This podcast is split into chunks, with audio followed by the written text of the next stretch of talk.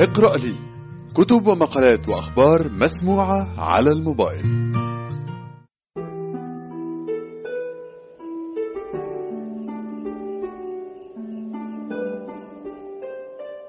من كتاب سبعة وجوه للحب للدكتور أحمد خالد توفيق. نقرأ لكم. عن الحب والرعب. بصوت أبو زيد أحمد. ما إن طلب مني الصديق العزيز محمد سامي صاحب دار ليلى أن أكتب مقالا عن الدب والرعب حتى وجدت الأمر سهلا.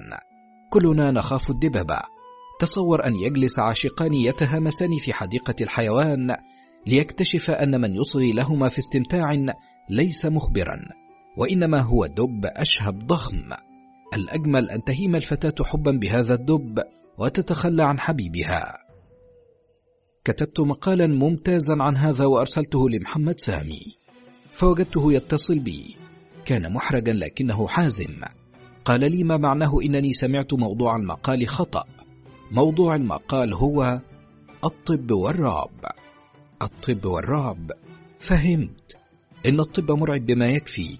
من جهة الطبيب فهناك رعب لا يوصف اسمه الامتحان الشفوي. عندما تقف خارج اللجنة تراقب الجثث الممزقة الدامية التي يلقى بها خارج غرفة الامتحان وأنت تعرف أن دورك آت حتما لا مفر. هناك رعب المريض من الطبيب بنظرته الباردة الصامتة التي تكتم قلقا لا شك فيه و هكذا كتبت مقالا ممتازا وأرسلته لمحمد سامي. منذ صار محمد ناشرا محترفا طرأت عليه تغيرات مهمة. صارت عيناه تبعثان الشرر ونما له كرش صغير وأحيانا ما يقضم حناجر المؤلفين لكن هذا ليس تصرفا معتادا لحسن الحظ. الخلاصة إنه تحول إلى ناشر من الذين تقرأ عنه في القصص.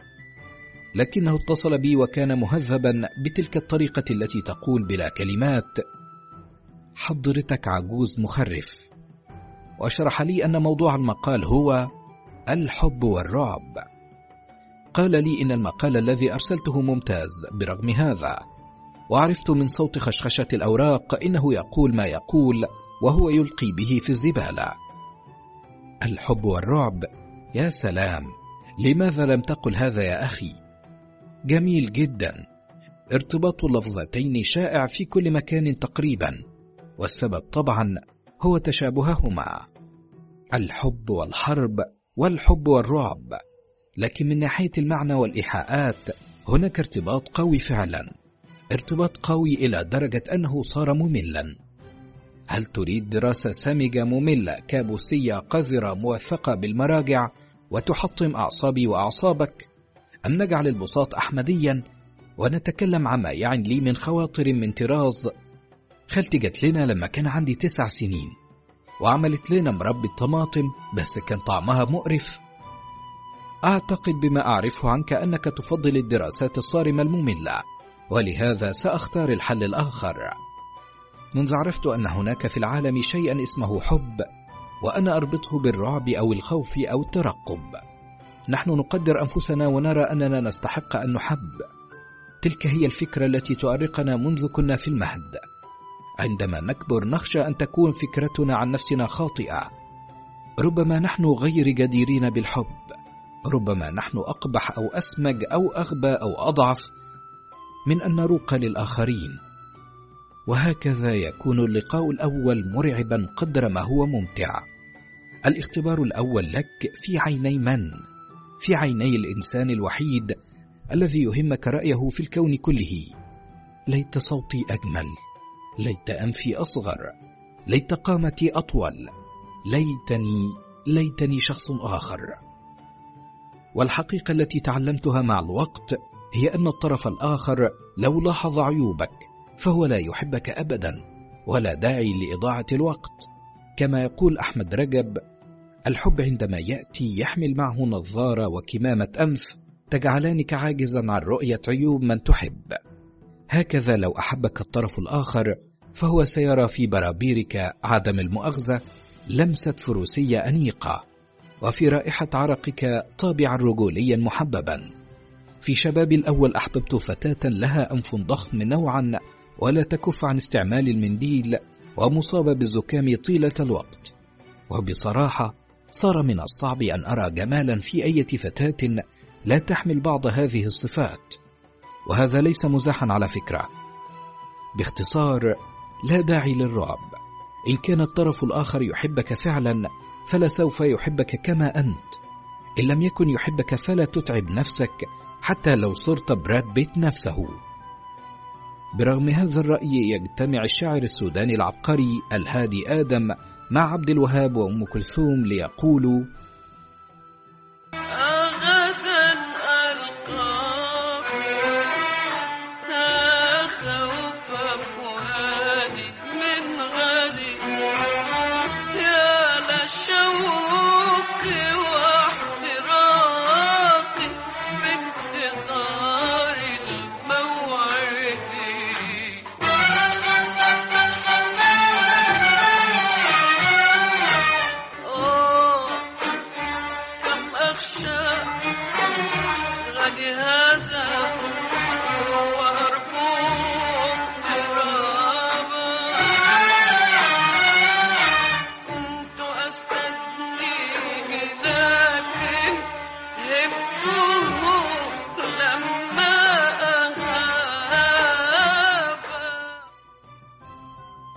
يا للروعة هذا شاعر والله العظيم شاعر.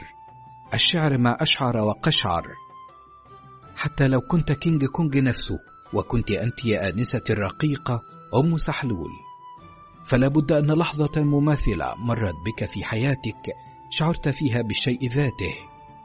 عندي قصة كتبتها وأنا في التاسعة عشر من عمري. اسمها لقاء رهيب. وأعتقد أنها ممتعة. وهي تلخص هذا الموقف بالضبط. عرضت على محمد سامي أن أنشرها هنا لتفي بغرض الموضوع لكن الشرر انبعث من عينه وقال في حزم الناشرين بقول لك مقال مش قصة. هكذا تراجعت وقلت له أنا بس كنت بهزر.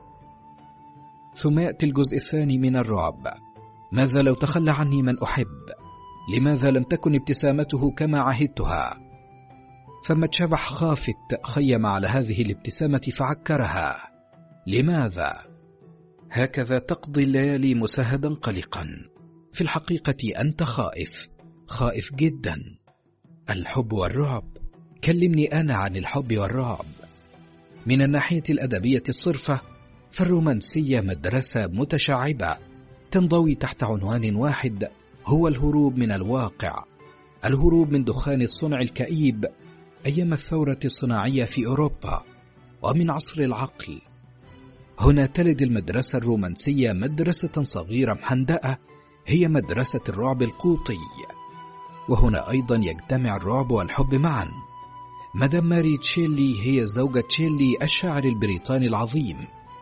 عندما تكتب قصة تكتب عن الدكتور فرانكنشتاين الذي أعاد الحياة إلى جثة بالصواعق الكهربية. القصة نفسها تثير الكثير من التساؤلات. الوحش كان وديعا مطيعا. فلماذا توحش وجن؟ لأنه حرم من الحب. حرم من حب الأب الذي طرده وحرم من حب الأنثى. وهكذا قرر أن يكون مرعبا وأن يجعل الجميع تعساء. إن تحول ذروة الحب إلى ذروة المقت شيء مألوف. ولسوف تجد الحرمان من الحب فقرة ثابتة في حياة كل سفاح. أما قصص العشاق الذين يحبط حبهم فيغرسون سكينا في صدر الحبيبة أو يرشون زجاجة ماء نار في وجهها. مش عارف بيجيبوا مية النار منين؟ فتتكرر في صفحة الحوادث بإلحاح غريب. لهذا أجد مقولة اللي يحب ما يكرهش التي ترددها النساء العجائز خالية من المعنى وجديرة بهن فعلا. نعود إلى الأدب العالمي حيث نرى تحول ذروة الحب إلى الرعب مع هيثكليف بطل مرتفعات واذرينج إيميلي برونتي نفسها عانس بريطانية حرمت من الحب وعاملت نفسها بقسوة غير عادية. لقد انعكس جزء من هذا الجو المجنون الأسود المدلهم في كتاباتها. ولهذا يعجب كل من يقرأ مرتفعات وذرينج بعبقرية المؤلفة لكنه لا يكتم أنه شعر بجهامة واختناق. إن المحب غير المستقر نفسيا الذي فقد حبه يغدو خطرا داهما. التعلق الزائد عن الحد يخيف وهناك لحظة يدرك فيها المحبوب أن الأمر زائد ومقلق ويحاول أن يتحرر. عندها ثمة فيلم مخيف حقا برغم عدم شهرته هو أعزف ميستي من أجلي. عن فتاة وحيدة معقدة وقعت في غرام مذيع التلفزيون الوسيم كلينت إيستوود حتة واحدة وحاصرته باتصالاتها وطلبها للحن معين هو ميستي وبالطبع قرر المذيع أن يخوض معها مغامرة عابرة. حكاية ليلة واحدة كما يقول الأمريكان. وانتهى الأمر وما نعطلكيش بقى. لكن بالنسبة للفتاة لا شيء ينتهي بسهولة. إنها تطارده وتحيل حياته جحيما. وتقتل من يحبهم. بالواقع تبدو كأنها فوق الواقع ذاته. موجودة في كل مكان وترى كل شيء. هناك قصة قصيرة مفزعة لستيفن كينج اسمها أعرف ما تريدين عن الفتاة التي يلاحقها عاشق ولهان. الغريب أنه يحقق لها كل شيء تتمناه في أي لحظة وقبل أن تتكلم. في البداية تشعر بالامتنان ثم بالذعر. طبعا يتضح أنه رجل شيطاني مش تمام ويمارس سحر الفودو عام 1981 كتبت قصيدة حول هذا المعنى. تقول في مطلعها لقد قررت أن أهواك. لا مأوى ولا مهرب. ومهما صحت من ينجيك مني حينما أرغب ومهما قلت أو قاومت أو حاولت أن تنسي فلن أنسى ولا مهرب. ومهما لذت بالإطراق أو بجدار إيماء ومهما التف منك الجيد أو همهمت مستاء فلا جدوى. أنا في كل منعطف أنا في رقصة الأحلام. بل في كل إغفاء. طبعا كلام مرعب وينشف الدم. لهذا لم تقرأ أي فتاة هذه القصيدة بالطبع إلا وانفجرت في البكاء وذهب أهلها لتحرير محضر عدم تعدي لي في الاسم. دعك من أنها هلاوس شعراء طبعا. فهذا كلام جدير بأن يكتبه هولاكو وليس أنا. لكني كنت فاقدا التحكم في حنفية العواطف داخلي خاصة مع رؤيتها لا تكف عن التمخط في منديلها الورقي بسبب التهاب الجيوب الأنفية. كان هذا أقوى مني.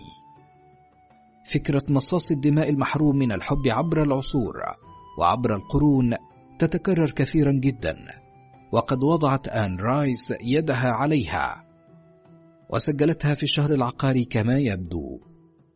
كلنا رأى فيلم لقاء مع مصاص الدماء وبعضنا قرأ يوميات مصاص الدماء. هذه فكرة تروق للغربيين دوما. وإن كانت لا تروق لي بصراحة لأني لا أملك المزاج الرائق للشعور بأحاسيس مصاص الدماء والتوجع معه. مصاص الدماء يجب أن يكون كابوسيا مرعبا ووغدا فلا تحاول إضفاء سمات بشرية رقيقة عليه من فضلك. هناك صورة أخرى للحب والرعب. هي حب الرعب. هذا مبحث تكلمنا عنه بشيء من الإسهاب في سلاسلنا. حاسس إن العقاد هو اللي بيتكلم.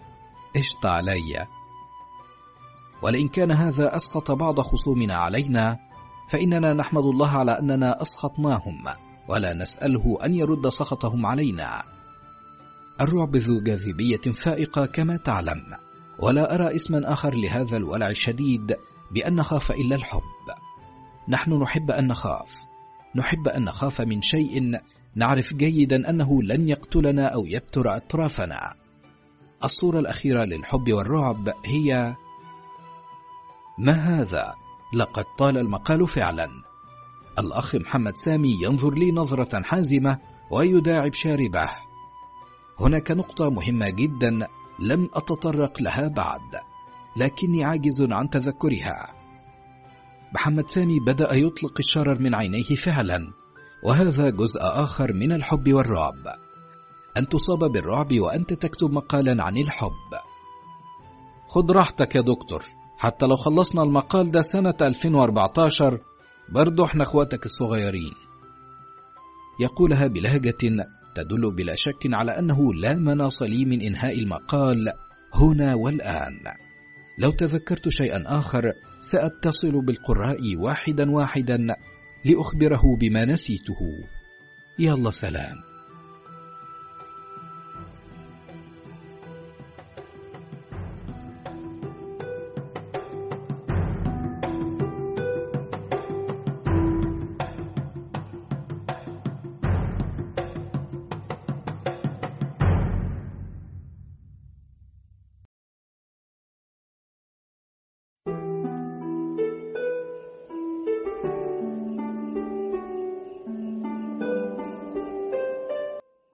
تلك الأشياء للدكتور تامر إبراهيم.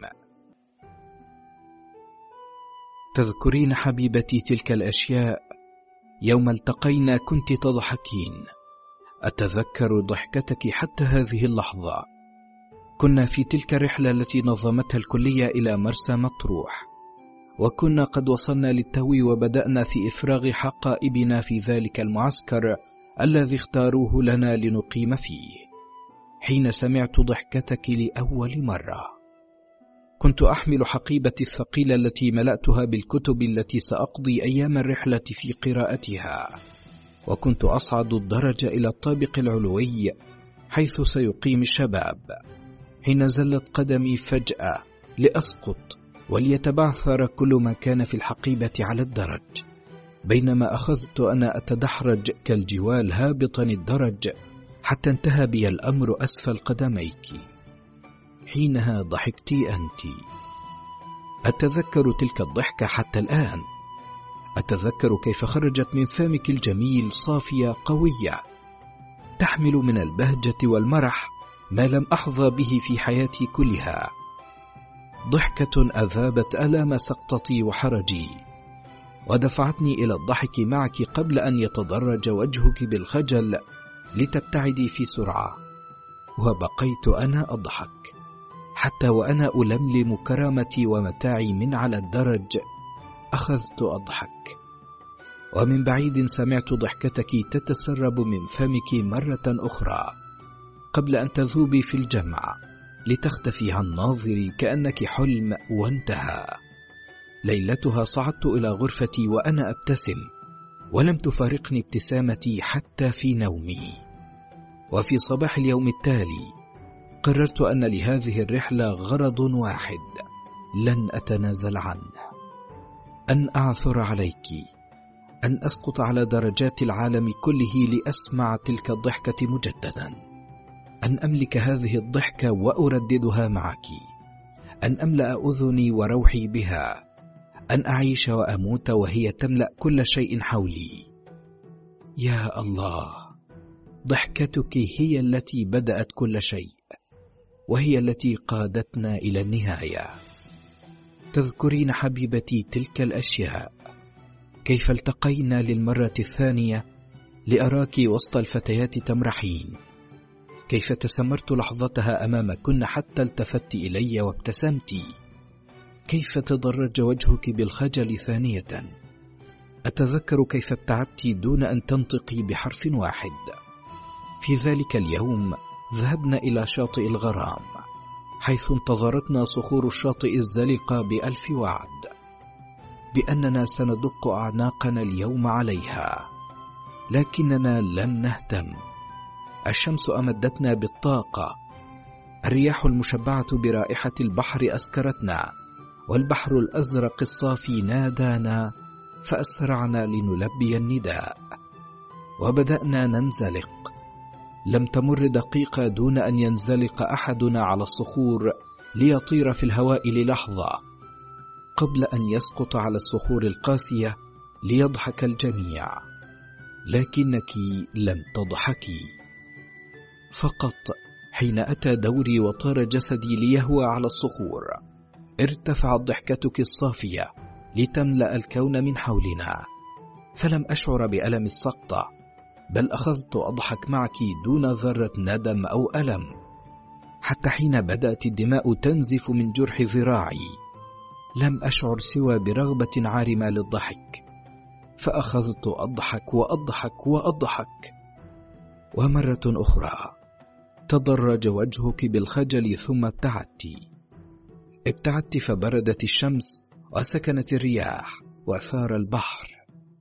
ابتعدت فشعرت بالوحدة والكل يمرحون حولي. ابتعدت فماتت ضحكاتي على شفتاي وغاب عني المرح. أتذكرين حبيبتي؟ يومها بحثت عنك طويلا حتى عثرت عليك في النهاية قرب الصخرة الضخمة على الشاطئ. كنت هناك تجلسين وحدك فلم أشعر بنفسي إلا وأنا أتجه إليك لأجلس جوارك صامتا دون أن تجرؤ عيناي على النظر في عيناك. لكنك حبيبتي مددت أناملك لتلمسي أناملي ثم ابتسمت مشجعة فقلتها لك دون أن أشعر. أحبك. فضحكت ثانية. هذه المرة لم أضحك. بل احمرت أذناي خجلا فقلت لي أنت لا تعرفني فكيف تحبني؟ فلم أجب فقط نظرت لعينيك فعرفت الإجابة دون أن أنطقها.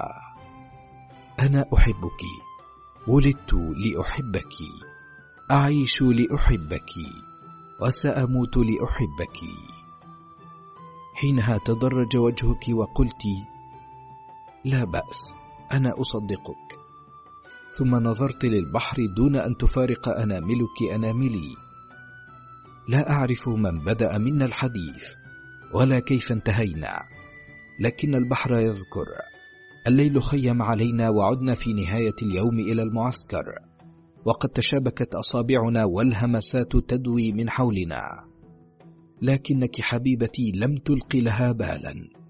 لقد أصبحت لي وأصبحت لك. تلك الأشياء لم تكن لتفرق بيننا ولم تفعل. ضحكتك التي فعلت. تذكرين حبيبتي كيف مرت علينا السنوات؟ انتهت أيام الدراسة وبدأت أيام العناء. أصبحت رجلا وأصبحت امرأتي. سنوات مرت ثم انتهى الأمر. بخاتمي يحيط بإصبعك وبضحكتك تملأ بيتي. كنت لي وأصبحت زوجتي. كنت أذهب إلى عملي لأعد الساعات كي أعود لك لأجدك في انتظاري. لي لي وحدي وكنت لك. سنوات مرت علينا. رأينا فيها الفرح والحزن والأمل والشقاء والراحة والعناء. لكن تلك الأشياء لم تأخذ من ضحكتك شيئا وكانت ضحكتك تمنحني كل ما احتجت له وأكثر وكانت ضحكتك ما أخذت مني كل شيء. تذكرين حبيبتي كيف حدث ما حدث؟ كيف بدأت تتغيرين؟ شاردة أصبحت حائرة كنت حزينة دوما. شيء ما تغير لم أعرفه لكني شعرت به. لم تعد ضحكتك تذيب همومي. لم تعد بسمتك تملأ يومي. لم تعودي لي وحدي. شيء ما تغير لم أعرف لكني كنت واثق من وجوده. ثم حين عثرت على الخطابات عرفت ما هو. عرفت من هو. تذكرين حبيبتي كيف كانت صدمتي؟ تذكرين أنني أردت ألا أصدق لكنك لم تمنحيني الخيار. الخطاب كان واضحا وصريحا ككابوس لا نهاية له. كان هناك هو. هو هذا الآخر الذي منحتيه نفسك وأخفيت عني كل شيء. هو الذي ظهر في حياتك فلم تعودي لي وحدي. هو الذي أرسل لك يقول ضحكتك تمنحني الأمل. لهذا اذا لم أعد أراك تضحكين. كنت تدخرين ضحكاتك له له وحده. تذكرين حبيبتي ثورتي صدمتي هلعي وغضبي. تلك الأشياء التي لم أكن أظن أنها ستتسلل إلى حياتنا لتصبح هي حياتنا. تلك الأشياء التي أصبحت واقعا يجثم على روحي بلا هوادة. تذكرين أنني واجهتك. تذكرين أنني طلبت منك الحقيقة. فأجبتني بضحكتك. لكنها لم تكن تلك الضحكة التي انتظرتها أذني طويلا. كانت ضحكه أخرى. ساخرة قاسية عنيدة. ثم أخبرتني أنك تريدين النهاية. نهايتنا. أنت لم تعودي لي. هكذا قلت وهكذا أصبح الأمر بيننا. أنت أصبحت له له وحده. ضحكتك أعلنت أنها النهاية وأعلنت الخيانة. ضحكتك التي جمعتنا هي التي أنهت كل ما كان بيننا.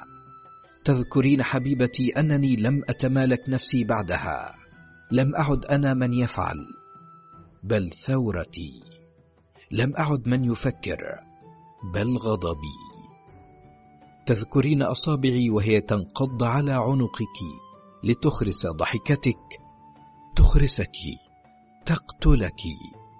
تذكرين أصابعي التي حفرت الموت في عنقك وتذكرين هلعي بعدها. تذكرين كيف أخذت أنادي عليك فلم تجيبيني. تذكرين كيف بكيت على جثتك فلم تمسحي دموعي بأناملك. تذكرين أنني قتلتك. تلك الأشياء. أشياء لم يكن لي أن أعرفها إلا بموتك وقد عرفت. أشياء لو عرفتها لما حدث ما حدث. تلك هي الأشياء التي لا نعرفها إلا بعد فوات الأوان. كنت تموتين وكان هو من يعالجك. ضحكتك منحته الأمل في علاجك. لذا أخفيت الأمر عني حتى ينتهي الأمر أو تنتهي في صمت. كنت تموتين وأنا الذي منحتك النهاية قبل أوانها. ضحكتك فعلتها وأنا نفذت. لماذا لم تخبريني حبيبتي؟ لماذا تركتيني أضع نهايتنا؟ لماذا انتهى كل ما كان؟ اليوم سيأخذونني لينفذوا في حكم الإعدام. وكان طلبي الأخير قبل أن ألقاك أن أكتب لك. أن أطلب منك غفرانا لا أستحقه. اليوم سأعود لك فهل ستقبلينني؟ تلك الأشياء لن أعرف إجابتها الآن. ربما بعد ساعات ربما بعد أن أغادر هذه الدنيا متدليا من حبل المشنقة. تلك الأشياء لم تعد تهم الآن فبعد قليل سأعود لك. بعد ساعات سأصبح لك وستصبحين لي.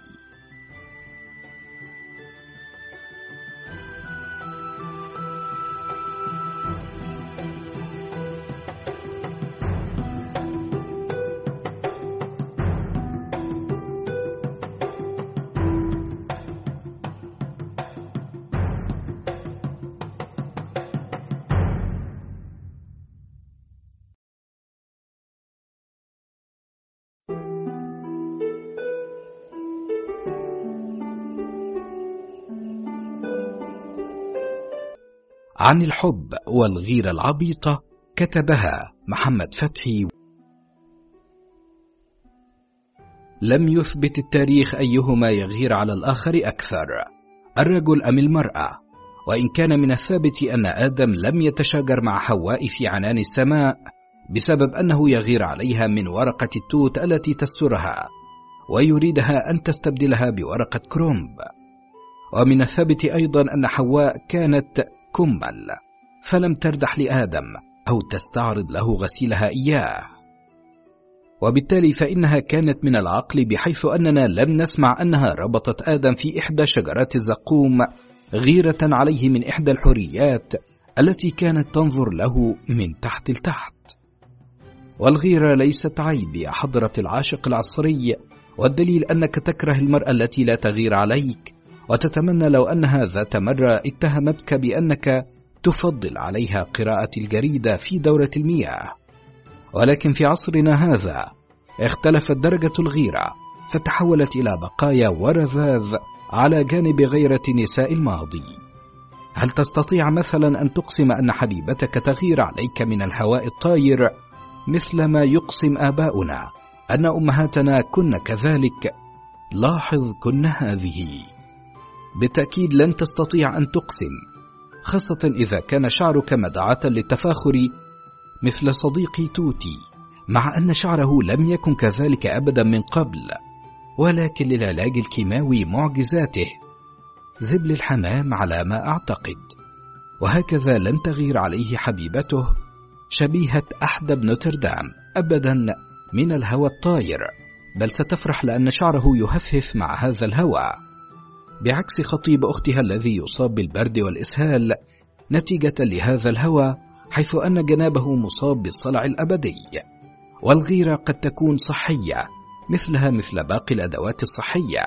وقد تكون مرض عضال ينتهي بدفنك في أقذر محل لبيع تلك الأدوات. ولتحذر يا صديقي سرطان الغيرة الذي قد يمتد إلى خطيبتك فجأة فسوف تجدها هكذا. وبدون سابق إنذار تغير عليك من القطة التي تشاركك مسكنك. والسبب كما ترى خطيبتك أن نظرات القطة لك فيها إعجاب ورغبة.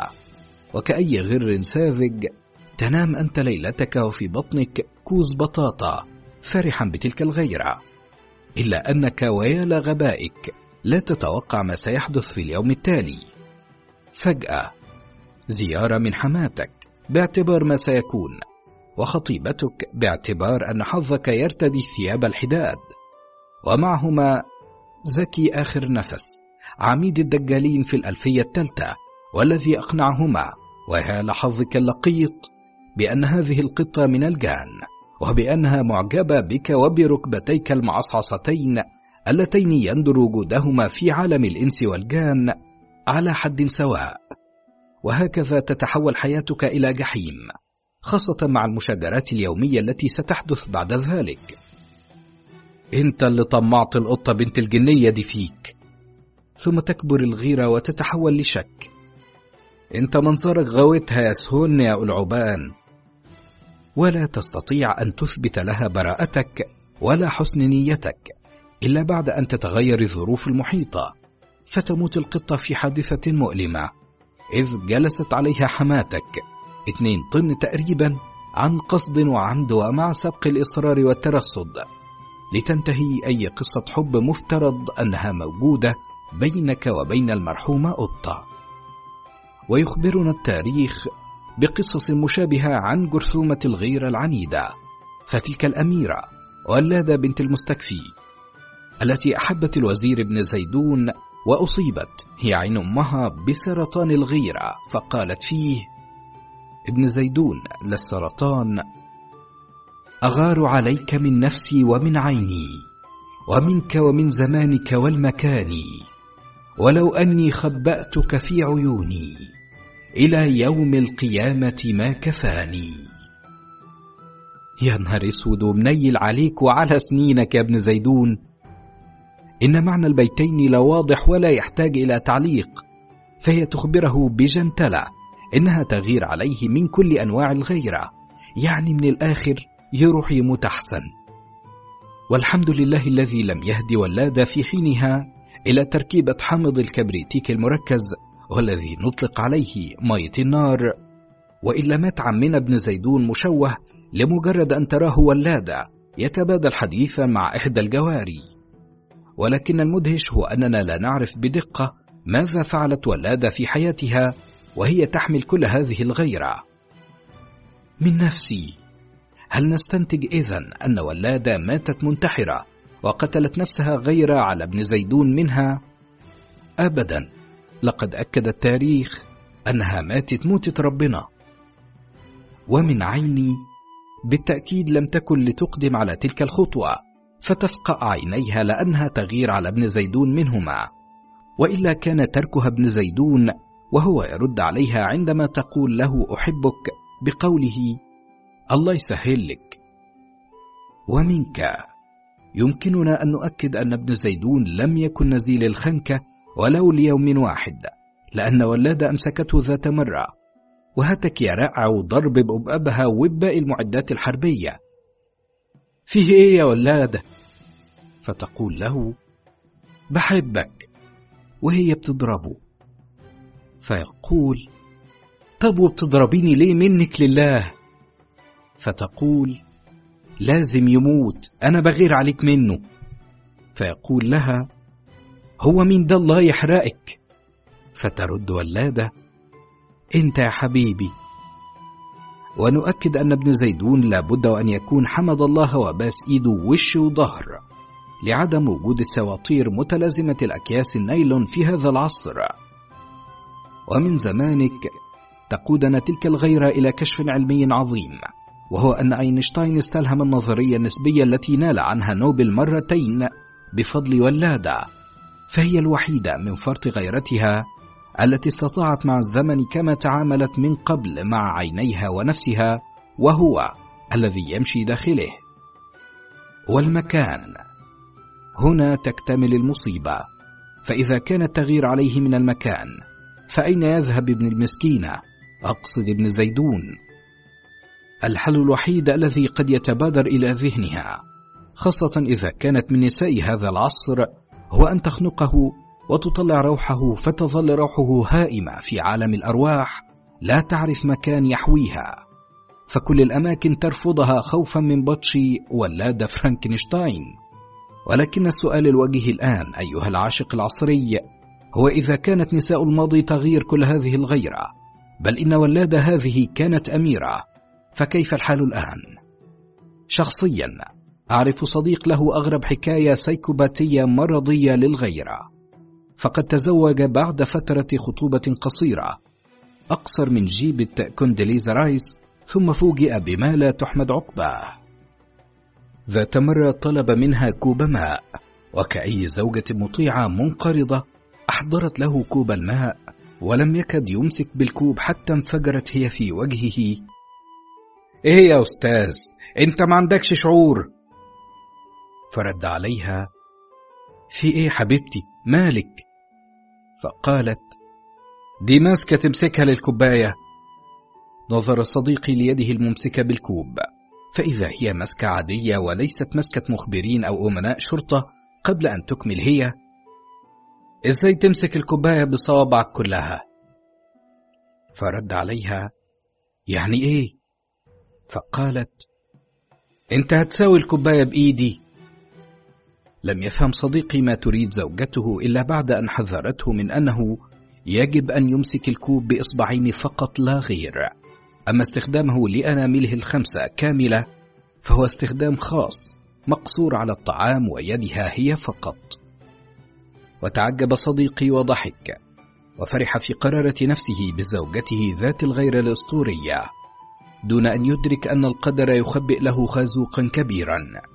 فذات يوم وبينما يغط في نوم القيلولة العميق عادت هي من مشوار طياري لتفاجأ به يحتضنها.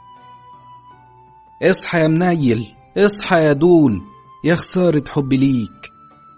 وكأي فأر مذعور في حرب حامية الوطيس مع جيش القطط المغوار استيقظ من نومه لتكمل هي وصلتها الرائعة.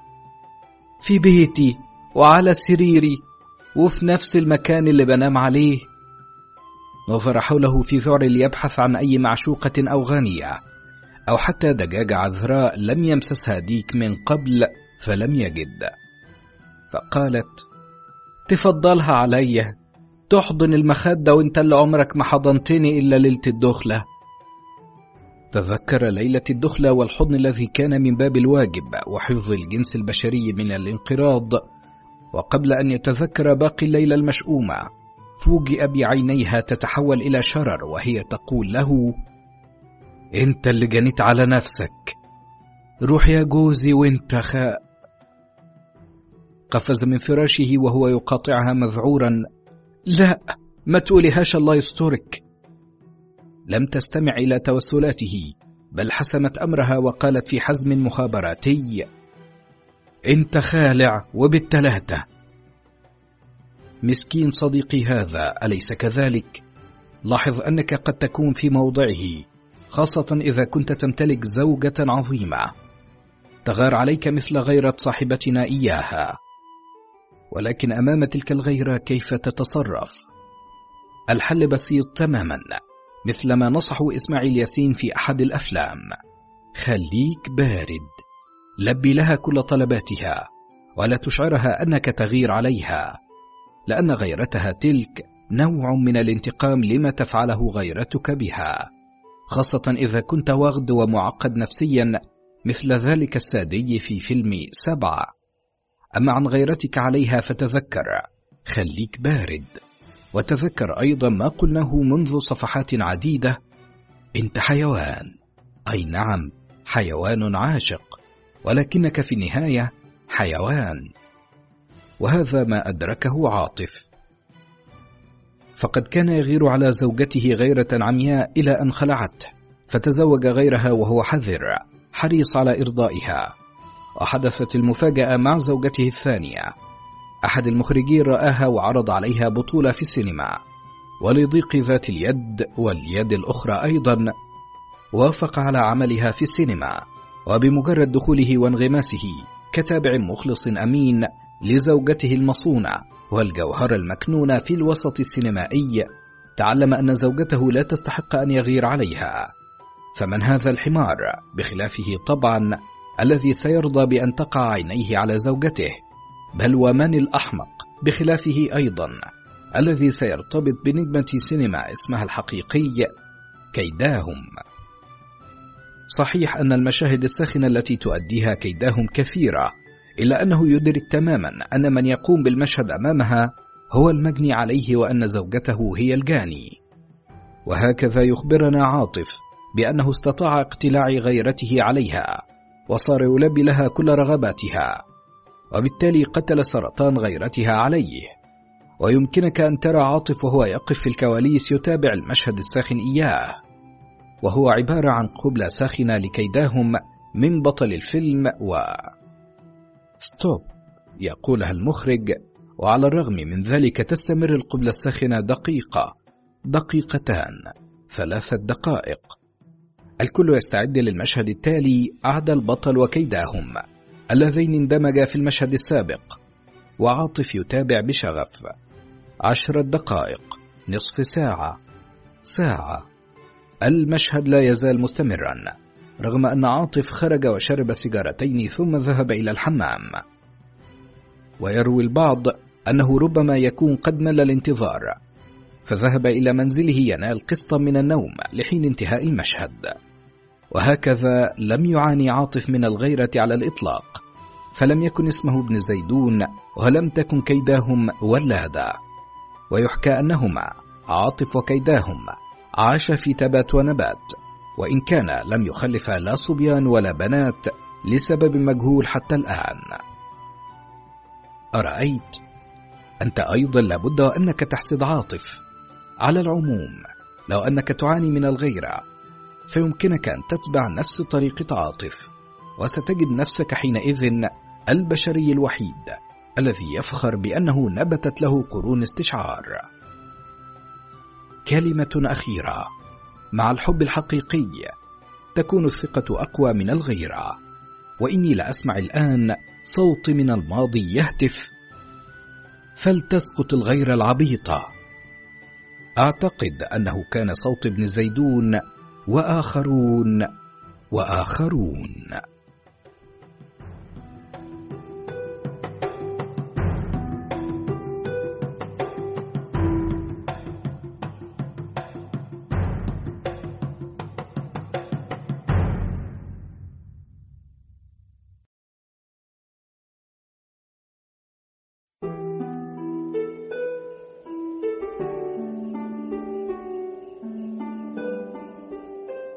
الشياطين أيضا تحب.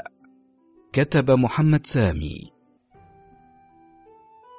إن دور المرأة في عمل المخابرات والجاسوسية لا يمكن إغفاله.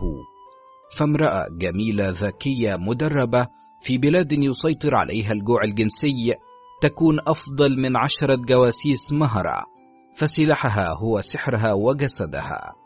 وعندما تنصب شباكها يأتيها اعتى الرجال طائعا خاضعا ضعيفا.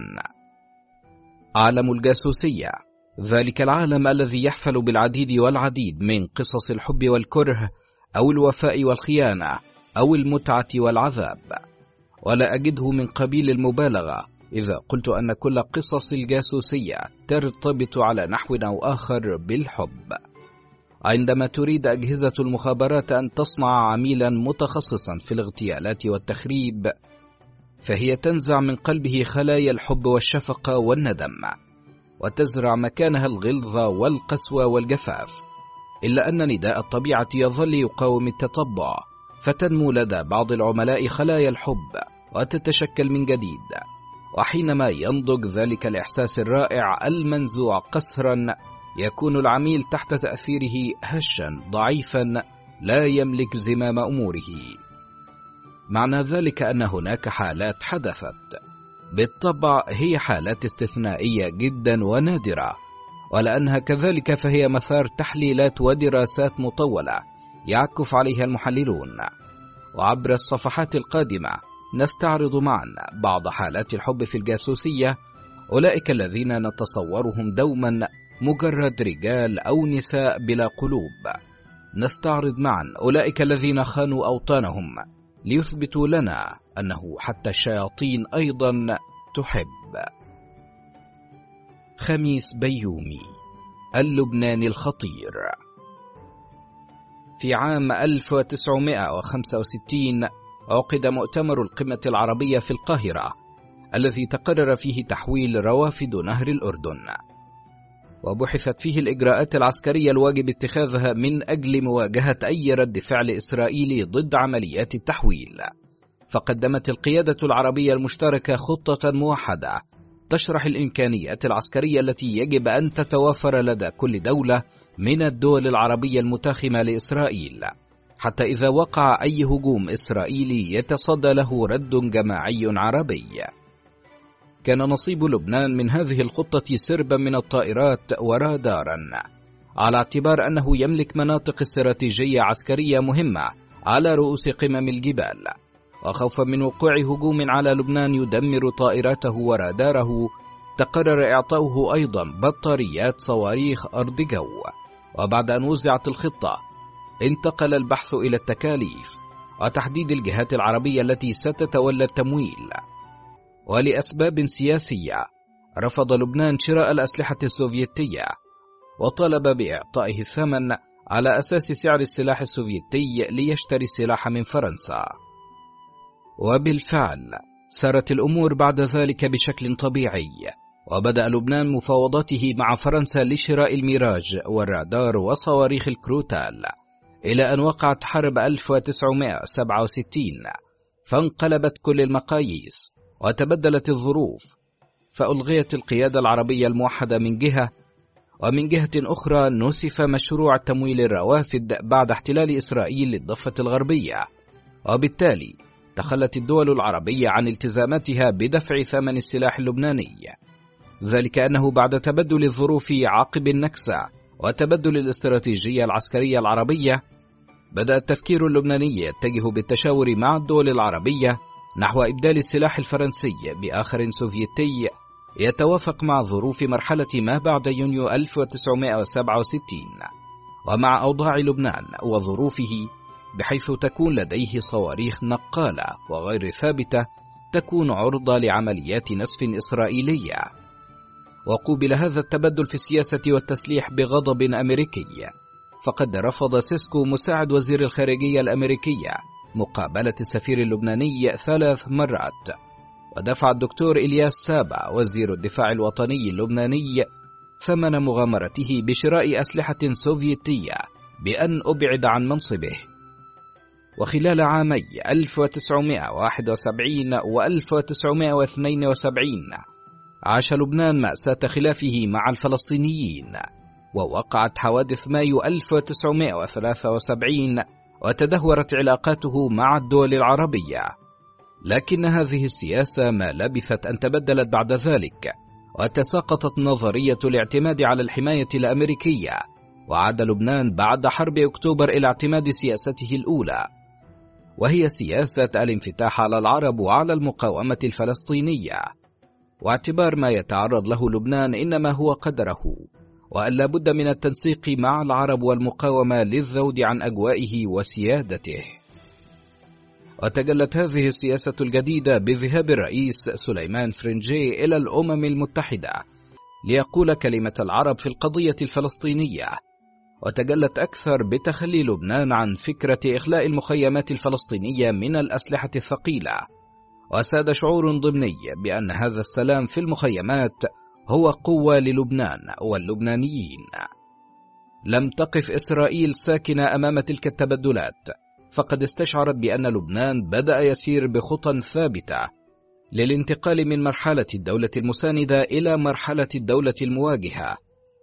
وبالتالي فإن هذا يسقط اتفاقية الهدنة التي وقعت بينهما عام 1949 وهذا التحول على أهميته البالغة جاء صريحا في كلمة فيليب تقلا وزير الخارجية اللبناني أمام لجنتي الدفاع والخارجية بالبرلمان حيث أكد على ضرورة أن يتسلح لبنان ويدافع ويحارب إذ لم يعد له خيار سوى ذلك لأن لإسرائيل أطمعها في لبنان سواء كانت هناك مقاومة فلسطينية أو لم تكن. وبينما خطوط السياسة اللبنانية الجديدة تتشكل كانت إسرائيل تراقب في قلق وحذر. فمعنى أن يلجأ لبنان إلى الشرق تلاحما مع دول المواجهة أن تفتح جبهة عربية خامسة ضد إسرائيل. تضطرها إلى تغيير استراتيجيتها العسكرية كلها ويحل بذلك السخط الإسرائيلي والأمريكي على لبنان. لقد كان الرئيس اللبناني سليمان فرنجية يعلم جيدا أن أسلحة جيشه قديمة ومهترئة يعود عهد صناعتها إلى ما قبل الحرب العالمية الثانية. ويعلم أيضا أن لا قبل للبنان بمحاربة إسرائيل أو مواجهتها أو صد هجماتها الاستعراضية. كان لا يزال يذكر ما قاله الرئيس الراحل جمال عبد الناصر لمسؤول لبناني كبير. طلب منه احترام وضع لبنان الخاص وإبقائه خارج دائرة الصراع العربي الإسرائيلي. لقد استرسل عبد الناصر في عرض وجهة نظره وأجاب لا أريد أن أسأل إلى متى يستطيع لبنان أن يتحمل عبء هذا الوضع الخاص. في مؤتمر الإسكندرية طلبتم مني أن أساند موقفكم يوم هاجمكم الرئيس العراقي عبد السلام عارف واتهمكم بأنكم تعيشون تحت حماية المظلة الدولية. ولقد نجحت في عزلكم عن الالتزامات بحجة العودة إلى برلمانكم. لقد دفعت مصر كثيرا ثمن الالتزام بالمادة الأولى من الدستور والتي تقول بأن مصر جزء من الأمة العربية. والدستور اللبناني يقول لبنان ذو وجه عربي والالتزام بشعارات هذه العبارة لا يعني أن لبنان عربي في السلم وعربي أثناء المطالبة بودائع البترول وعربي لتأمين الخدمات التجارية والسياحية والسوق الحر بل هو عربي أيضا في أوقات الحرب. مقولة عبد الناصر كانت تهز فرنجية من أعماقه لذلك دفع بلبنان للحضن العربي بكل قوته متحديا التهديدات الغربية بخنقه اقتصاديا بل ومتحديا مطالبة الأمريكيين له بعدم الاتجاه شرقا وإلا فسيطلقون عليه وحش إسرائيل وثعابينها. وفي أول رد فعل له ثأر فرنجية لسفيره بأمريكا الذي أهانه سيسكو مساعد وزير الخارجية ثلاث مرات ورفض هو الآخر مقابلة السفير الأمريكي جودلي مرات ومرات برغم أنه يحمل رسالة هامة من الرئيس جيرالد فورد يعرض فيها رغبته في زيارة لبنان. فأذل بذلك السفير الأمريكي وأوقع فورد في حرج دولي بالغ بل وحطم العنجهية الأمريكية التي احتلت بورتريكو مئة سنة. لأن ضابطا من البحرية الأمريكية قد ضرب في الشارع هناك. لكل ذلك أعطت أمريكا الضوء الأخضر لإسرائيل لتعربد في لبنان وتضرب النبطية ضربات مستمرة متلاحقة. ويتسع نطاق ضرباتها لتشمل مخيمات اللاجئين حتى في بيروت نفسها. وبدأ دور المخابرات الإسرائيلية في عرقلة التبدلات اللبنانية وقطع خطوط التوافق والتمازج بين لبنان والعرب. مستغلة أزمة إحراج الرئيس الأمريكي ومذلة سفيره باللجوء لأسلوب شبكات التخريب حيث رأت أنه الحل الأسرع والأصوب والأسهل.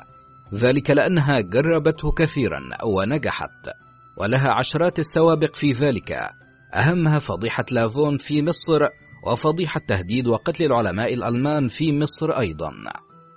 وكان أن جندة اللبناني خميس أحمد بيومي 34 عاما ودربته على أن يكون جاسوسا بلا قلب منزوع المشاعر وحشيا في إجرامه لتنفيذ سياستها التخريبية في لبنان والضرب بلا رحمة في الصميم.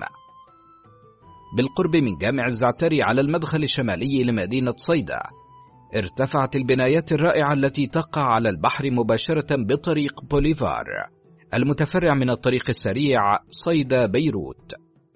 بإحدى هذه البنايات ولد خميس بيومي لأسرة ميسورة جدا كثيرة العدد.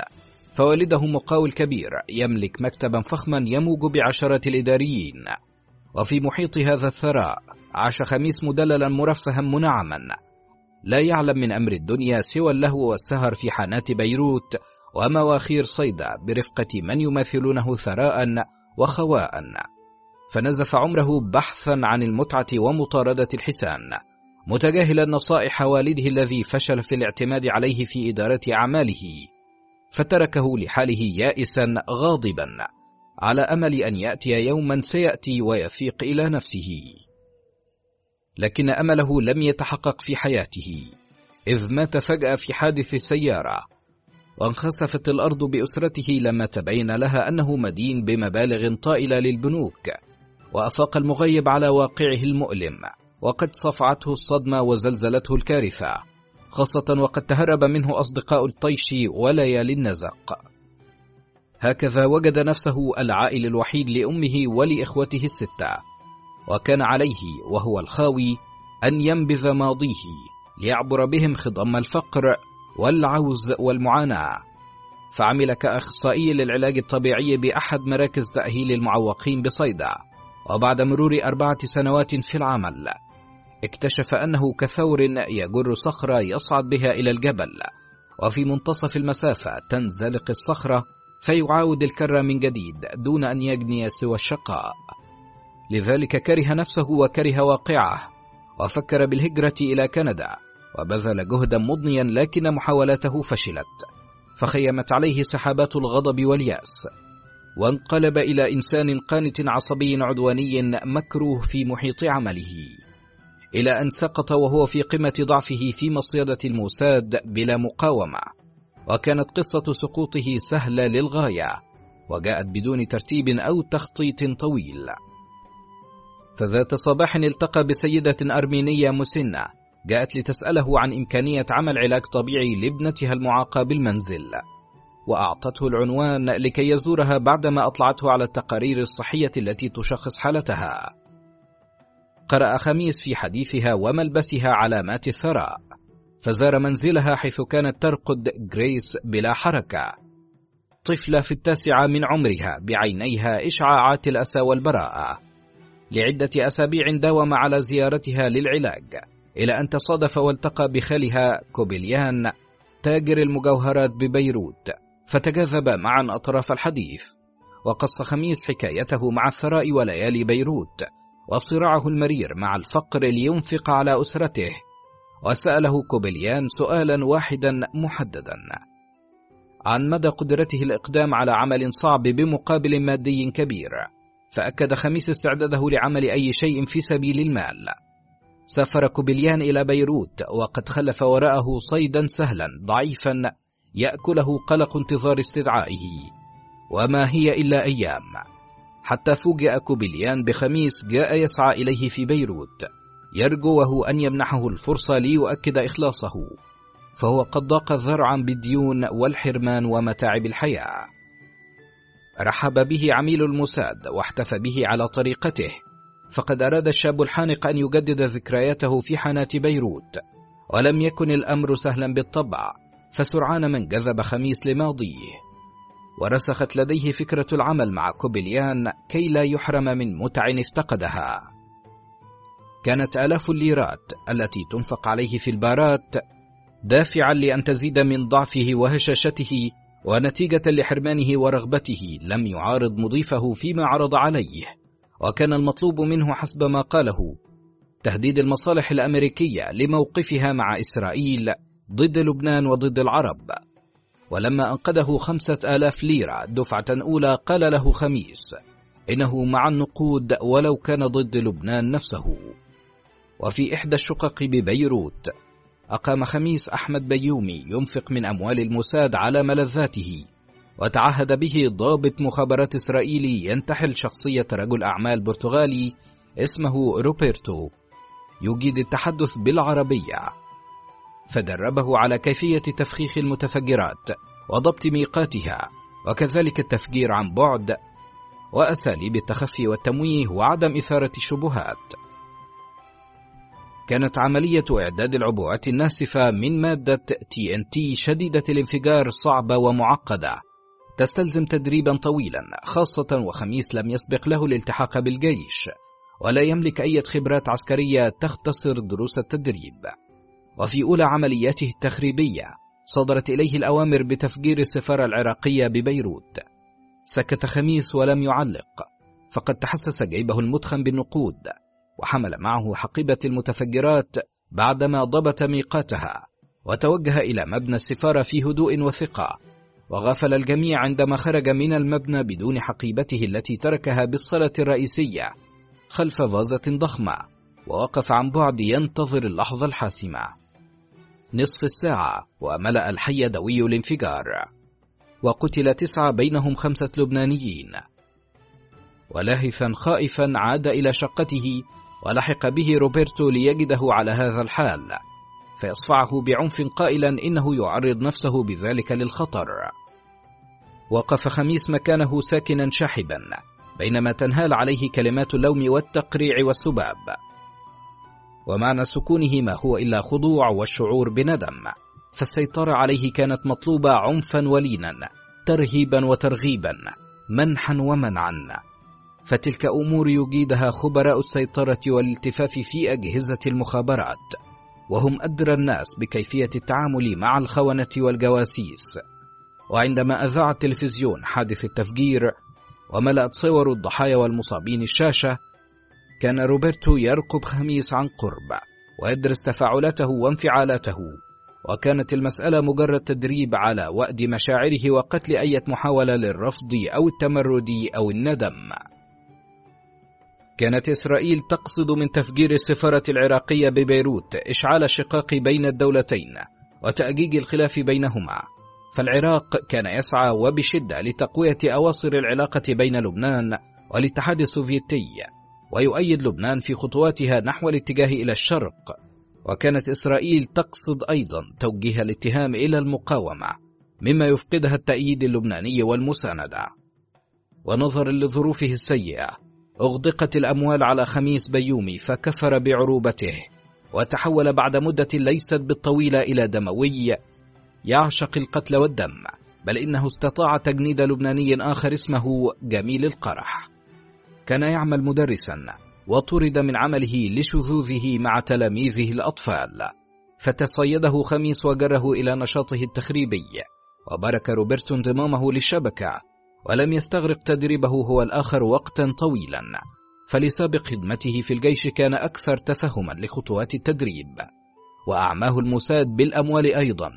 فغاص لأذنيه في التفجير والتخريب وقتل الأبرياء.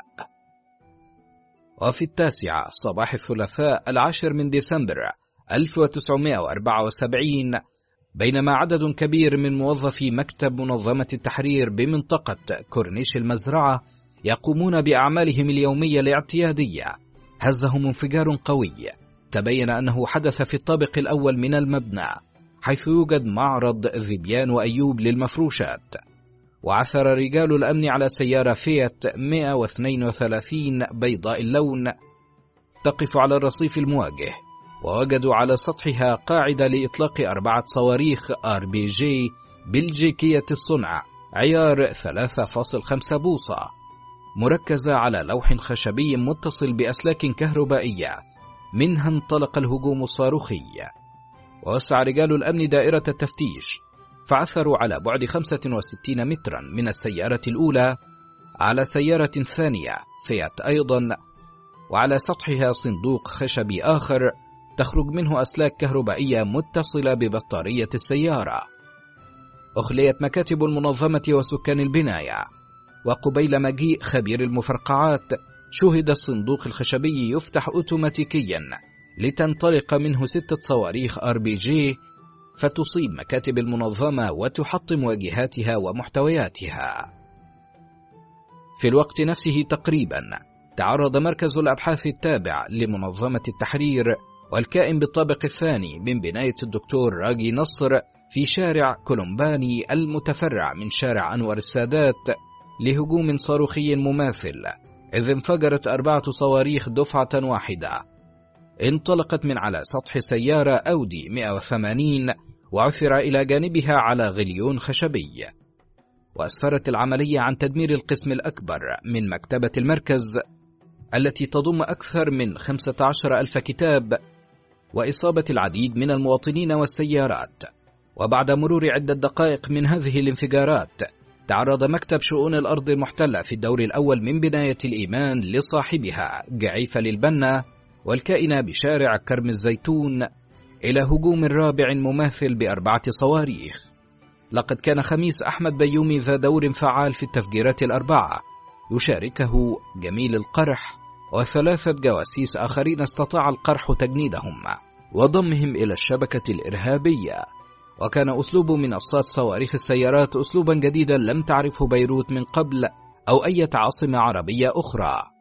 ولم يقف الأمر عند تفجير سفارة العراق ومكاتب المنظمات الفلسطينية بل تعداه إلى ما هو أبعد بكثير إذ طالت الانفجارات الكنائس والمساجد لإثارة الفتن بين الطوائف وإظهار عجز رجال الأمن اللبناني عن اكتشاف الجناة أو إحباط المؤامرات التي تحاك فوق الأرض اللبنانية.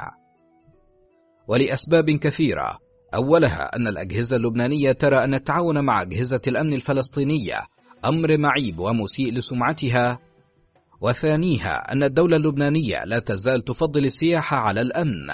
والسبب الثالث التأرجح ما بين دولة المساندة ودولة المواجهة.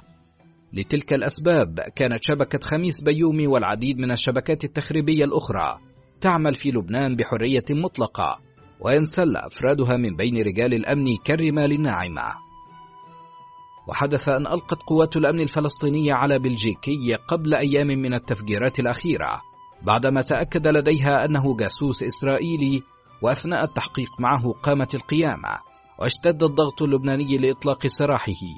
فسلموه للسلطات الأمنية مع ملف يحتوي اعترافاته ليطلقوا سراحه بعد 24 ساعة.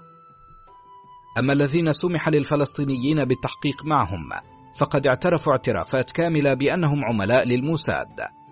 وثار بهيج تقي الدين وزير الداخلية اللبناني للملاحقة الفلسطينية الدؤوبة للجواسيس الأجانب. واشتدت الأزمة واستحكمت حلقاتها بعد موجة التفجيرات التي هزت لبنان كله لدرجة توجيه نداء في الصحف يوم الجمعة السابع والعشرين من ديسمبر 1974 للذين يزرعون القنابل. أن يعلنوا الهدنة لمدة 48 ساعة. تبدأ قبل رأس السنة بيوم واحد تماما كما حدث في بريطانيا من قبل مع ثوار أيرلندا.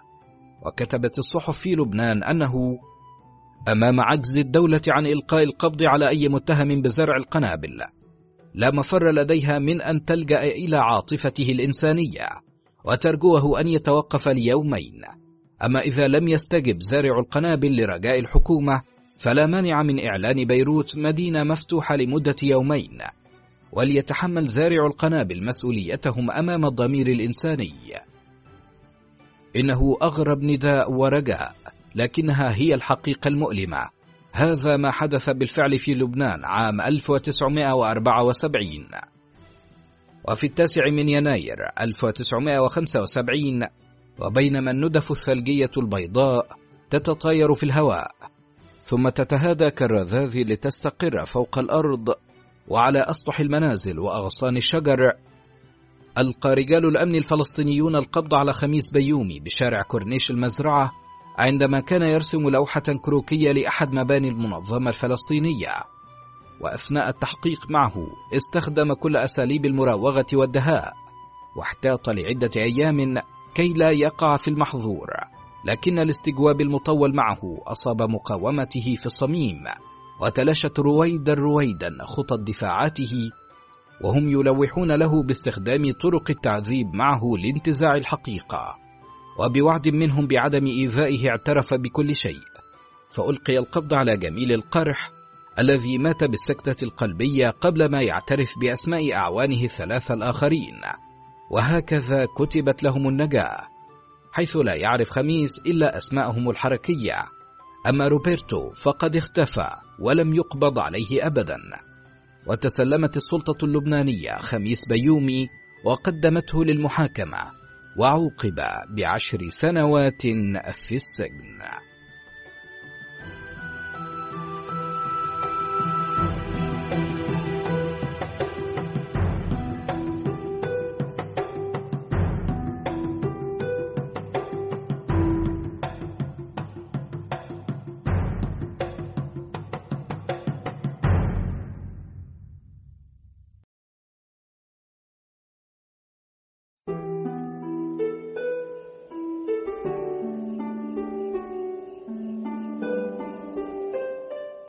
الشياطين أيضا تحب. عزرا خزام هادم المعبد. كتب خميس بيومي.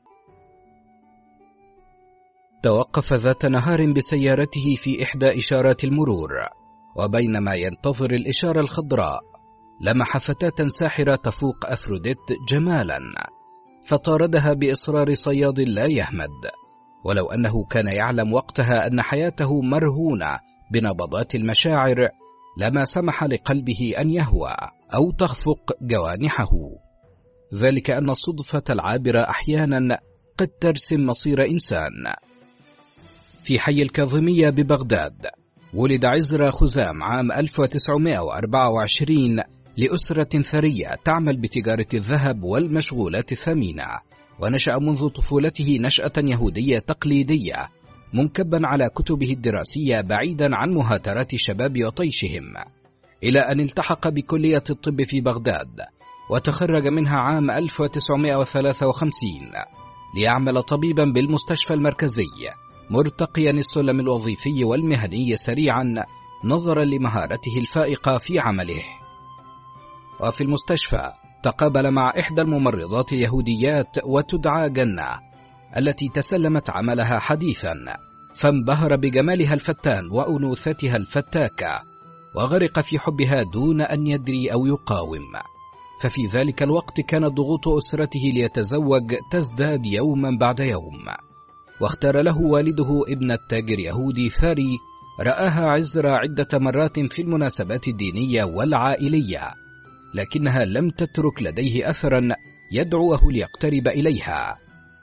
فصارح والده بمشاعره تجاه ابنة صديقه وانشغل بعمله وبحبه لممرضته الحسناء. وحدث ذات مرة أن تجرأ وأعلمها بحبه فاستنكرت ذلك منه للفروق الشاسعة بينهما. فهي ابنة يهودي فقير يمتهن النحت والنقش على النحاس ولا قبل لأسرتها به. لكنه تناسى كل الفروق غير عابئ بفقرها فهي غنية بالجمال الوفير. وهذا يكفيه استجابت جنة لعواطفه وانقادت هي الأخرى تجاهه مانحة إياه مشاعرها وقلبها عن قناعة لكن حبه لها كان أضعاف ما تكنه هي من حب. لذلك كان شديد الغيرة يطاردها في ردهات المستشفى وفي كل مكان. ولما صرحته بأنها لم تعد تطيق تصرفاته عرض عليها الزواج في أسرع وقت. فرفضت بإصرار دون أن توضح لذلك سببا. تحير الدكتور عزرا في أمر حبيبته وساورته الشكوك والرياب. لكنها قطعت عليه الطريق واعترفت له بأنها قررت ألا تتزوج في بغداد مهما امتد بها العمر. إذ هي تحلم بالحياة في إسرائيل والزواج هناك بمن يحبها ويريدها. أسقط في يده. ولم يسعفه عقله ليقول أي شيء. فلما طال صمته همت بالانصراف لكنه جذبها بشدة وبعينيه شعاعات من تحدي. وقال إنه يوافق على زواجهما في بغداد ثم يسعيان معا بعد ذلك للهرب إلى إسرائيل.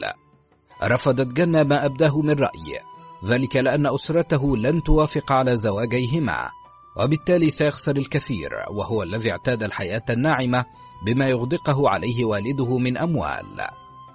وتمر الأيام وحبيبته في تبدل مستمر تجاهه فيفطر قلبه ويسير كطفل رضيع يسعى لحضن أمه الدافئ. يتلمس بين أحضانها الأمن والحنان فكانت ترقب حبه الطاغي لها في تدلل حريصة على ألا تمنحه ولو جرعة قليلة من أمل في زواجيهما ببغداد. لقد بدد إصرارها على الهجرة أمنه وأحال ليله إلى كابوس مقيم خوفا من صدمة اختفائها المفاجئ. لذلك أسرع بتأجير شقة جديدة بشارع السعدون كعيادة ورجاها أن تقبل العمل معه لتكون بقربه طوال اليوم. فوافقت واثقة من شدة تعلقه بها وكانت تضمر له أمرا. لقد تحينت الوقت المناسب وصرحته بأنها تعمل لصالح الموساد الإسرائيلي منذ مضى عام. وتنتظر انتهاء المهام المكلفة بها ليتحقق حلمها بالهجرة. هزه الأمر وبعثر عقله واضطربت له قسمات وجهه وحياته كلها. ولأنه يحبها لدرجة الجنون لم يشأ أن يرفض مسلكها فيخسرها. عانقته في امتنان وأذاقته قبلة كالبركان. أذهبت بإرادته فكبلته معها بسلاسل من إثارة أنسوية فضحت ضعفه وخضوعه. وبعد مرور عدة أيام كانت أثناءها تختلي به كثيرا لتمنحه المزيد. طلبت منه أن يستقبل رئيسها في العمل. مغيب العقل والإرادة لم يستطع أن يرفض هذا. وفي اللقاء الأول بينهما شرح له العميل الإسرائيلي الكثير عن معاناة السواد الأعظم من اليهود في العراق ورغبة الحكومات الإسرائيلية المتعاقبة في العمل على تهجير أكبر عدد منهم. إشفاقا لحالهم أولا ولحاجة الدولة اليهودية إليهم ثانيا. هكذا تم اللقاء بينهما في هدوء. ولم يغادر الرئيس العيادة إلا وأقنع الدكتور عزرا بضرورة الانضمام للمنظمة السرية الصهيونية التي تنتشر فروعها في كل العراق. لقد كان للحب أثره العجيب إذ رحب الدكتور عزرا بالعمل مع المنظمة. واتخاذ عيادته مقرا للقاءات السرية بعيدا عن أعين رجال المخابرات الذين ينقبون عن الخونة في كل مكان. باع الدكتور عزرا وطنه بخسا للصهيونية وكأنه ما ولد وعاش وتعلم على أرضه وشرب من مائه وتنسم هواءه وأخضع لدورة تدريبية على أعمال التجسس بواسطة ضابط إسرائيلي تسلل خصيصا عبر شط العرب لتدريبه. ثم سافر إلى البصرة للحصول على دورة أخرى في استعمال جهاز اللاسلكي ورجع إلى بغداد يحمل حقيبته الطبية بداخلها الجهاز الثمين. لقد اشتد إيمانه كيهودي بمهمته وتعظم حبه لإسرائيل متوازيا مع حب جنة قاطعا بضرورة الهجرة اليهودية لتشتد الدولة. وتقوى أمام الجبروت العربي والجيوش التي تتسلح سرا لتدميرها. ثم انقلب اهتمامه بقضية التهجير إلى البحث في خبايا القوة العسكرية العراقية. هذا الأمر شغله تماما واستحوذ على تفكيره. فقد كان يرى أن لديه قدرات هائلة للعمل في مجال الأسرار العسكرية التي تتنامى في الخفاء. أما مسألة التهجير فبإمكان آخرين أقل حرفية منه القيام بها كانت حبيبته وعشيقته جنة توافقه في رأيه وتؤيده وتدفعه دفعا بغريزة الخيانة التي ولد بها اليهود فأقنعته بضرورة استخدام جسدها معبرا للوصول إلى معرفة نوايا العراقيين وخطط التسليح التي يضعونها للجيش بالسيطرة على أعصاب عدد من الضباط يتم الإيقاع بهم في حبائلها. إن تعدد الانقلابات العسكرية للوصول إلى الحكم منذ الإطاحة بالملكية عام 1958 جعل من الجيش العراقي لغزا يصعب التكهن به، فكل رئيس جديد وهو عسكري بالطبع له بعده السياسي وقراءته الخاصة لخريطة الجيش وتضاريسها، ولقصر مدد الحكم أصبح من العسير وضع رؤية محددة تترجم السياسات والنوايا.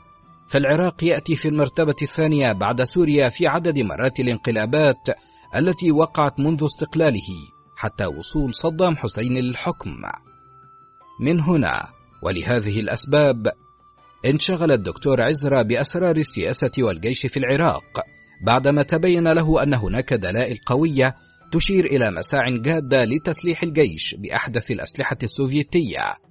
لمساندة دول المواجهة في صراعها ضد إسرائيل من جهة وللوقوف ضد أطماع إيران من جهة أخرى.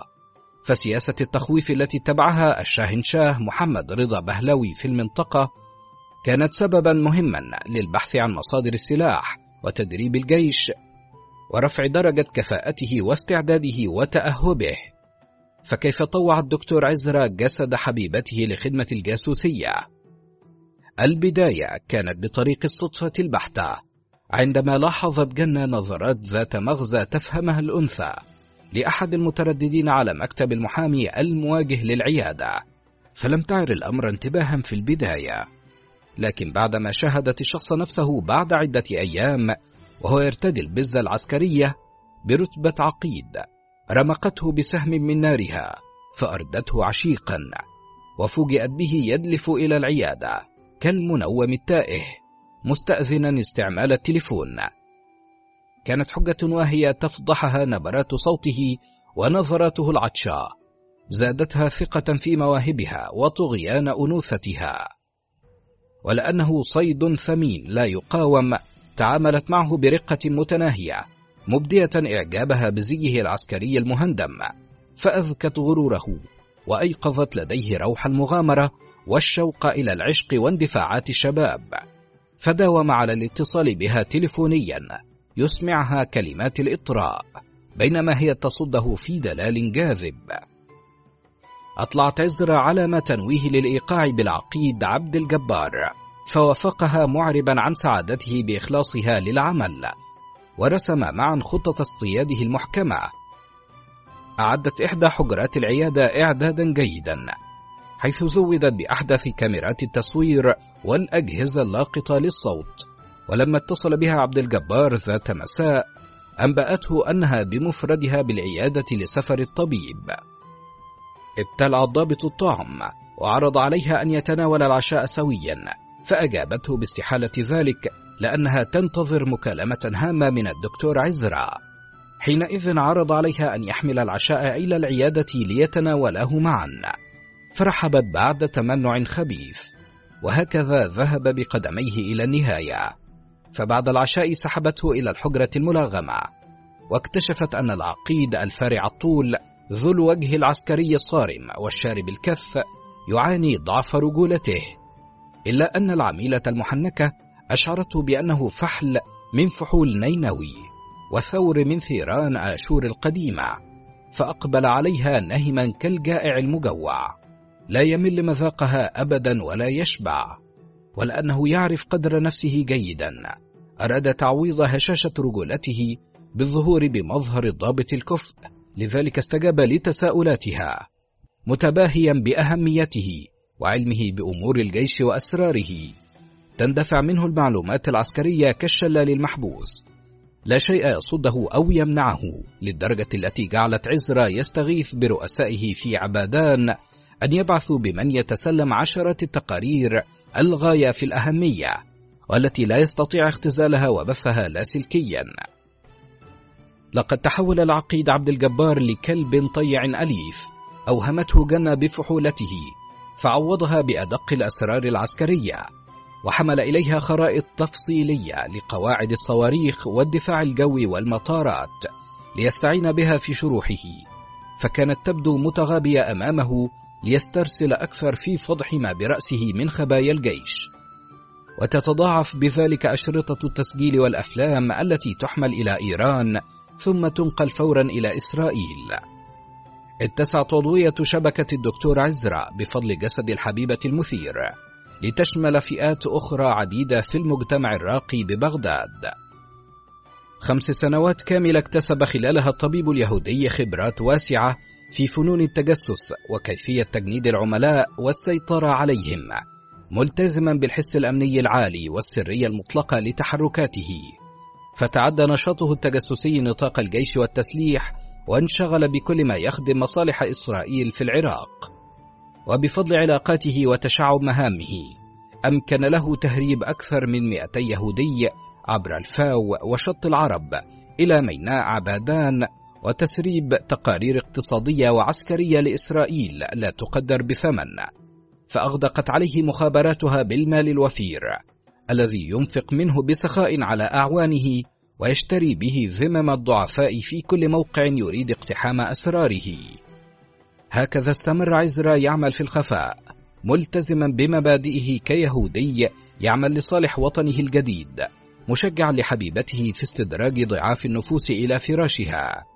هكذا تنزف الرجولة وتنسل مع غياب العقل كافة الأسرار سهلة بلا ضوابط. لقد سخر نفسه ووقته وحياته للجاسوسية ونسي في خضم التزاحم أمر الحب والغرام.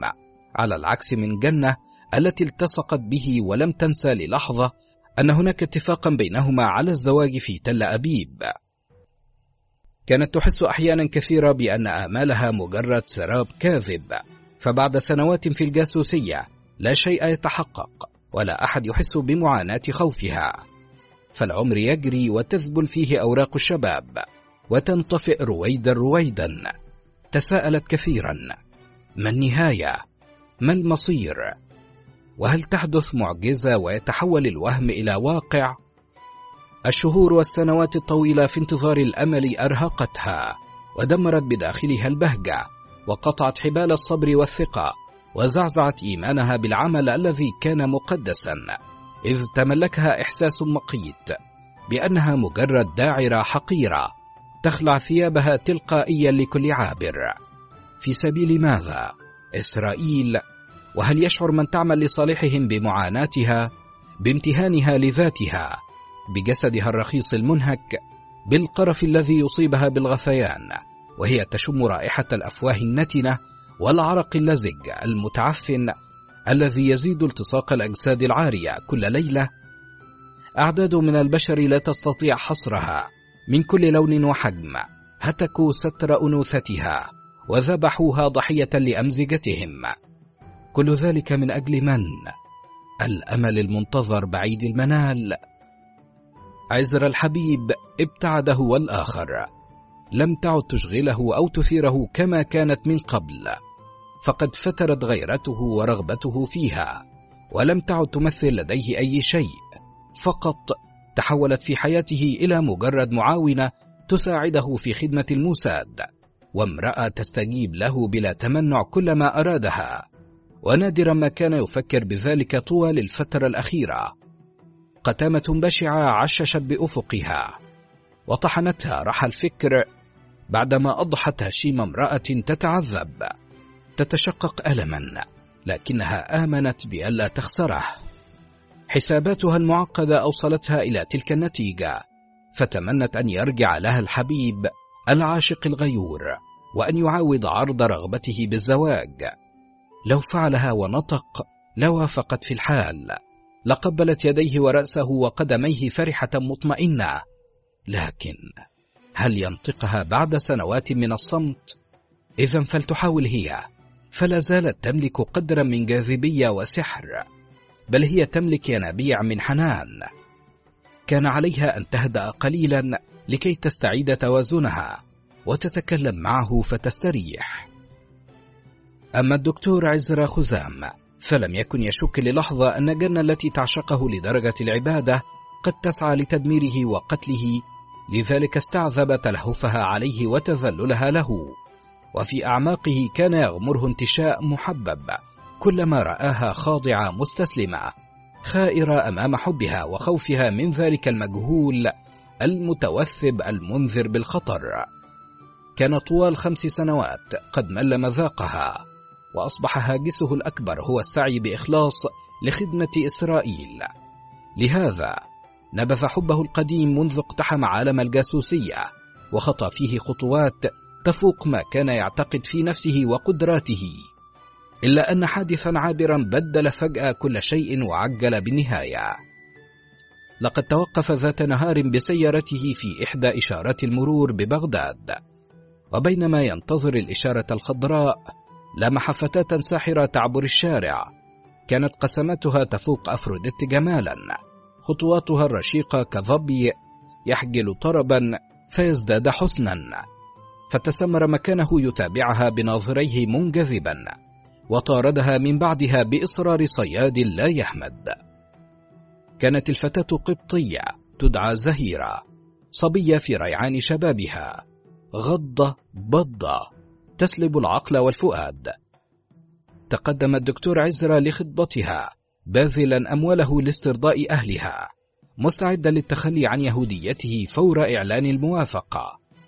أحست جنة بنفوره منها برغم مشاعر الحب الفياضة التي تغدقها عليه وبحستها الأنثوية أدركت بأن هناك امرأة وبدأت رحلة البحث عنها حتى وقفت على الحقيقة المرة فصعقتها الصدمة وزلزلت ما بقي عندها من أمل ضعيف. ولما طلبته بأن يقطع علاقته بزهيرة ويتزوجها سخر منها قائلا المرأة التي اعتادت كل الرجال يشق عليها أن تكتفي برجل واحد؟ صرخت في حدة عزرة ماذا تقول؟ أنت تعرف أنه عملي وليس حب في الرجال. قال فيما يشبه التهكم نعم أعرف ذلك. وأعرف أيضا أن عملك انقلب إلى هوس ما له من علاج. صارخة وقد تحشرج صوتها. هوس أتسمي ما يحدث بيننا هوسا؟ جنة فقطعت. خمس سنوات وأنا أمنحك نفسي. قال في حدة. جنة أرجوك. فقالت ألا أني أحبك أكثر من نفسي وأعمل كل ما يرضيك ويسعدك توصمني بشذوذ. إذا ما كنت تظنني أن أفعل مع طوابير أتباعك وزبائنك؟ أأكون الداعرة المهذبة؟ هم يرونني مهووسة فكنت أفتعل ولا أنفعل. كنت أمنح ولا أمنح. أنت بنفسك طلبت مني مرات ومرات أن أمثل جميع الأدوار. أنسيت ذلك؟ أم أنك زهدت في؟ فقال أحببتك يوما وطلبتك للزواج فتمنعت. فردت يوما ما أكنت تكرهني طوال السنوات الفائتة لماذا إذا كنت تعاشرني حتى شهر مضى؟ فرد عليها كفى كفى. جنى. فقطعت لا أريد أن أعرف يا عزرا. لا تخجل من مصارحتي. أرجوك قلها لأستريح ومصدومة محطمة منكسرة. لملمت بقاياها وذهبت إلى السلطات. تطلب السماح لها بالسفر إلى إيران للعلاج. وبعرضها على القمسيون الطبي تبين أنها سليمة من الأمراض التي تستدعي السفر إلى الخارج. لزمت جنة بيتها في محاولة لتجميع ذاتها المهترئة. إلى أن حدثت كارثة يناير 1966 عندما ألقي القبض على زالة العميلة اليهودية أثناء اقتحامها مقر شركة الإنشاءات ليلا لقد اعترفت زالة بحداثتها في عالم الجاسوسية وبأن شريكها الذي مات بالسكتة القلبية في الشارع لحظة القبض عليه هو رئيسها المسؤول عنها أي ضابط الحالة وأن التكليفات تجيء من عبادان لباقي أعضاء الشبكة الذين لا تعرفهم. ومع إعادة التحقيق معها عدة مرات أوضحت بأن هناك طبيبا يهوديا لا تعرف اسمه الحقيقي كان يأوي رئيسها الذي مات. قامت أجهزة الأمن باعتقال عدد كبير من الأطباء اليهود المشكوك في تصرفاتهم وولائهم ووضعتهم رهن التحقيق والاستجواب. وكان من بينهم الدكتور عزرا خزام. ولما علمت جنة بأمر اعتقال عزرا سيطر عليها الرعب والهلع وفكرت في نهايتها إذا ما اعترف. وباتت تنتظر كل لحظة طرقات رجال الأمن على بابها. فانضوت هلوعة ذابلة زائغة البصر. وبينما تقلب الصحف بحثا عن أخبار تهمها قرأت تصريحا لمسؤول كبير. تعهد بمكافأة سخية لكل من يدلي بأية معلومات تؤدي للقبض على جاسوس وحماية أي عراقي يبلغ عن تورطه في أعمال جاسوسية مهما كان حجمها. قامت جنة على الفور وبدلت ملابسها، ثم غادرت منزلها إلى وزارة الداخلية، وطلبت مقابلة المسؤول الكبير لأمر هام، فسمح لها. وأحست بصدق نبرته وهو يعيد تأكيد ما صرح به للصحف، فاعترفت تفصيليا بأمر الدكتور عزرا وقصتها مع الخيانة. هكذا كشفت كل الأسرار والخبايا، وهدمت المعبد على من فيه. إذ ألقي القبض على 12 جاسوسا في شبكة عزرا، وتكشفت حقائق مذهلة عن تورط العديد من اليهود العراقيين وانخراطهم في عمليات تجسس ليس بنية العمل على تهجير اليهود فحسب، إنما طالت الأسرار العسكرية وكل نواحي الجيش في العراق. وكانت وقائع المحاكمة عجيبة، والأحكام التي صدرت أعجب. فقد صدر الحكم بإعدام الدكتور عزرا وعبد الجبار رميا بالرصاص والشنق والحبس للباقين الأحد عشر أما جنة المصدومة فقد حكم عليها رأفة بالسجن خمسة أعوام أما زهيرة فقد عادت من جديد. تجوب شوارع بغداد كغزال شارد تطاردها الأعين الجائعة. فلا تلتفت أو تنصت خوفا من الوقوع في غرام جاسوس آخر.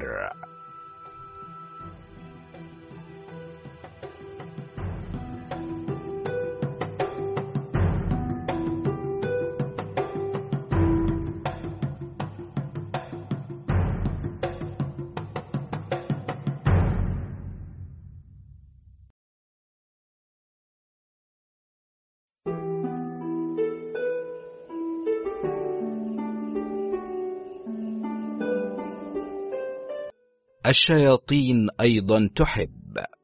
إبراهام موشيه السادس والثلاثين. كتب خميس بيومي و وقف روبرتو بيترو أمام ضابط الجوازات في مطار بغداد الدولي وهو يقول لماذا هذا التأخير يا سيدي؟ أجابه الضابط بأنها إجراءات أمنية بسيطة لن تستغرق كثيرا. كم مرة جئت إلى بغداد من قبل؟ سريعا أجابه الإيطالي المتذمر إنها زيارتي الأولى للعراق وقد جئت مندوبا عن شركة إنتراتيكو للمقابض في روما لأعرض إنتاجنا على رجال الأعمال هنا وأبحث إمكانية إقامة جناح لنا بسوق بغداد الدولي سلمه الضابط جواز سفره مصحوبا بتمنياته الطيبة فشكره روبرتو وغادر المطار ليستقل سيارة أجرة إلى فندق ريجنسي بوسط بغداد. وفي حقيقة الأمر لم يكن روبرتو هذا سوى ضابط المخابرات الإسرائيلي مولتي تشاو. ولد لأب يهودي إيطالي وأم هنغارية وعاش سنين مراهقته في الشمال بمدينة تريستا الساحرة المطلة على بحر الإدرياتيك وخدعته الدعاية اليهودية عن أفران الغاز. التي التهمت ستة ملايين يهودي في ألمانيا وبهرته الشعارات الصهيونية والحياة الرغدة لليهود في إسرائيل فهاجر إليها مع أمه رينالدا بعد وفاة أبيه. هناك خدم في جيش الدفاع الإسرائيلي ثم في جهاز الشين بيت الأمن الداخلي. وأظهر كفاءة عالية في قمع الفلسطينيين وتجنيد بعض الخونة منهم لحساب الجهاز بعد إجادته التامة للغة العربية. لكن حادثا مفاجئا قلب حياته بعد ذلك رأسا على عقب. إذ ضبط أمه عارية في أحضان يهودي يمني تمكن من الهرب بسرواله تاركا بقية ملابسه فأصيب بنكسة نفسية كبيرة. إذ كانت أمه تمثل لديه صورة رائعة لكل معاني الحب والكمال ولم يتصور امرأة مثلها في التاسعة والأربعين. قد تسعى إلى طلب الجنس وتتعاطاه مع السائق اليمني. عندها قرر ألا يعيش في تل أبيب وقدم استقالته من عمله وحمل حقيبته عائدا إلى مسقط رأسه عازما على أن يعيش بقية حياته أعزب. فطالما خانت أمه فلا أمان ولا ثقة بامرأة أخرى. لكن مايك هراري ضابط الموساد الإسرائيلي الذي كان يبحث عن ذوي الكفاءات المخلصين ليطعم بهم أقسام الموساد المختلفة جد في البحث عن روبرتو بيترو حتى أدركه في تريستا إلا أنه فشل في إقناعه بالعودة معه إلى إسرائيل وتركه أربعة أشهر ورجع إليه ثانية ليخبره بوفاة أمه ويجدد دعوته له بالعمل معه في الموساد. استطاع هراري بعد جهد العودة بروبرتو إلى تل أبيب وألحقه فورا بأكاديمية الجواسيس ليتخرج منها بعد ستة أشهر جاسوسا محترفا. يجيد كل فنون التجسس والتنكر والتمويه والقتل. عنده القدرة على تحمل صنوف التعذيب المختلفة وأساليب الاستجواب الوحشية لإجباره على الاعتراف إذا ما سقط في قبضة المخابرات العربية. اكتشف خبراء الموساد مقدرته الفذة على مقاومة الألم إلى جانب ذكائه الشديد. وإجادته الإقناع بوجهه الطفولي البريء الذي يخفي قلبا لا يعرف الرحمة. كل هذا يضاف إلى خبرته التي لا حدود لها في عالم الإلكترونيات وتكنولوجيا الاتصالات وموهبته الفائقة في تطوير أجهزة اللاسلكي التي يستخدمها الجواسيس في بث رسائلهم. ومنذ وصل روبرتو لفندق ريجنسي تتبعه السيارة الماسكوفيتش وعقله لا يكف عن التفكير في من يراقبه ويقتفي أثره. أيكون ضابط مخابرات عراقي أم أحد أعضاء الشبكة؟ استبدل ملابسه على عجل وخرج من باب الفندق يمسح المكان بعيني صقر باحثا عن الماسكوفيتش فلا يجد لها أثرا. وفي شارع السعدون توقف أمام إحدى الفترينات وتأكد من خلال زجاجها العاكس بأن هناك من يراقبه. فاختفى فجأة بمدخل إحدى البنايات وتسمر مكانه في الظلام وبعد برهة يدلف شبح مسرعا فيصطدم به وقبل أن تهوى على رأسه قبضة روبرتو الحديدية يصيح الشبح على الفور. مولتي تشاو. إنها كلمة السر المتفق عليها ليس في بئر السلم ولكن بمكتب الخدمات العامة الواقع على بعد عدة بنايات ويمتلكه إبراهام موشي الذي كان يراقب روبرتو بنفسه وأوشك الأخير أن يحطم فكه بقبضته. لم يكن موشي يهوديا عراقيا فحسب بل كان زعيما محترفا لشبكة جاسوسية إسرائيلية داخل العراق. استطاع أن يمد نشاطه حتى الكويت وسوريا متخذا من عمله في التجارة والاستيراد ستارا يخفي وراءه حقيقته. وكانت له قصة مثيرة تستحق منا أن نسردها. ونتتبع معا. كيف انجرف مستسلما في تيار الخيانة منذ صباه مضحيا بكل شيء في الوصول إلى مأربه ضاربا عرض الحائط بالأمانة والشرف. كانت بدايته في ضاحية دوما بالقرب من دمشق. ولد لأم يهودية سورية وأب يهودي عراقي يعمل دباغا للجلود. امتلك ناصية الحرفة. وأقام مدبغة في بغداد بعد ستة أعوام من العمل الجاد في سوريا إذ هرب فجأة إلى موطنه الأصلي ومعه أسرته الصغيرة. بعدما اتهم باغتصاب طفل مسيحي دون العاشرة فعاش في بغداد يحاصره الخوف من مطاردة أسرة الغلام أو السلطات السورية لكنه لم يرتدع بعد هذه الحادثة إذ واجهته هذه المرة تهمة اغتصاب طفل آخر في بغداد. ولأنه أثرى ثراء فاحشا. دفع مبلغا كبيرا لوالد الطفل رقيق الحال. فتبدلت الأقوال في محضر الشرطة وخرج موشي ببراءته ليمارس شذوذه على نطاق أوسع مع غلمان مدبغته إلى أن وجدت جثته ذات يوم طافية بأحد الأحواض المليئة بالمواد الكيماوية المستخدمة في الدباغة وكان ابنه إبراهام وقتئذ في الثانية عشر من عمره. واخته الوحيدة ميسون على أعتاب السابعة. باعت الأم المدبغة وهربت بثمنها إلى مكان مجهول مع السمسار اليهودي الذي جلب لها المشتري وتركتهما يواجهان مصيرهما لدى عمهما البخيل ويتذوقان على يديه صنوف القهر والقسوة كل لحظة. وأمام تلك المعاناة ترك إبراهام مدرسته والتحق بالعمل كصبي بورشة لسبك الفضة يمتلكها تاجر يهودي. بينما عملت أخته كخادمة بمنزل عمها مقابل الطعام. واكتشف إبراهام ميلا لديه للسرقة فمارس هوايته بحذر شديد في سرقة المعدن الخام قبل سبكه ووزنه دون أن يلحظه أحد. وما أن بلغ مرحلة المراهقة باندفاعها وطيشها حتى ظهرت عنده أعراض شذوذ كوالده وإن كانت تختلف في الأسلوب والاتجاه. وكانت ضحيته الأولى أخته التي كان ينام معها في فراش واحد بإحدى الحجرات المنعزلة فكان يحصل منها على نشوته الكاملة وهي تغط في سبات عميق. وذات ليلة استيقظت ميسون على غير العادة ولذت بالصمت المطبق تجاهه عندما أحست به يتحسس جسدها فهو شقيقها الذي يحنو عليها ويجيئها بالملابس الجديدة والحلوى.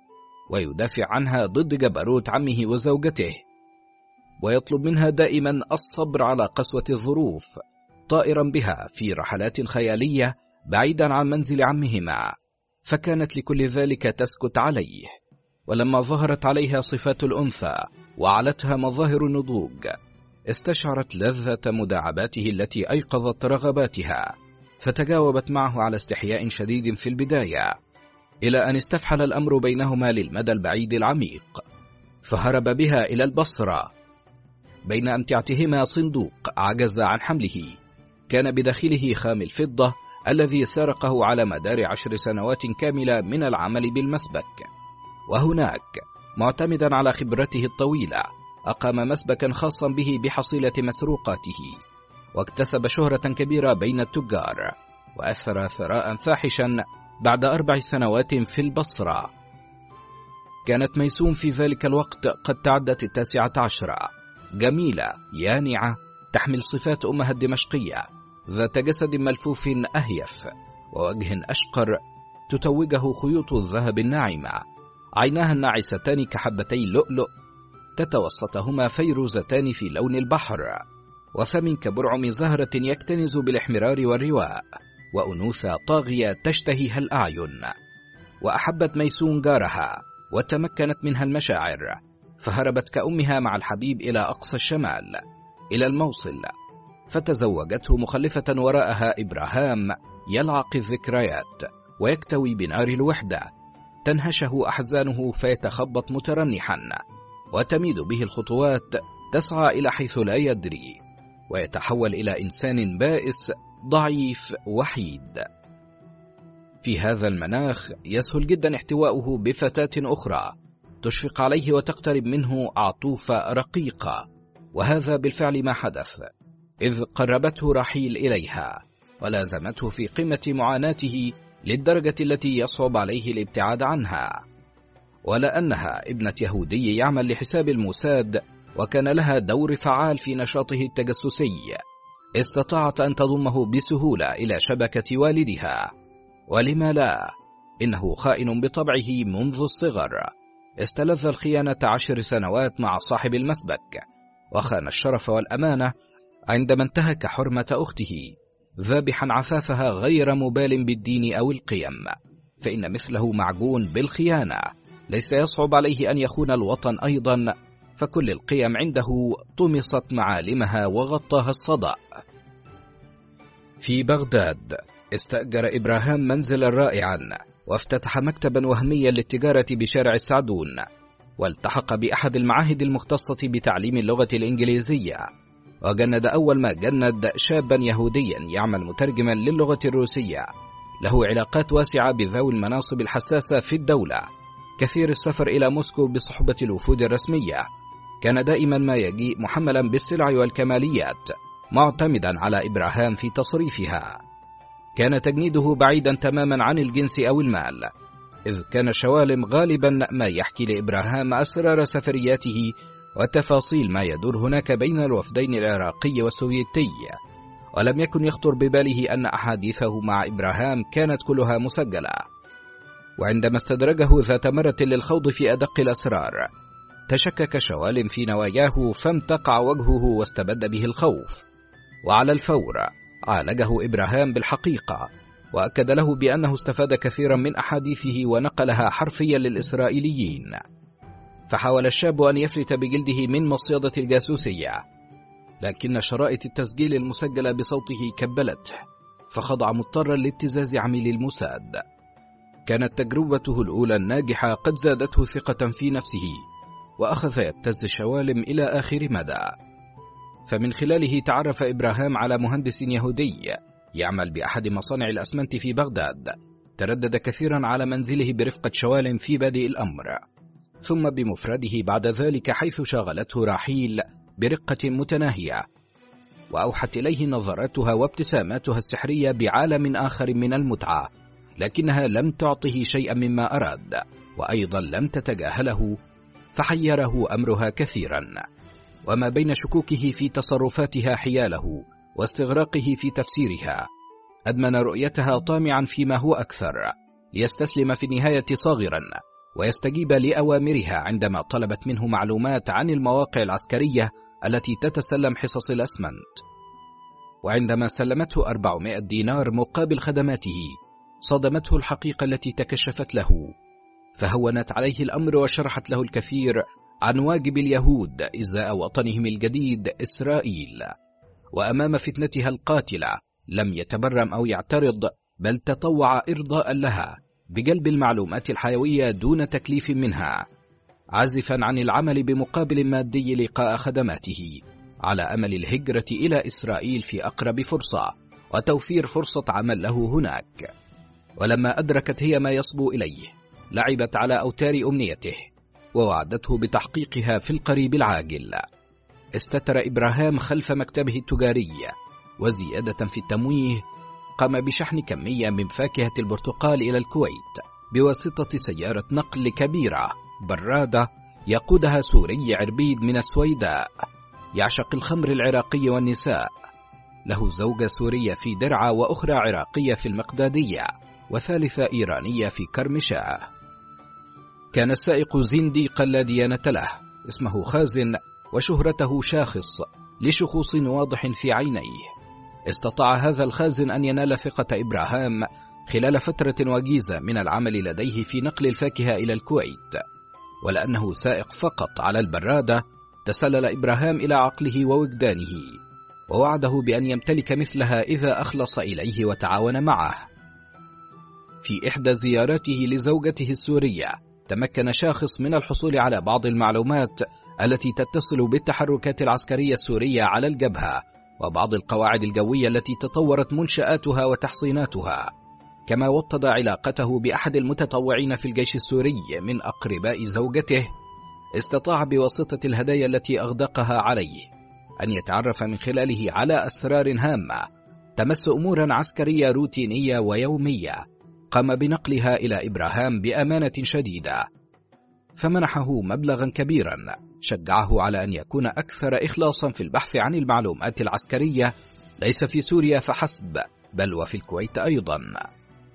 كانت الكويت في ذلك الوقت إمارة صغيرة غنية سمحت للعديد من العراقيين والإيرانيين بالإقامة وبعض حقوق المواطنة فضلا عن العديد من أبناء الجنسيات العربية الأخرى الذين تواجدوا بها منذ سنوات طويلة ومن بين هؤلاء كانت توجد نفوس ضعيفة يسهل شراؤها.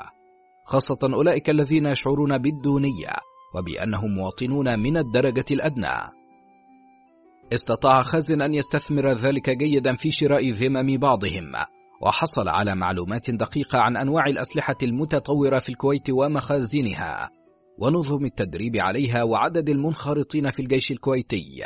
وبعثات الطيارين في الدول المختلفة وامتد نشاطه الأفعواني إلى دول الخليج العربي وإماراته الأخرى.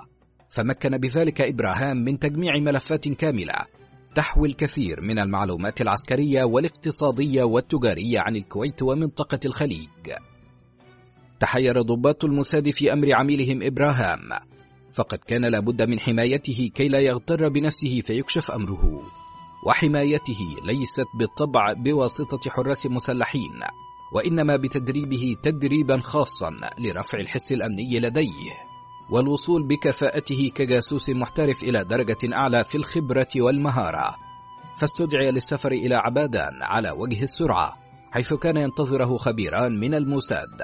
أحدهما روبرتو بيترو جاء خصيصا من أجله. مكث إبراهام معهما تسعة عشر يوما. أخضع أثناءها لدورات مكثفة في كيفية فرز المعلومات وتنقيتها والسيطرة على هذا الكم الهائل من العملاء الذين يدينون بالولاء لإسرائيل. هذا فضلا عن تدريبه على كيفية الإرسال بالشفرة بواسطة جهاز لاسلكي متطور أمدوه به وجهاز راديو لاستقبال الأوامر.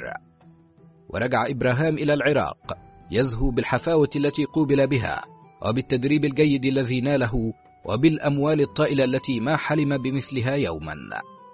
سرت رحيل بالهدايا الثمينة التي حملها إليها. وجهاز الراديو ترانزستور الحديث بين أمتعته. والذي هو في الأصل جهاز لاسلكي تتعدى قيمته الآلاف من الدولارات. وفي أولى رسائله إلى الموساد. طمأنهم على وصوله بسلام. وبثهم تحيات زوجته. وتلقى ردا يفيد استلام رسالته. وتمنياتهم الطيبة لهما بعمل موفق. في الحال شرع إبراهام في الاتصال بأعضاء الشبكة وطلب منهم معلومات محددة كل حسب تخصصه وأمدهم بآلاف الدنانير ليغدقوها على عملائهم فأثبت كفاءة عالية في إدارة شبكته بمهارة. وذات يوم بينما كان في الموصل لم يصدق عينيه وهو يقف وجها لوجه أمام ميسون في أحد الميادين. وحين ألجمتها المفاجأة أسرعت بالفرار وسط الزحام تتلفت خلفها بينما غادر سيارته المسكوفيتش ملهوفا وأسرع وراءها. تمر برأسه ألوان من الذكريات البعيدة لم يستطع نسيانها. فلما أدركها ملتاعة صرخت فطمأنتها نظراته المليئة بالحب والشوق. ومشت معه إلى السيارة ترتعد وقد انحبست الكلمات في حلقومها. وفي الطريق إلى منزلها عاتبها كثيرا وشكى لها قسوة المعاناة التي عاشها من بعد هروبها. وعلى المقود هجمت عليه أشجانه وغلبته دموعه فاستسلم لها في حين شهقت أخته الباكية تستعطفه وترجوه أن ينسى ما كان بينهما وأشارت إلى بطنها المنتفخ قائلة إنه الابن الثالث لها. لكن يهوديا خائنا وشاذا مثله. لم يكن مؤهلا لأن يستجيب لرجفة الخوف والضعف عند عشيقته الأولى في الحياة. فما إن وصل إلى منزلها وكان خاليا من زوجها إلا وطالبها بحمل مستلزماتها وولديها والعودة معه إلى بغداد. رفضت ميسون مسترحمة. فانهال عليها ضربا وركلا غير مبال بصراخ الصغيرين وأمام إصرارها على الرفض طالبها بحقه فيها. هكذا نال ما أراده منها مدعيا أنه حق مكتسب له وواجب عليها أن تؤديه كل ما طلبها. رجع بغداد مكدرا ليجد رحيل تعاني آلام الحمل الأول في شهوره الأخيرة وبعد أسبوع أخذها في الفجر إلى المستشفى فولدت جنينا ميتا سرعان ما لحقت به هي الأخرى بسبب حمى النفاس. كأنما أراد الله أن يقطع ذريته إلى الأبد ويحرمه من مشاعر الأبوة فيظل وحيدا كشجرة جافة بلا جذور. تطيح بها الأنواء فتتكسر. ولأول مرة منذ هجرته ميسوم في البصرة تفتك به الوحدة. في تل أبيب اجتمع ضابط الارتباط بمرؤوسيه وقرأ عليهم رسالة عاجلة بثت من بغداد تقول دوف أمر بظروف نفسية معقدة. لا أستطيع الاستمرار في العمل. لن أكون ذا نفع لكم من الآن. ابعثوا بمن يقود المجموعة. سأنتظر ردكم بلا أوامر في الميعاد. شالوم. وجم الجميع. فإشارات الرسالة ورموزها السرية صحيحة بما يفسر عدم وقوع العميل في قبضة المخابرات العراقية. ماذا حدث إذن؟ كانت هناك شكوك في فحوى الرسالة. فهي إحدى المرات القلائل التي يتسلم فيها الموساد رسالة غامضة كهذه من عميل نشط. وفسر البعض ذلك بأنه ربما كشف أمره واعترف بكل شيء وضبط بنوتة الشفرة رموز الاستهلال والختام السري المتفق عليها. لكن ضابط الارتباط استبعد ذلك فالعميل يحفظ الرموز جيدا عن ظهر قلب ودرب كثيرا على ذلك في عبادان. ولو أن أمره قد انكشف وأجبر على بث الرسالة لعكس الأرقام وكان لابد من معرفة حقيقة الوضع في العراق. عندئذ بعثوا إليه برسالة مغلوطة سرعان ما جاءهم رده يطلب إعادة البث مرة أخرى ولما عجز عن فك رموزها أيقن أن هناك خطأ ما فبعث رسالة تأكيدية أخرى ضمنها إشارات سرية بديلة أراحتهم وطمأنتهم. على الفور أرسلوا إليه بإيراني خبيث يدعى طبطباني حبرون يعمل لحسابهم في طهران. تسلل إلى العراق بأوراق مزورة تحمل اسم رضائي عبد الرضا. التقى بإبراهام الذي كان شارد الذهن منكسر المزاج واستطاع بعد لأي أن يعيد إليه توازنه ويقنعه بالاستمرار في العمل. خاصة وإسرائيل في تلك الفترة كانت تمر بظروف مختلفة بعدما انتصرت على العرب في حرب يونيو 1967 هذه الظروف كانت تستدعي العمل بجد ترقبا لرد عربي وشيك قد يدمر إسرائيل ويقضي عليها. لقد وعده طبطباني بحياة رغدة في إسرائيل بعد انتهاء مهامه فحرك فيه روح الحمية والعداوة ضد العراقيين الذين أمدوا الجيوش العربية بالسلاح والعتاد لضرب إسرائيل.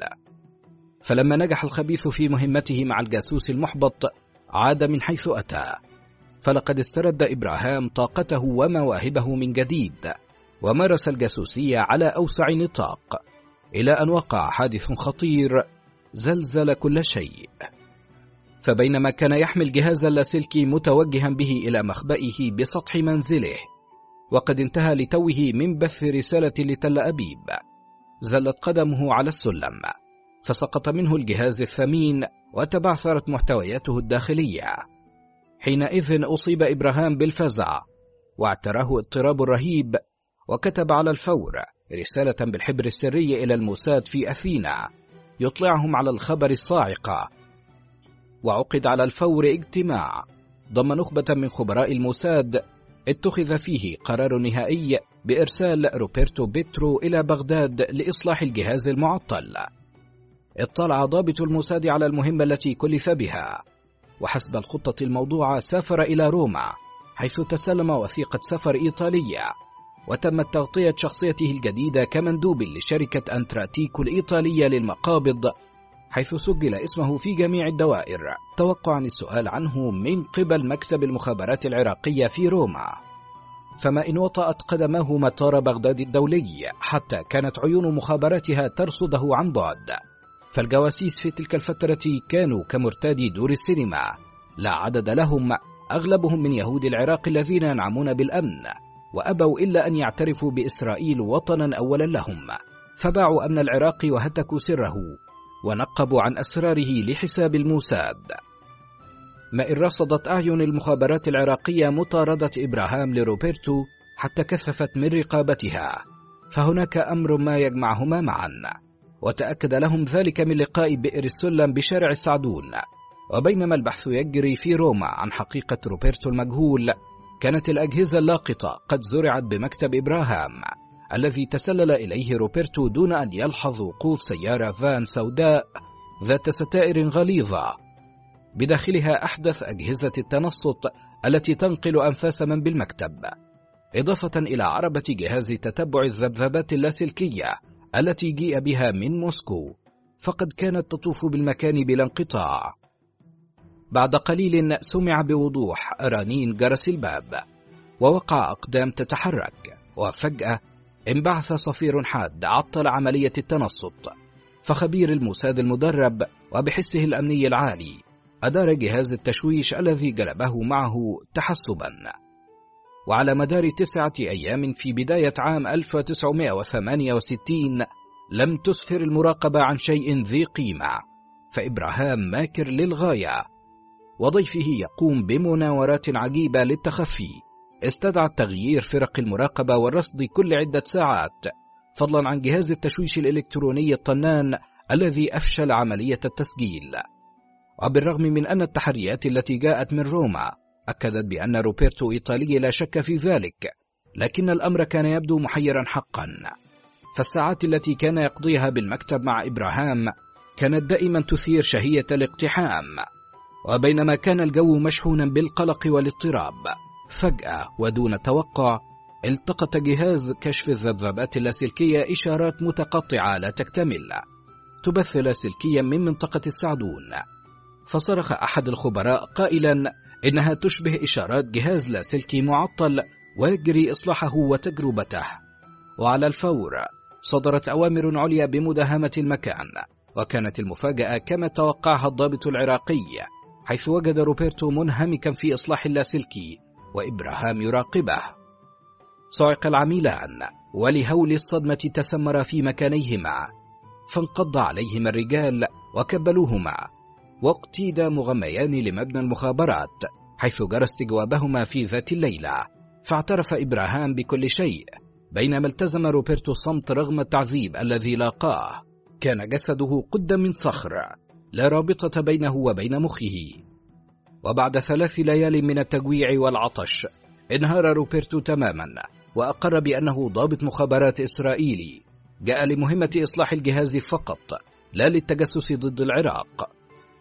وأسفر التحقيق مع العاملين عن مفاجآت عجيبة لم تخطر ببال العراقيين أبدا. فقد تبين أن شبكة إبراهام تضم 36 جاسوسا. هم في مجموعهم خليط عجيب من يهود عراقيين وإيرانيين وإسرائيليين من جنسيات مختلفة. ألقي القبض على غالبيتهم في غضون أربعة أيام وقدموا إلى المحكمة العسكرية العليا. وكانت هذه هي المرة الأولى في عهد الجاسوسية الإسرائيلية في العراق التي يحاكم فيها 36 جاسوسا تضمهم شبكة جاسوسية واحدة. وبقدر سعادة رجال المخابرات العراقية لضبط هذه الشبكة الخطيرة كانت الصدمة قاسية جدا في إسرائيل وأمهر رجالها يعدمون في سبتمبر 1968 ببغداد. إنها صدمة ما بعدها صدمة إذ أفقدت الموساد الثقة بأن رجالها أذكى رجال المخابرات في العالم وتأكد لها بما لا يدع مجالا للشك أن هناك في العراق وفي سائر الوطن العربي رجال أشد ذكاء وضراوة وخبرة.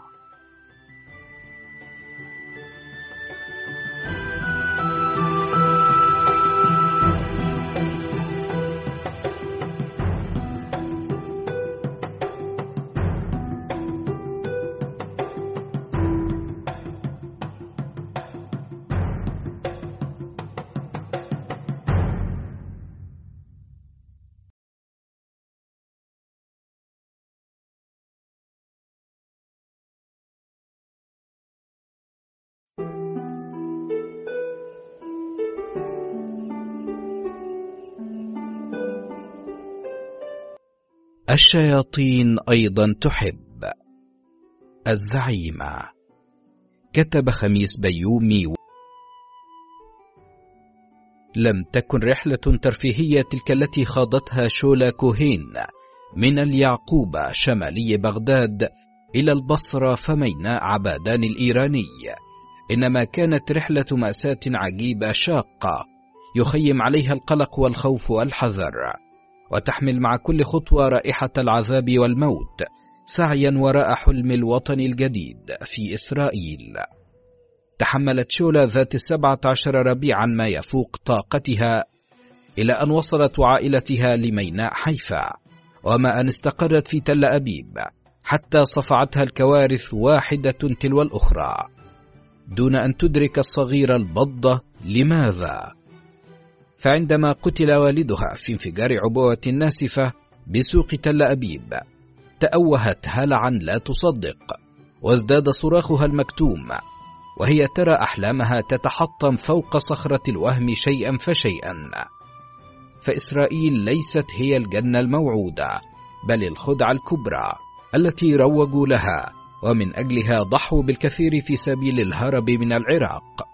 مات والدها فلم تقوى أمها على تصديق الحقيقة فخرت صريعه المعاناة والمرض وألفت شولا صراخ شقيقها الأكبر محتجا على ميراث أبيه للأبناء الستة والمسؤولية التي أثقلت كاهله حتى التقت عازار ونبض قلبها الصغير بالحب لأول مرة.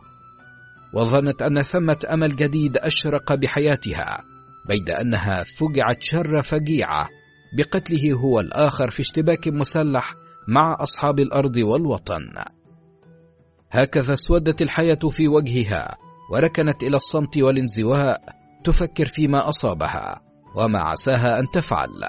فتملكتها رغبة الانتقام من العرب لكن شغلتها معاناة الحياة اليومية والجوع الذي لا يكف صراخه ينهش العقل والبدن. وبعد عام ماتت أمها وطفق شقيقها ينفث غضبه بوجه إخوتها. فخرجت تسعى للعمل بإحدى العيادات بشارع سهالون هاروفيم. ووفقت في الحصول على وظيفة مؤقتة لمؤهلاتها الأنثوية المثيرة الصارخة فأسبغ عليها الراتب الضئيل مسحة من الطمأنينة والثقة بنفسها. وأحست بالعيون الجائعة تعريها كل لحظة وترغبها.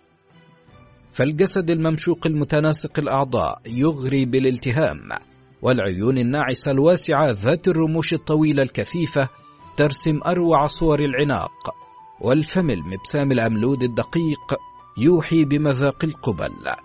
وطاردتها العيون والشهقات والهمسات والأيدي الجائعة فاستسلمت لجنرال في الجيش الإسرائيلي من أصل بولندي يجيد العربية كان دائم التردد على العيادة. وبين يديه تكشفت لها خطوط الحقيقة وتفاصيلها. فقد أدركت لأول مرة أنها تملك سلاحا فتاكا تستطيع به أن تقهر أية قوة أنوثتها الطاغية وكانت تشبه قنبلة ذرية تذيب بلهيبها الأجساد وتسيطر بها في يسر على الأعصاب والعقول. أغدق عليها الجنرال الإسرائيلي بالمال والهدايا فظنت أنها امتلكته. حتى استوعبت الأمر في النهاية. فالجنرال ما هو إلا ضابط كبير في جهاز المخابرات تقرب إليها مستغلا ظروفها وعلى وعد بتأمين حياتها أغرقها في محيط الجنس والمال. ثم كاشفها برغبته في أن تعمل لصالح الجهاز لتحافظ على أمن إسرائيل من جهة ومن جهة أخرى كي تعيش عيشة الرغدة لا تحلم بها فتاة في مثل سنها في إسرائيل. لم تكن شولا أمام واقعها المؤلم تستطيع رفض هذا العرض فهي تحلم بالمجد المفقود الذي كمرنت إليه إضافة إلى استيقاظ رغبة الانتقام لديها من العرب الذين قتلوا والدها وحبيبها وتسببوا في موت أمها كمدا. لكل ذلك أعلنت موافقتها راضية مقتنعة. لتبدأ بعدها أغرب مغامراتها في عالم المخابرات والجاسوسية. فتستحق عن جدارة لقب الزعيمة الذي أطلق عليها في الموساد. ذلك لأن ما قامت به لصالح إسرائيل على مدى تسع سنوات متصلة مثير جدا وجريء وعجيب كل العجب. التحقت شولا أرازي كوهين بالموساد قانعة. وخضعت لتدريب مبدئي في مبنى خاص يقع في كيريا بتل أبيب وأوكلت لأمهر خبراء الموساد مهمة ترويض تلك المخلوقة العجيبة الجمال ليصنعوا منها جاسوسة ذكية مثقفة لبقة تجيد إدارة الحوار واجتذاب الرجال والسيطرة على أعصابهم. ونظرا لكونها شرقية من العراق ولم تحظى بقدر كاف من التعليم فقد بعثوا بها إلى لندن لتمتزج بالمجتمع والدنيا هناك وتتعلم التحدث بالإنجليزية. وعلى مدار عام ونصف العام استطاعوا أن يستخرجوا منها خلاصة مخلوقة ثانية مدربة على فنون التجسس والإغواء والسيطرة. وبأوراق ثبوتية مزورة سافرت إلى بيروت في سبتمبر 1952 لتبدأ من هناك. أولى مهامها التجسسية واثقة من قدرتها الفائقة لا تحمل أسلحة فتاكة سوى جسدها المثير. وفي ساحة المطار الخارجية تهافت عليها سائق الأجرة وأوصلها أحدهم إلى وسط بيروت حيث نزلت بفندق الجراند أوتيل. وفي المساء غادرت الفندق تملأ مسامعها شهقات الإعجاب طوال تجوالها في شوارع المدينة المكتظة بالجمال. كان عليها أن تستتر وراء وظيفة ما أو مهمة جاءت بها إلى بيروت ولم يكن الأمر بحاجة إلى إثباتات. فقد ادعت بأنها مندوبة لإحدى الشركات السياحية الأوروبية. جاءت للبحث عن وكلاء في لبنان فانفتحت لها بذلك الأبواب المغلقة. واقتربت كثيرا من ترسيخ أقدامها تمهيدا للعمل. خاصة بعدما تركت الفندق وانتقلت إلى إحدى الشقق الفاخرة ببناية الإمباسيدور الشهيرة. كانت مهمتها الأولى البحث عن مسؤول لبناني له نفوذ قوي في الدوائر الرسمية تستطيع من خلاله أن تنفذ إلى ما تصبو إليه. وأخيرا عثرت على ضالتها في شخص موظف كبير اسمه محمود عوض. كان يشغل آنذاك أكثر من ست وظائف حكومية فذهبت لمقابلته للاستفسار عن إجراءات تمديد إقامتها فسقط في شباكها وخر صريع سحرها وتعمد تطويل الإجراءات ليراها كثيرا فتركت له جواز سفرها وأخلفت ميعادها معه ثم اتصلت هاتفيا به لتخبره بمرضها وأعطته عنوان شقتها ليرسل به إليها. وكما توقعت الجاسوسة المدربة فقد ذهب إليها اللبناني الذائب بنفسه يحمل جواز سفرها وباقة من الورود فاستقبلته بملابس شفافة تفضح معالم جسدها. وكان عطرها الفواح الذكي ينشر جوا من الأحلام والرغبة والاشتهاء ومنحته في النهاية جسدها مقابل خدمته فبات منذ تلك اللحظة عبدا لجمالها تحركه كيفما تشاء ولا يرفض لها أمرا. انشغل محمود عوض بمعشوقته وهو المسؤول المهم بإحدى الدوائر. وشهدت شقة الامباسادور المحرمة التي تستغرق معظم وقته. فكان ينزف مع رجولته أسرارا حيوية للغاية تمس لبنان وأمنه تتملكه نشوة الانتشاء عندما يجيب باستفاضة عن استفساراتها ويراها منبهرة مشدوها متغابية. وبعد انصرافه على أوراقها تكتب كل ما تفوه به وتخطط لما سيكون عليه الحال في اللقاء التالي. كانت أولى مهام شولا كوهين في بيروت السيطرة على أكبر عدد من المسؤولين الحكوميين بواسطة الجنس حتى إذا ما ترقوا في وظائفهم وأصبحوا ذوي شأن في صناعة القرار أعيد من جديد إيقاظهم للعمل لصالح إسرائيل. وهؤلاء يطلق عليهم العملاء النائمون. فحينما يتبوؤون المناصب العليا يسهل إخضاعهم لتمييع المواقف السياسية المستقبلية ضد إسرائيل. ويشكلون بذلك طابورا طويلا من المسؤولين يدور في فلك إسرائيل. وينفذ سياستها دون ما انحراف عن الخط المرسوم. لذلك وسعت شولا من علاقاتها بالمسؤولين اللبنانيين. وكانت الدائرة شيئا فشيئا تتسع لتشمل موظفين رسميين بشتى الجهات الحكومية. كلهم سقطوا صرع الجسد الناعم الملتهب. وبالطبع لم تكن شولا بقادرة وحدها على إشباع رغبات كل هؤلاء إنما عمدت بحاستها المهارية إلى التعرف على فتيات حسناوات باحثات عن المال جمعتهن حولها وسخرتهن لتوثيق دائرة معارفها. واستلزم منها ذلك تأجير شقة أخرى لتخفيف حدة زحام جوع اللذة بشقتها. وفي عام 1956 كانت تستأجر خمسة منازل في مختلف أنحاء بيروت مجهزة بأفخر أنواع الأثاث ومزودة بكاميرات دقيقة وأجهزة تسجل كل ما يجري بغرف النوم. وكانت أشهر فتاة لديها طفلة أرمينية تدعى لوسي كوبيليان. عمرها أربعة عشر عاما تخلب بجمالها الألباب وتذيب العقول هذه الطفلة كانت إحدى نقاط القوة في شبكة شولا فقد تهافت عليها الرجال كالذباب وسجدوا لجمالها وفتنتها. أما شولا الزعيمة فآثرت ألا تمنح جسدها إلا لكبار المسؤولين ذوي المراكز الحساسة كي تستخلص بنفسها ما تريده منهم. ولما تزاحم العمل. رأت الموساد أن تعضد شولا في مهمتها. فضمت إليها اليهودية راشيل رافول في طرابلس. وبانضمام راشيل اتخذت شبكة شولا مسارا جديدا لم يكن في الحسبان. فالعضوة الجديدة مدربة وماهرة جدا ولها خبرة طويلة بأعمال الدعارة في لبنان.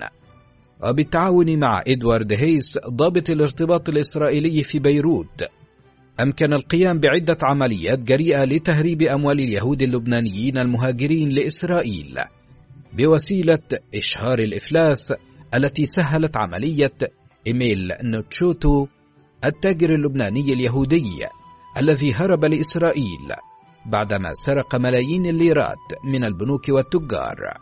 وكذا عملية إبراهيم مزراحي التاجر الطرابلسي الشهير الذي هرب أيضا بالملايين إلى اليونان. ثم لإسرائيل بينما انخرطت زوجته ليلى مزراحي في خدمة الشبكة لتسهيل عمليات تهريب أخرى بما لها من علاقات بزوجات أثرياء اليهود وبتهريب يهود لبنان بأموالهم المسروقة إلى إسرائيل. أضير الاقتصاد اللبناني ضررا بالغا واضطرت بعض المصارف إلى الاستغناء عن خدمات بعض موظفيها المتورطين. وكاد للعملية كلها أن تنكشف. لو لم يكن هناك مسؤولون كبار أمكن السيطرة عليهم من قبل استطاعوا في الوقت المناسب عمل تغطية للفضيحة وإخمادها إلى حين. بعدما اتسع نطاق شبكة الجاسوسية وبالتالي تعددت مصادر التقارير والأسرار كانت شولا تعاني من صعوبة في نقل المعلومات المتدفقة عليها إلى إسرائيل ورأت أن الحل يكمن في تجنيد أحد اللبنانيين قاطن الجنوب. نظرا لسهولة تسلله إلى إسرائيل بالمعلومات والتقارير دون أن تثير تحركاته أحدا. فكرت جديا بهذه الحيلة في ذات الوقت الذي سعت فيه لإيجاد مركز يجمعها بجواسيسها وبواسطة كبار المسؤولين اللبنانيين. استأجرت عميلة الموساد إحدى الكافيتريات بشارع الحمراء وحولتها إلى بار يزدان بالديكورات والحسناوات.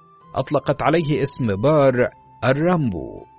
ومع الخمر والليل وجدت ضالتها المنشودة في شخص ابن الجنوب الساذج محمد سعيد العبد الله الذي حملته ساقاه ذات مساء إلى البار فتسمر منبهرا بالجسد الأبيض يتراقص ويتمايع معلنا عن مواطن الإثارة في صراحة وثقلت عليه رغباته المكبوتة فتاه عقله وأحكمت شولا سيطرتها عليه. بعدما تأكد لديها أنه سقط في براثنها. وفي ليلة حمراء أريقت فيها الخمور المعتقة وذبلت العيون وترخت الأعصاب في وهن فتحته في الأمر. وكم كانت واثقة من إجابته فإنه على استعداد لأن يفعل كل شيء في سبيل ألا يخسرها أو يضيع لحظة واحدة من أوقات المتعة التي أدمنها. فحملته بالتقارير والمعلومات وتسلل بها إلى الجانب الإسرائيلي ولم يرجع إليها بأوامر الموساد الجديدة فقط بل اصطحب معه ابن عمه فايز العبد الله الشاب المغامر الذي يعرف الدروب الجبلية ومواطن الضعف الأمني بمناطق الحدود الجنوبية. وعلى انفراد أخبر شولا بأن ابن عمه مستعد هو الآخر للانضمام إلى شبكة الجاسوسية مقابل المال فلم تمنحه شولا المال وحده بل وهبته أجمل فتياتها اللاتي ضيعن لبه وسحرنه بما لم يألفه من متع النشوى ليدور في النهاية كسابقه في فلك الخيانة والتردي.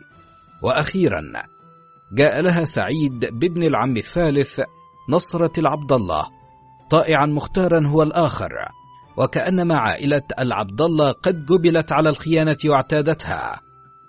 وبذلك أمكن لشولا أن تنقل ملفات تقاريرها أولا بأول عبر هؤلاء الثلاثة إلى قادتها في إسرائيل دون صعوبة أو تشكك من الجهات الأمنية اللبنانية. وتحول ملهى الرمبو إلى مركز لاصطياد الجواسيس وملتقى لهم في ذات الوقت. وأيضا ليعاين كبار الموظفين اللبنانيين الفتيات المثيرات المختارات.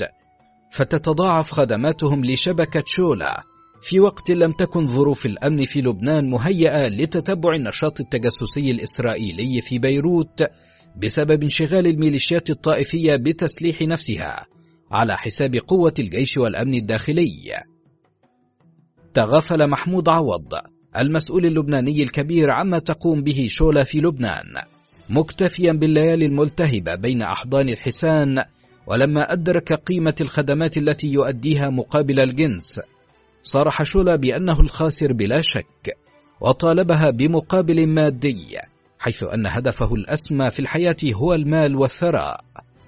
انزعجت شولا لطلبه الجديد فهو ثري في الأصل وما كان يطلب منها سوى فتيات صغيرات جميلات يعدن إليه شبابه وبرغم سيطرتها عليه بوسائل عدة منها تصويره في أوضاع شائنة مع أكثر من تسع فتيات إلا أنها نفت فكرة تهديده. ذلك لأنه يعرف جيدا كل المتعاملين معها من ذوي المراكز.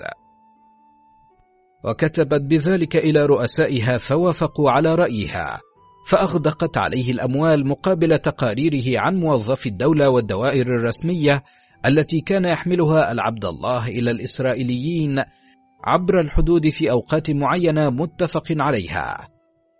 وفي مايو 1958 وصل إلى بيروت ضابط سوري مسؤول اجتمع من فوره بأحد ضباط الأمن اللبنانيين وأبلغه بنشاطات شولا كوهين المشبوهة وإحاطتها بأسرار غاية في السرية عن الجيش اللبناني والسوري معا تجلبها من خلال شخصيات على مستوى المسؤولية في البلدين على علاقة بها. كانت خيبة أمل الضابط السوري كبيرة عندما أخبره زميله اللبناني بأن شولا بعيدة عن الشبهات، وتم حفظ محضر الاجتماع في الأدراج برغم تأكيدات السوريين. وفي بداية عام 1961 وقع محضر الاجتماع تحت يد ضابط لبناني شهم اسمه عزيز الأحدب فقرأ ما تحويه السطور وبدأ في جمع المعلومات في سرية تامة عن شولا وفوجئ بعد عدة أشهر من المراقبات والتحريات بأن الفتاة تدير أكبر شبكة جاسوسية إسرائيلية في لبنان. امتدت نشاطاتها لتشمل كل مناحي الحياة المدنية والعسكرية. ليس ذلك فحسب بل تجمعت لديه أدلة كافية بأنها وراء عمليات تهريب اليهود اللبنانيين إلى إسرائيل. بواسطة آل العبد الله الذين يجيدون استخدام الدروب الوعرة في الجنوب. هكذا وبعد تسع سنوات من التجسس ألقى عزيز الأحدب القبض على شولا كوهين في أغسطس 1961 واعترفت في الحال على شركائها واثقة من أن نجدة ستجيئها حالا من إسرائيل. وأمام القضاء العسكري اللبناني تكشفت حقائق مذهلة عن تورط شخصيات عديدة مسؤولة في إمدادها بأدق الأسرار والتقارير التي تمس لبنان وكيانه.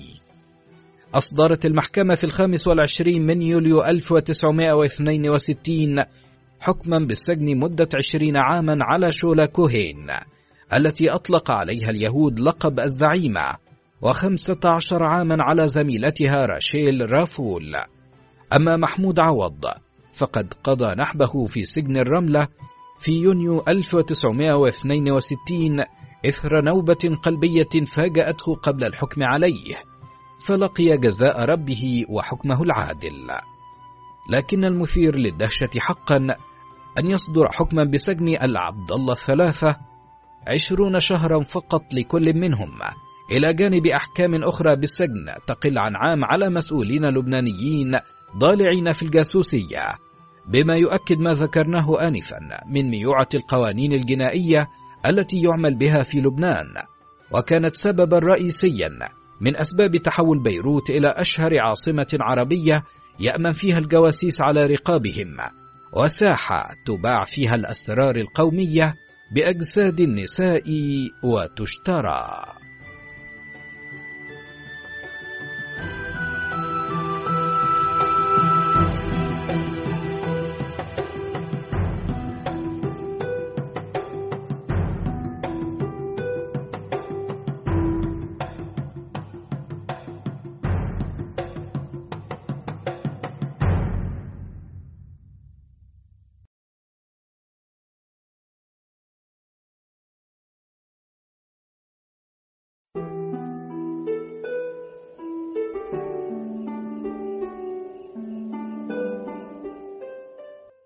كسر شفرة الحب.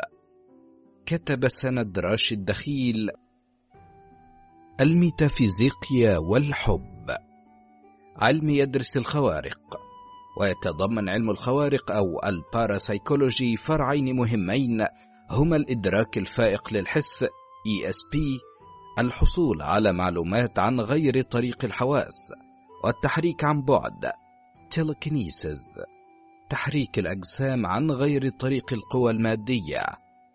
يدرس هذا العلم كذلك الحياة بعد الموت وتجارب الدنو من الموت NDE والبيوت المسكونة والأشباح الصاخبة وتجارب مغادرة الجسد والعلاج النفسي وأصوات الدقات في الغرف rappings باختصار هو علم الركض خلف علامات الاستفهام. من كتاب موسوعة الظلام. شعبة من فلسفة العلوم الطبيعية وتعرف على أنها فلسفة تبحث في أسرار الكون والظواهر الغريبة وجميع الأمور الغيبية التي لم يجد لها العلماء تفسيرا.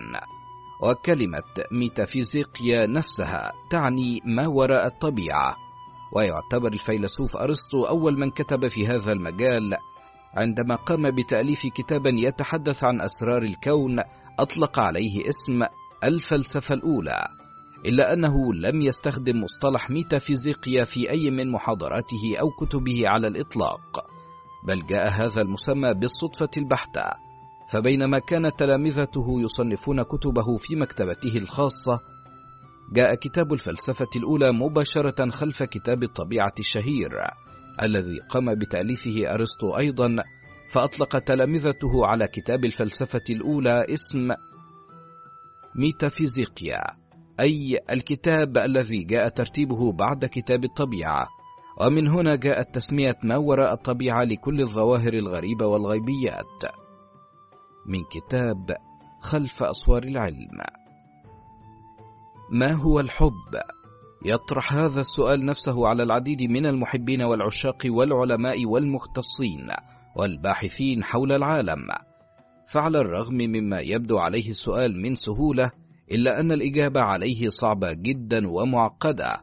فحتى يومنا هذا لم تتفق الموسوعات على تعريف واضح لهذا الانفعال النفسي الغريب.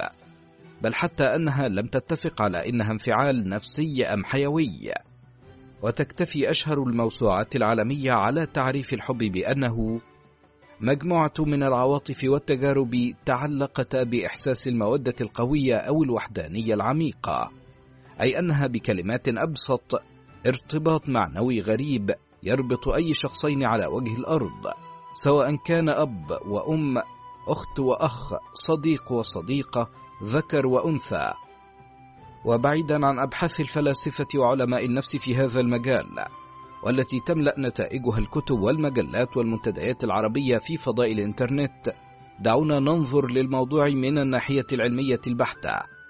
فقد شغل علماء الأحياء والكيمياء أنفسهم خلال القرن الماضي في إيجاد صيغة تعريفية واضحة لهذا الانفعال الغريب المسمى بالحب.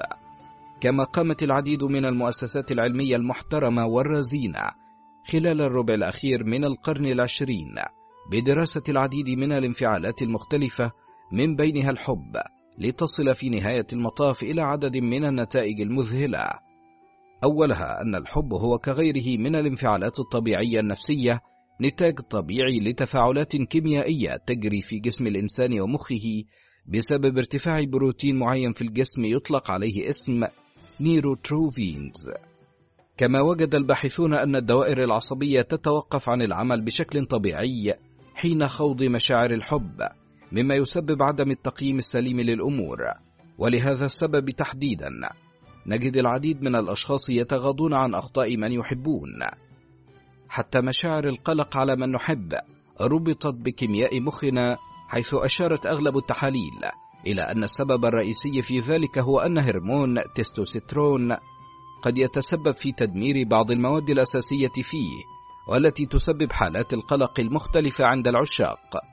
كما عثر العلماء على حقيقة أخرى بعد أن أجروا دراسة واسعة شملت مجموعة من الرجال والنساء وقعوا في الحب وهي أن هرمون تستوستيرون يقل عن معدلاته الطبيعية عند المحبين من الرجال بينما يزيد عند النساء. كما أشارت دراسة أخرى قامت بها جامعة لندن كوليدج إن الوقوع في مصيدة الحب يقع بالفعل تحت تأثير دوائر المخ التي تخضع بدورها لكيمياء مجهولة يحاول العلم فك طلاسمها في الوقت الحالي. وهنا لنا وقفة. فهذه الدراسة الأخيرة فتحت المجال على نقطة هامة وهي أن كيمياء الحب عند الرجال تختلف عنها عند النساء مما أعطى الضوء الأخضر لعدد من الهيئات العلمية للبحث بصورة مكثفة حول فروق مشاعر الحب بين الرجل والمرأة.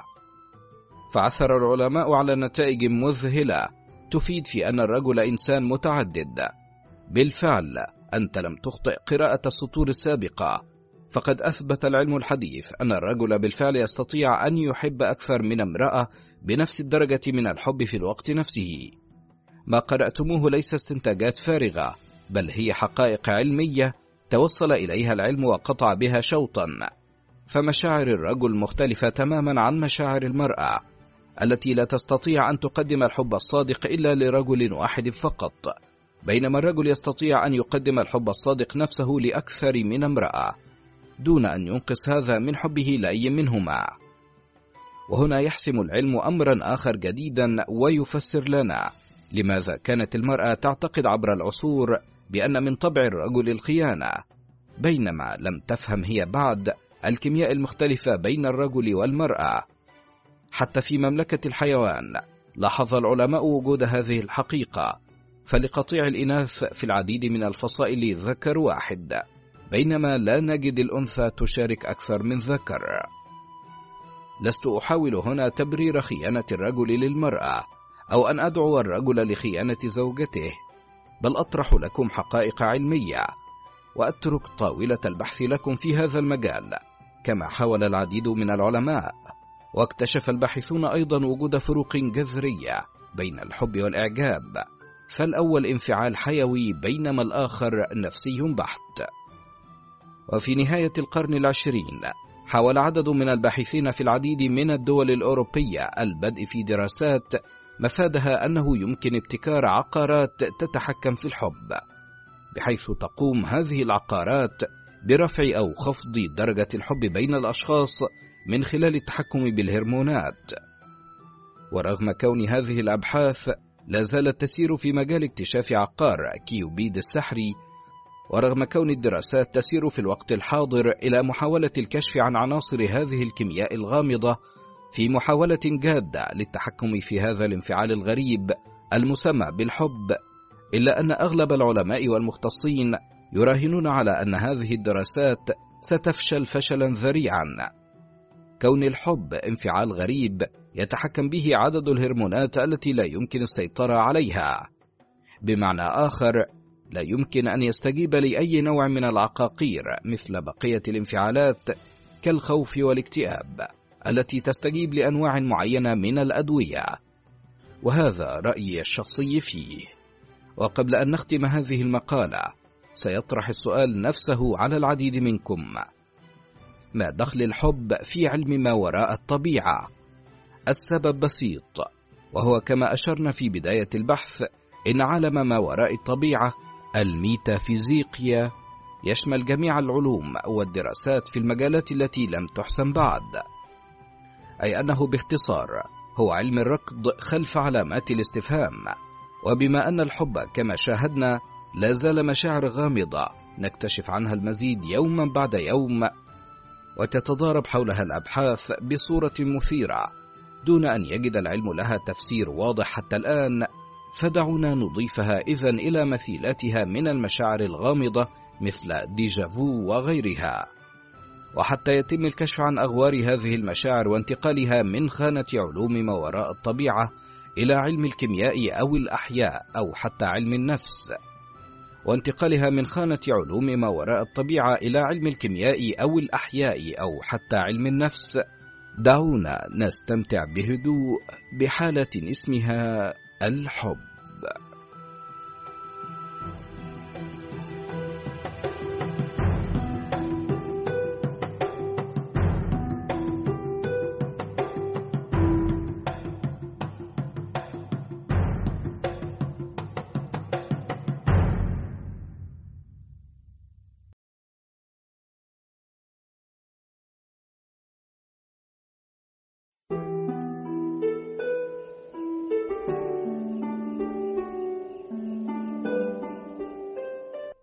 من سيحضر المأذون.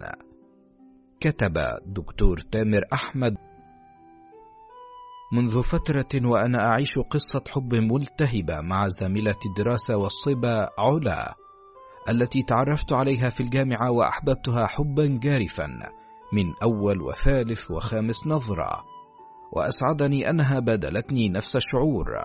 وقضينا ثلاثة أعوام في حبنا بين حقد الحاسدين وحسد الحاقدين حتى أنهينا الدراسة واعتقدت أنه آن الأوان لكي نرتبط رسميا.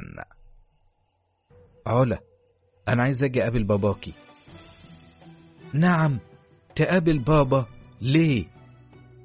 هاخد رأيه في تخصيب اليورانيوم الحي. يعني هقابله ليه يا علا؟ أكيد هطلب إيدك منه. تطلب إيدي؟ طيب ومستعجل على إيه؟ هنا ساورني الشك. فالمفترض أن أي فتاة تتعجل هذا اللقاء. كما أني لم ألحظ عليها الفرحة المعتادة لكل فتاة يخبرها فتاها أنه في طريق الارتباط الرسمي. علا أنا حاسس إنك متغيرة. ما فيش حاجة والله يا كريم. كل الحكاية إني شايفاك مستعجل شوية. ليه مش بتأجل المقابلة دي زي كل الولاد؟ وانت ليه مش مستعجلة زي كل البنات؟ أصلا أنا بصراحة أنا خايفة عليك من إيه؟ من بابا ليه؟ هو بابا بيخوف؟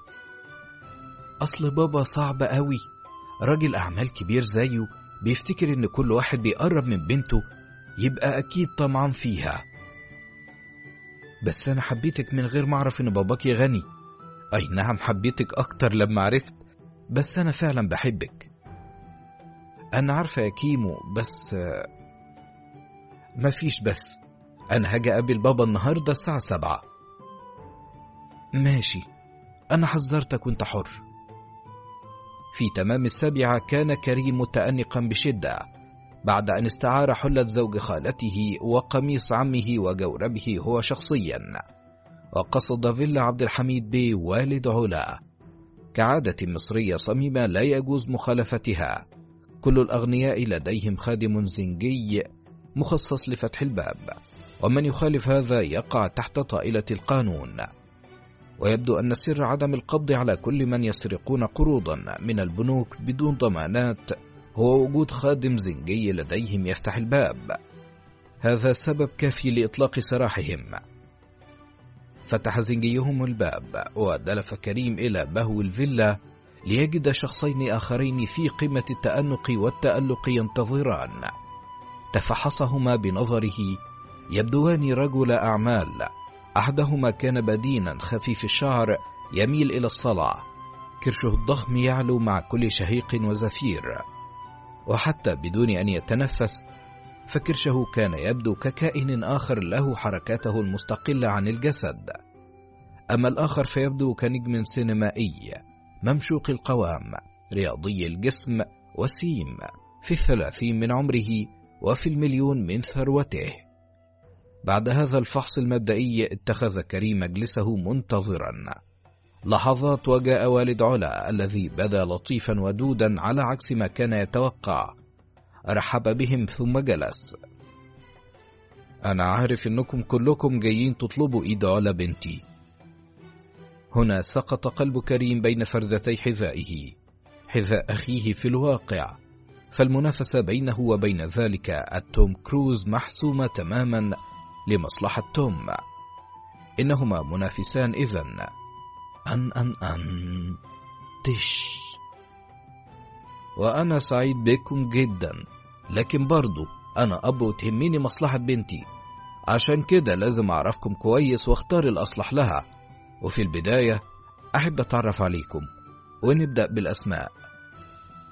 تقدم الأول متنحنحا وقال بكل ثقة فادي أبو الكرم ابن وزير السياحة الأسبق.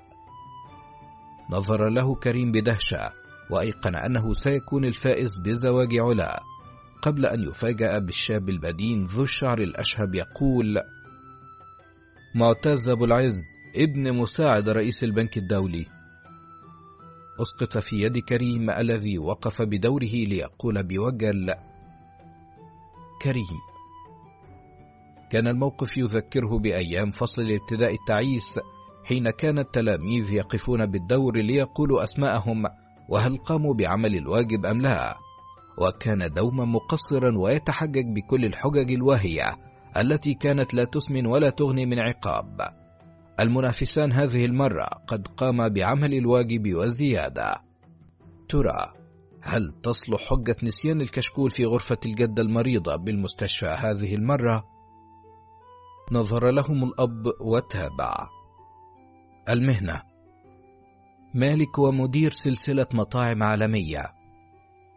مستثمر ذو أسهم عديدة في بورصتي لندن ودبي.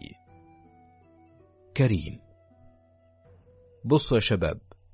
أنتم طبعا كلكم شباب زي الفل بس أنا بنتي مش هياخدها أي حد. أنتم عارفين حواديت أبلة فضيلة؟ أبلة فضيلة؟ آه مش دي بتاعت كان يا مكان في سالف العصر والأوان كان في ملك؟ دايما الحكاية عن ملك. بالضبط. كان في ملك عنده بنت وكان متقدم لها تلات أمراء والملك كان محتار يجوزها لمين. وعمل إيه؟ عمل منافسات بينهم اللي يكسب فيها يبقى هو اللي يجيب المأذون ويتجوز الأميرة والبقاء للأصلح. يعني هتعمل بينا منافسات يا عمي؟ بالظبط كده. اوعى تكون ناوي تبعتنا ندور على بساط الريح والحكيم أصفهان. ولا الأميرة اللي محتاجة زيت بذرة الكتان عشان تصحى. أنا ما كنتش بحب الحكايات دي عشان كان دايما ابن الحطاب هو اللي بينتصر على الأمرة وكأن كل الحطابين زمان كانوا عبقرة وانت معترض على إيه؟ لو الحطابين كانوا عبقرة كده كانوا أصبحوا ملوك والأمراء لو أغبية كده كانوا بقوا حطابين لا يا شاطر انت وهو دي مسابقات في مجالات تانية. مجالات إيه؟ كل حاجة. رياضة واقتصاد وأدب وفلسفة وكيمياء ومعلومات عامة. اللي يتجوز علا لازم يتعب وأنتم عارفين من طلب العلا. فرد الثلاثة في نفس واحد. سهر الليالي. برافو عليكم أشوفكم بكرة الصبح. انصرف الشباب الثلاثة. فادي. إيه رأيكم يا شباب؟ تنسحبوا بكرامتكم بدل ما تتعرضوا للهزيمة ويبقى شكلكم وحش. معتز ممكن الأخ كريم ينسحب وانت كمان يا فادي إنما أنا مش هنسحب أنا واثق من الفوز. إيش معنى؟ مش هو قال البقاء للأصلع؟ كريم يا جماعة أنتم يمكن عايزين تتجوزوا علا علشان مركز والدها؟ وانت عايز تتجوزها ليه يا مواطن؟ للقضاء على العنوسة؟ لا أنا هتجوزها علشان بحبها. حلوة دي يا روميو. يا سيدي حبها براحتك. أنت حبها وأنا هتجوزها. ده بعدك أنا اللي هتجوزها. هي سايبة أنا مش هسيبها ابدا. بعد مشدة حامية انصرف الجميع وتوجه كريم إلى بيته في الطريق كلمته علا على المحمول. أيوة يا علا باباك يعمل لنا مسابقات عشان نتجوزك ناقص يقول لنا اطلبوا زيرو تسعمية. معلش يا حبيبي استحمل عشان خاطري. ما أنا لو ما كنتش بحبك ما كنتش قبلت الوضع ده. اصبر شوية يا حبيبي. حاضر وربنا يستر. كريم. نعم. ذاكر منهج الفيزياء بتاع الثانوية العامة كويس ويا ريت تقرأ كم مرجع من بتوع كلية العلوم عشان أسئلة بكرة جاية منه. تصبح على خير يا حبيبي. خير هي الفيزياء فيها خير. تصبح على زهرة. وصل كريم إلى البيت وأخرج منهج الفيزياء للثانوية العامة وغمغم. يا ربي عشان أتجوز أذاكر فيزياء. يا ليلة سودة. أمري لله. في الصباح توجه الشباب الثلاثة إلى مقر شركة عبد الحميد به الذي كان يتريض وما أن رآهم حتى تهللت أساريره. هم بيكتبوها كده. وأنا معرفش إيه أساريره دي ولا بتتهلل إزاي أصلا. ودعاهم ليه أهلا شباب اتفضلوا. دي أرقام الجلوس. اقعدوا هسلمكم دلوقتي أوراق الامتحان. امتحان؟ طبعا مش اتفقنا. بس إحنا مش مستعدين. ما تقلقش هي مش ثانوية عامة. يلا بقى ما تضيعوش وقت. طيب هنمتحن في إيه؟ أساسيات وقوانين الفيزياء. معتز. قوانين الفسبة يعني الخوذة وحزام الأمان وكده. فيزياء يا معتز علم الطبيعة بالعربي. فادي. فيزيكس يا معتز. آه بتاعت رازرفورد وجدول الدوري؟ جدول الدوري؟ ما علينا. يلا عشان الامتحان. جلسوا واستلموا كراسات الإجابات وبدأوا في حل الامتحان. انهمك كريم في الكتابة بينما مال فادي على معتز. مين نيوتن ده؟ ده الجدع بتاع التفاح. ده أنا كنت فاكره بتاع البانيو. لا بتاع البانيو كان اسمه أرشميدس. إيه يا أخي الأسامي الغريبة دي؟ هم الفراعنة ما كانش عندهم أسامي سهلة زي هاني ومحسن والناس دي؟ أولا دول مش فراعنة دول إغريق. ثانيا عمرك سمعت عن إغريق اسمه محسن؟ لا. خلاص اتكتم وجاوب أي حاجة. محدش يغش. صاحبها عبد الحميد بيه وما هي إلا دقائق وتم تجميع الأوراق. أنا عارف يا أولاد إنكم مش مستعدين بس دي كلها معلومات عامة. معلومات عامة إزاي يا بيه بقى قانون الغطس ده معلومات عامة؟ أولا اسمه قانون الطفو وده كل الناس عارفينه. طب ومسلمة إقليدس؟ دي ما كانتش في الامتحان أصلا أنت جبتها منين؟ أنا قلت أحط كل الأسماء الغريبة اللي أعرفها. إقليدس وأرشميدس ونتنياهو يمكن ننجح عموما مش ده الاختبار الوحيد. دلوقتي اختبار اللياقة البدنية. غيروا هدومكم عشان عندكم 15 كيلو اختراق ضحية دلوقتي. ضحية؟ استر يا رب. بدأوا الركض بحماس كلهم ولكن حماس معتز فتر بعد عشر ثوان فحسب. بينما أكمل كريم وفادي السباق الذي انتهى بحصول فادي على المركز الأول يليه كريم يليهما بمسافة طويلة معتز البدين الذي كان يعاني الأمرين من كل هذا المجهود الكبير. استقبلهم عبد الحميد بيه أهلا أهلا بالأبطال. عصير يا مرسي. أنا عارف إنكم بذلتم مجهود كبير بس كل ده في سبيل علا ومن طلب العلا الثلاثة في نفس واحد متقطع من فرط الإجهاد. سهر الليالي. هو ده عموما طبعا كل واحد أخذ درجات على السباق ده وفي نهاية المسابقات هنجمع الدرجات وأكتر واحد حصل على درجات هو اللي هيجيب المأذون. سأله معتز لاهفا هو لسه في مسابقات تاني؟ ده أنا هلكت.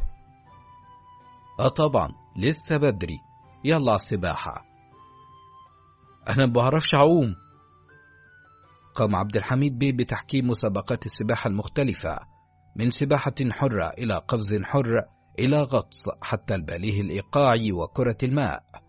تلا هذا تمارين ضغط وبطن وعقلة وجمباز واختبار للكاتا الرابعة في الكاراتيه. كان التفوق بين كريم وفادي بالتبادل. والفشل الذريع كان دوما من نصيب معتز. دلوقتي آخر اختبار. المفروض إن المتسابق هيركب حصان من غير لجام وإيديه متكتفة ورا ظهره عينيه متغمية وبيجري على جسر خشب بيتكسر وتحته نار والعة وتعابين وسيوف وعلى الناحية التانية في تاج من الماس المفروض يجيبه عشان يلبسه للأميرة. أقصد علا ويتجوزها. نظر له الثلاثة غير مصدقين ما يقول وسأله معتز يا باشا ممكن أسألك سؤال؟ اتفضل. هو الملك بتاع أبلة فضيلة عمل المسابقات دي كلها؟ فيما بعد في أحد المطاعم. علا أنا تعبت قوي أنا قلت لك من الأول بابا صعب جدا. المشكلة إنه ما سألش عن أي حاجة لسه. كلها اختبارات مدرسة الموهوبين. ما أنت موهوب يا حبيبي؟ أنا موهوب في حبك إنما مش في السباحة والغطس وألاعيب السيرك. معلش يا كيمو إحنا ابتدينا المشوار ولازم نكمله. عشان خاطرك أنت بس يا علا. الله يرحمك يا شكوكو. شكوكو؟ آه اصله زمان قال الحب بهدلة. بعد عدة أيام استدعى والد علا الشبان الثلاثة. أهلا بالشباب بيتهيألي ارتحتم شوية من التمارين الرياضية. إحنا اتهلكنا يا باشا. عموما النهاردة أنا عايز أشوف قدرتكم على الرومانسية. إزاي يا باشا؟ يعني كل واحد دلوقتي ينزل يجيب هدية لعلا عشان عيد ميلادها. قال كريم أنا اديتها هدية عيد ميلادها خلاص. نعم لا لا مش قصدي. قصدي اعتبر سعادتك إن أنا جبتها خلاص. طيب قدامكم ساعة وترجعوا تقولوا لي عملتم إيه؟ بعد ساعة عاد الثلاثة. كريم كان يحمل بوكيه ضخم جدا من الورود الحمراء البديعة يتوسطها دب أحمر عليه كلمة أحبك بسبع لغات حية. نظر له فادي ساخرا وسأله ده يا روميو ده فلفل رومي بجد؟ يعني شايف الورد هيخرم عينك؟ يبقى إيه؟ بقى هي دي الهدية. أيوه علا بتموت في الورد الأحمر. طيب. دخل والد علا عليهم. حلو قوي ده يا قلت لي اسمك إيه؟ كريم. حلو قوي يا كريم. نظر كريم بجانب عينه لفادي وقال يعني عجبك يا باشا؟ جدا. سامع يا اللي في بالي. وإنت يا فادي جبت إيه؟ حضرتك بص من الشباك وهتشوف. نظر والد علا من نافذته ليجد الحديقة أمام الفيلا وقد تم زرعها بالكامل بالورود الحمراء اليانعة والتي يتوسطها اسم علا بأعواد الفل. تدلى فك كريم السفلي ببلاهة ياه انت رائع يا فادي. عشان تعرف أنا كل رومانسية. طيب الأستاذ معتز اخباره إيه معانا؟ معتز يا باشا أنا مش بتاع حركات ولا بص من الشباك ولا رج الإزازة. اتفضل. وناول والد علا ورقة. إيه ده؟ ده عقد ملكية أكبر حديقة ورد في بلجيكا. فيها كل أنواع وأشكال وألوان الورود. هدية متواضعة مني العلا. هدية مقبولة يا معتز. وأنتم كلكم رومانسيين بنسب مختلفة. وده هيخليني مش قادر أقرر لسه مين فيكم اللي هيتجوز علا. قال كريم ما تسأل علا يا باشا. أسألها على إيه؟ عن رأيها وهي تختار حد مننا بدل الاختبارات دي كلها. وعلا إيه علاقتها بالموضوع ده؟ ها؟ علا هتقول رأيها على اللي أنا أشوفه مناسب ولو مش موافقة مش هغصب عليها. إنما مش هتتجوز حد أنا مش شايفه مناسب. مفهوم؟ مفهوم. فيما بعد مع علا يا علا كلميه قولي له أي حاجة. الولدين دول هيفرموني بينهم. ما أقدرش أكلمه. المفروض إن أنا ما أعرفش أصلا إن في حاجات من دي. وهو المفروض يبقى في حاجات من دي برضه. في عرف مين يعني عشان بحب؟ كل ده يجرالي أنا قلت لك من الأول ما كنتش أعرف إن ابوكي مجنون. ما تقولش كده عن دادي. دادي أنا غلبت دادي في وحايله بس مفيش فايدة. دماغه ناشفة. عموما لو مش عايز تكمل أنت حر. هو مزاجي أمال بمزاج مين؟ قلبي. قلبي اللي حب وماشيني وراه زي الجاموسة. بجد هتستحمل عشان بتحبني؟ بحبك ومش قادر أتخيل نفسي من غيرك بس المنافسة مش متكافئة يا علا وانت عارفة ظروفي. ده في واحد جايب لك هدية جنينة ورد في بلجيكا مش بعيد لو أبوك يوافق عليه ألاقي اشترى لك إنجلترا وكتبها باسمك. يا حبيبي كل ده مش مهم المهم إنك بتحبني ومستعد تعمل علشاني أي حاجة. طيب لو بإيديك تشتري لي أنهي بلد هدية جوازنا؟ بولا أبو العيلة أنت بتهزر؟ يعني هو أنت اللي بتتكلمي جد؟ أديني بهزر يا علا بدل ما طق طيب ناوي تعمل إيه؟ هعمل إيه يعني؟ هكمل. في اللقاء التالي بوالد علا قال لهم النهاردة عايز أقيس مستوى ذكائكم. عشان كده الاختبارات هتكون مختلفة شوية. مختلفة إزاي يعني؟ كلها تمارين ذهنية. يعني إيه؟ يعني الأول نسخن كده. كل واحد ياخد 200 لعبة كلمات متقاطعة و200 سودوكو ويحلهم لحد ما أرجع لكم تاني. شكوكو؟ إيش كوكو ده؟ سودوكو يا معتز. لعبة أرقام زي الكلمات المتقاطعة كده. قال معتز على كده حضرتك مسافر بقى. لا ليه؟ أصل يا دوب عقبال ما سيادتك تقضي تلات شهور المصيف نكون خلصنا. قصدك إيه؟ كتير عليكم ميتين؟ يا باشا كتير حتى عشرين. آه والله يا باشا معتز بيتكلم صح. شباب خرع. زمان كنا نحل السودوكو وإحنا نايمين. يا عمي هو السودوكو كان طلع أيامكم؟ ده الجري كان بالنسبة لكم تكنولوجيا. طيب يا لمض خليهم عشرين كل واحد عشان نصحصح مخكوا قبل الاختبارات التقيلة.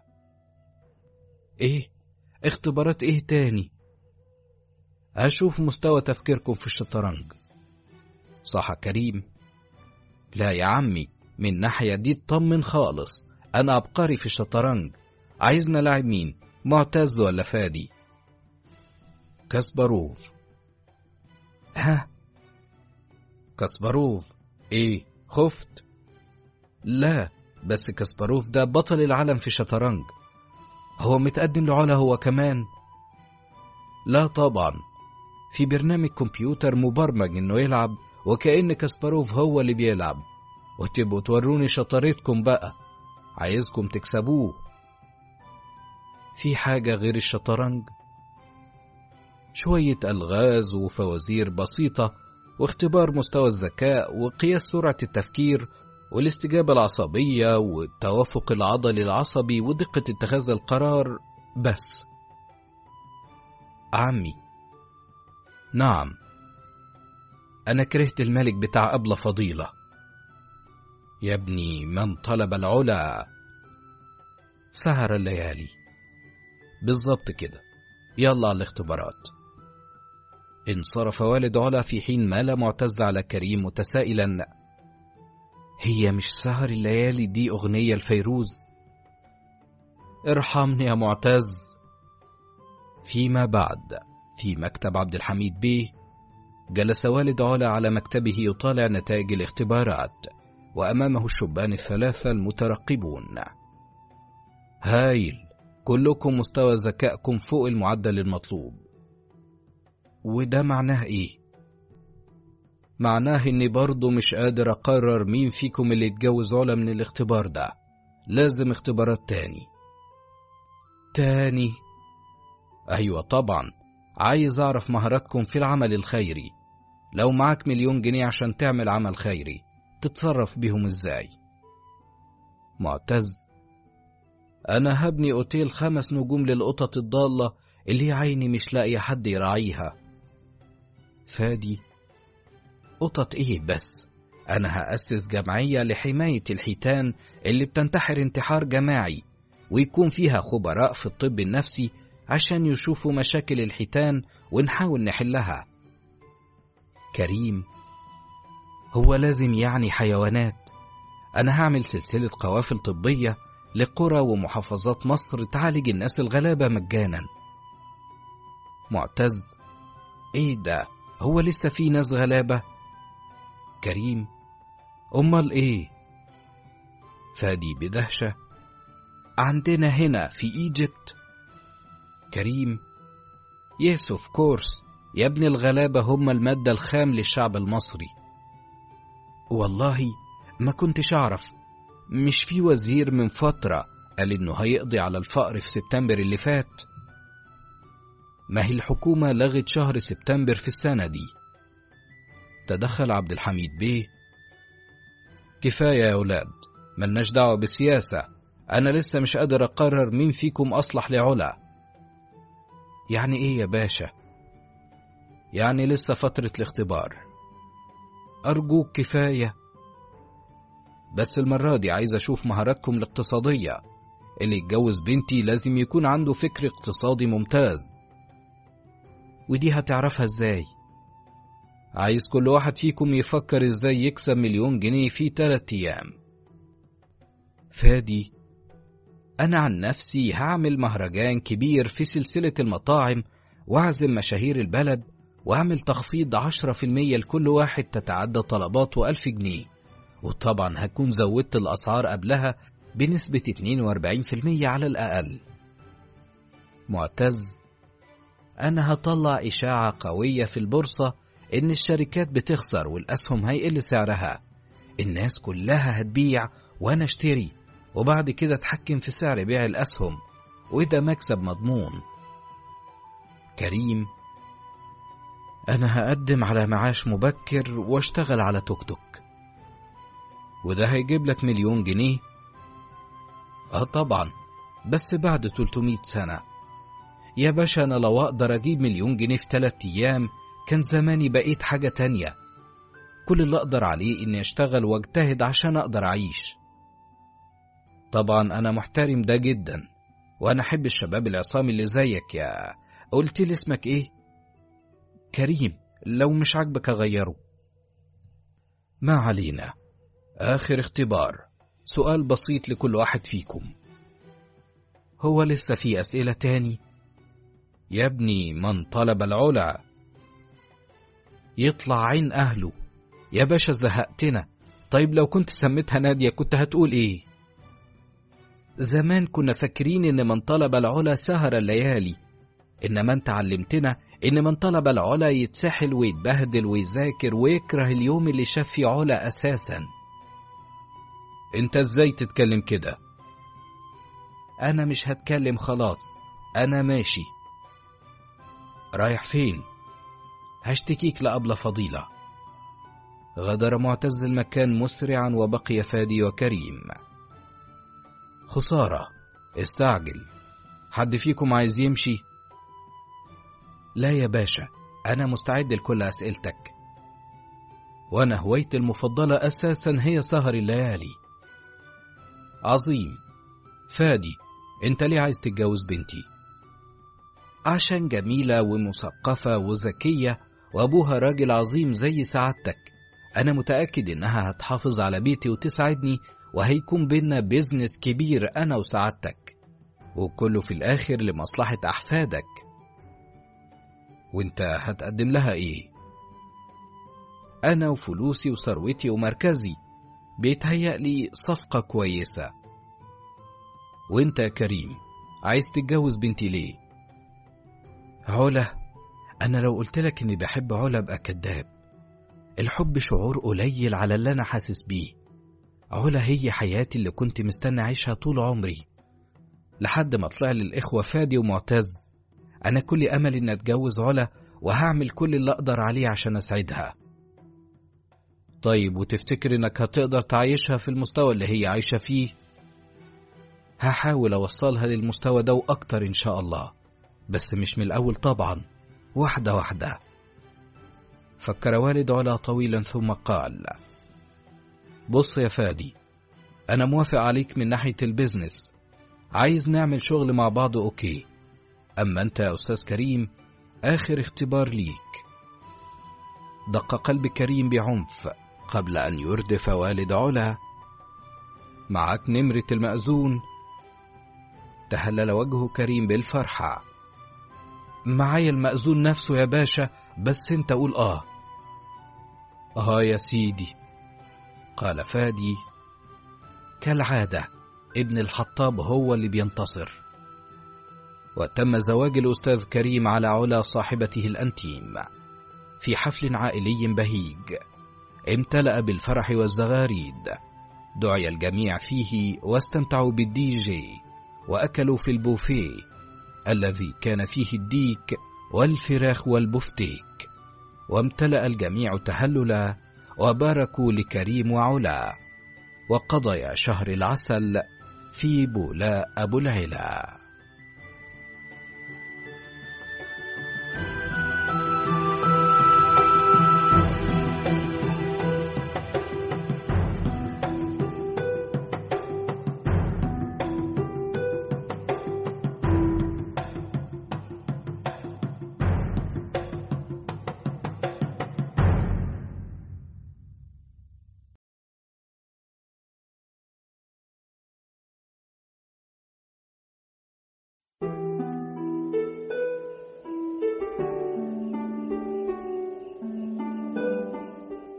حبيبي كتب دكتور نبيل فاروق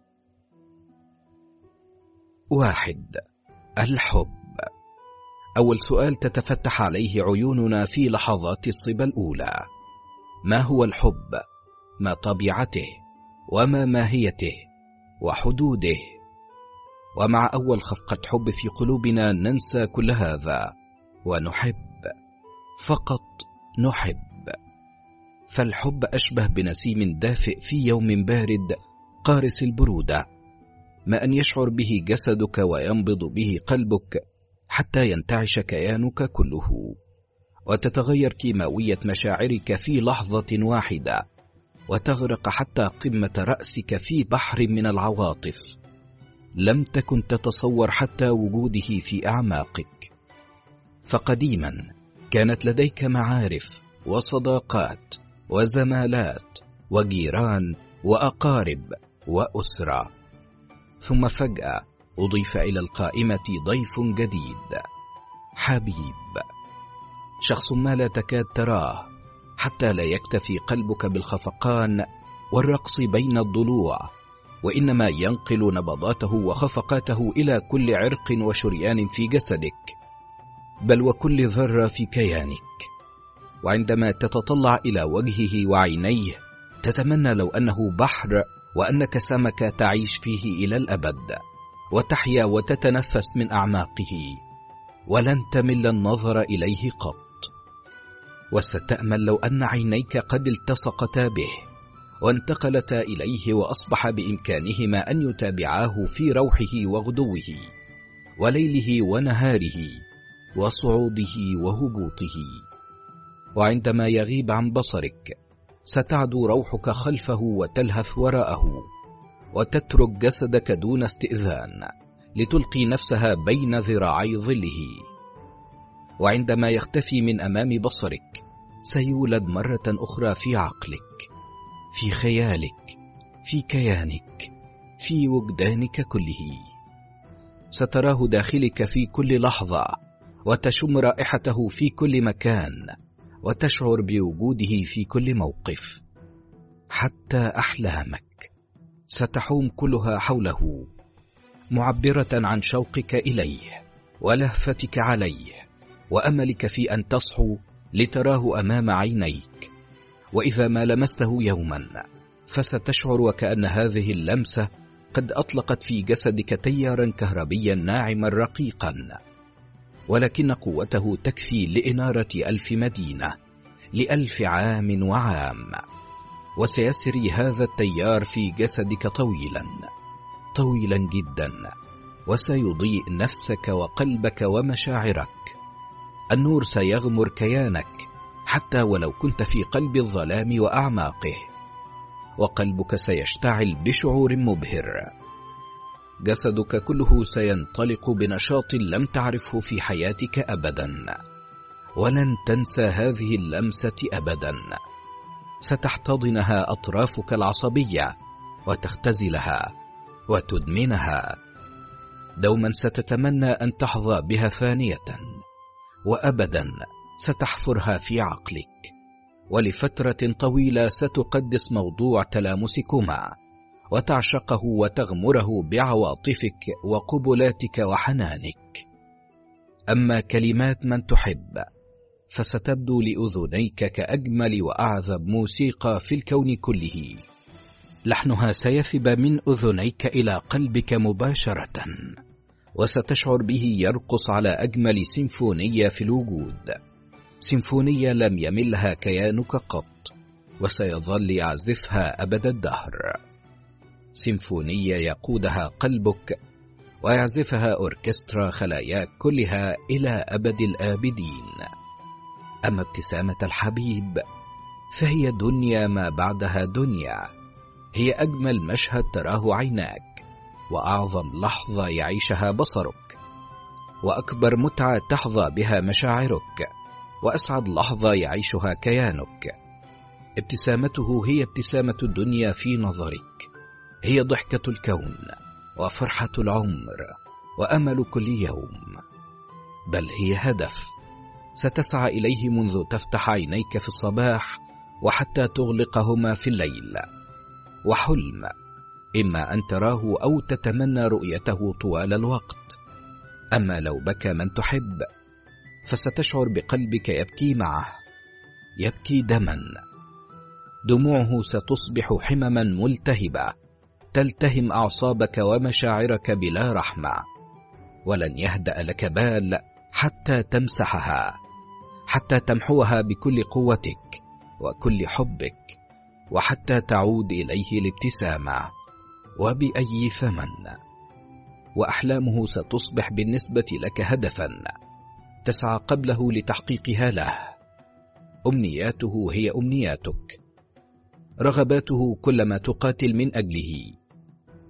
كل ما يريده هو أمر مباشر لقلبك لكيانك لقدراتك.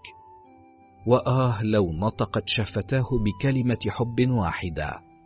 عندئذ ترتجف أذناك وتنتقل ارتجافتها إلى قلبك ومشاعرك إلى كل خلية في جسدك. وسيخفق قلبك ويخفق ويخفق. ويستمر في الخفقان. ما دامت الكلمات تتردد في أعماقك وتعربد في وجدانك ولن تنساها أبدا أبدا. ولن تسأل نفسك لماذا فهذا هو الحب. شعور لا يمكن وصفه بعبارات محدودة أو حتى في بحر منها فهو يحتاج إلى محيط من الحبر وشلال من الورق وقرون من الدهر. وموسوعات من الشعر وأطنان من الأقلام وفيض من المشاعر ونهر من الأحاسيس وبحيرات من الانفعالات و... وقلب يحب. قلب واحد خفق بالحب يكفي ليمنحنا جواب السؤال. فهذا هو الحب. الحب كل الحب. اثنين. أول حب. في حداثتي ومع بداية توغلي في عالم الرواية المصرية الساحر جذبتني بشدة عبارة قصيرة أوردها الأديب الأستاذ إحسان عبد القدوس في بداية روايته الشهيرة الوسادة الخالية التي تحولت إلى فيلم أكثر شهرة. في حياة كل منا وهم كبير يسمى الحب الأول. لا تصدق هذا الوهم. إن حبك الأول هو حبك الأخير. أيامها بالطبع لم أتوقف طويلا أمام العبارة ولم أحاول مناقشتها أو تفنيدها فما دام الأستاذ إحسان كتبها فهي صحيحة تماما. ثم مرت بي الأيام وأصابني ما يصيب كل شباب الدنيا. أحببت أحببت حبي الأول. وعشت فيه بكل كياني وجوارحي وعواطفي وحتى أحلامي. وفي ذلك الحين فقدت التمييز بين خفقات قلبي ونبضات حبي. ولفترة طويلة خلتهما قد امتزجتا واختلطتا وصارا كيانا واحدا لا ينفصم. وكلما وقع بصري على محبوبتي آنذاك كان قلبي يصرخ بحبها وأطرافي ترتجف بعشقها. وأنفاسي لا تتنسم سوى هواها فقط هواها. وتصورت أن ذلك الحب سيبقى في قلبي إلى الأبد ولن يفارقه لحظة واحدة ما دام في صدري نفس يتردد. ولأن الظروف لم تكن تجمعني بحبيبة قلبي الصغير إلا لمدة شهر واحد كل عام فكنت أقضي الأحد عشر شهرا الأخرى في وله وهيام وأحلام وخيال يرسم ألف صورة وصورة للقاء المرتقب مع نسمات الصيف القادمة.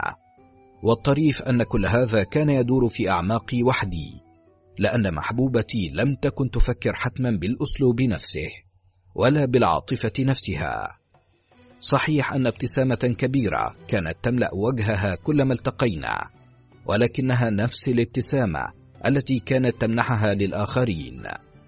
ذكورا كانوا أو إناثا. ابتسامة عذبة طيبة هادئة. كانت أول ما خلب لبي بشأنها. ولست أدري حتى كيف ذهب كل هذا. كيف تبخر الحب كله دفعة واحدة ما بين صيف وآخر. كل ما أذكره هو أنني قد استيقظت فجأة في ليلة من ليالي الشتاء لأجد نفسي غارقا في حب أخرى. يفصلها عن منزلي شارع واحد. وهذه ليست سيرة ذاتية بقدر ما هي صورة لما يكون عليه قلب أي شاب صغير وهو يخوض تجربة حبه الأولى. ولقد تطورت شخصيتي ودخلت عليها عشرة تعديلات خلال سنوات عمري التي تجاوزت الأربعين والتي شهدت عدة صور من الحب قبل أن أتوقف ذات يوم وأعيد قراءة عبارة الأستاذ إحسان عبد القدوس مرة ثانية. وفي تلك المرة الثانية وجدت نفسي أقف أمام العبارة حائرا بحق. فما الذي يعنيه الأستاذ إحسان بالضبط؟ أمن المحتم حقا أن يكون الحب الأول مجرد وهم. ثم ماذا عن الحب الأخير؟ ما المقصود بأن الحب الأول هو الحب الأخير؟ العبارة من الناحية اللغوية تقبل معنيين متناقضين تماما. فمن الممكن أن تعني العبارة أن الحب الوحيد الصادق في حياة كل مخلوق هو حبه الفطري الأول والذي يتم بتلقائية وحرارة. على نحو لا يمكن أن يتوافر في أي حب تالي مهما بلغت قوته إذ أنه الخفقة الأولى في قلب كل محب. والتي تقفز به من عالم الطفولة إلى عالم الصبا والشباب واقتحام الحياة. باختصار الحب الأول وحده الذي ينتزع عذرية القلب على نحو لا يتكرر ولا يمكن أن يتكرر قط أو أن العبارة تعني أن الحب الأول هو الحب الحقيقي الذي استقر أخيرا في الوجدان وتغلغل في الكيان بعد أن اختبر القلب الدنيا. وخاض تجاربها ثم أدرك في النهاية ما هو الحب وكيف يحب ومتى يدرك أنه أحب. وحتى لحظة كتابة هذه السطور ما زلت عاجزا عن الجزم بما كان يعنيه الأستاذ إحسان بالضبط من عبارته إذ أنه وحده رحمه الله كان باستطاعته تحديد ما يرمي إليه.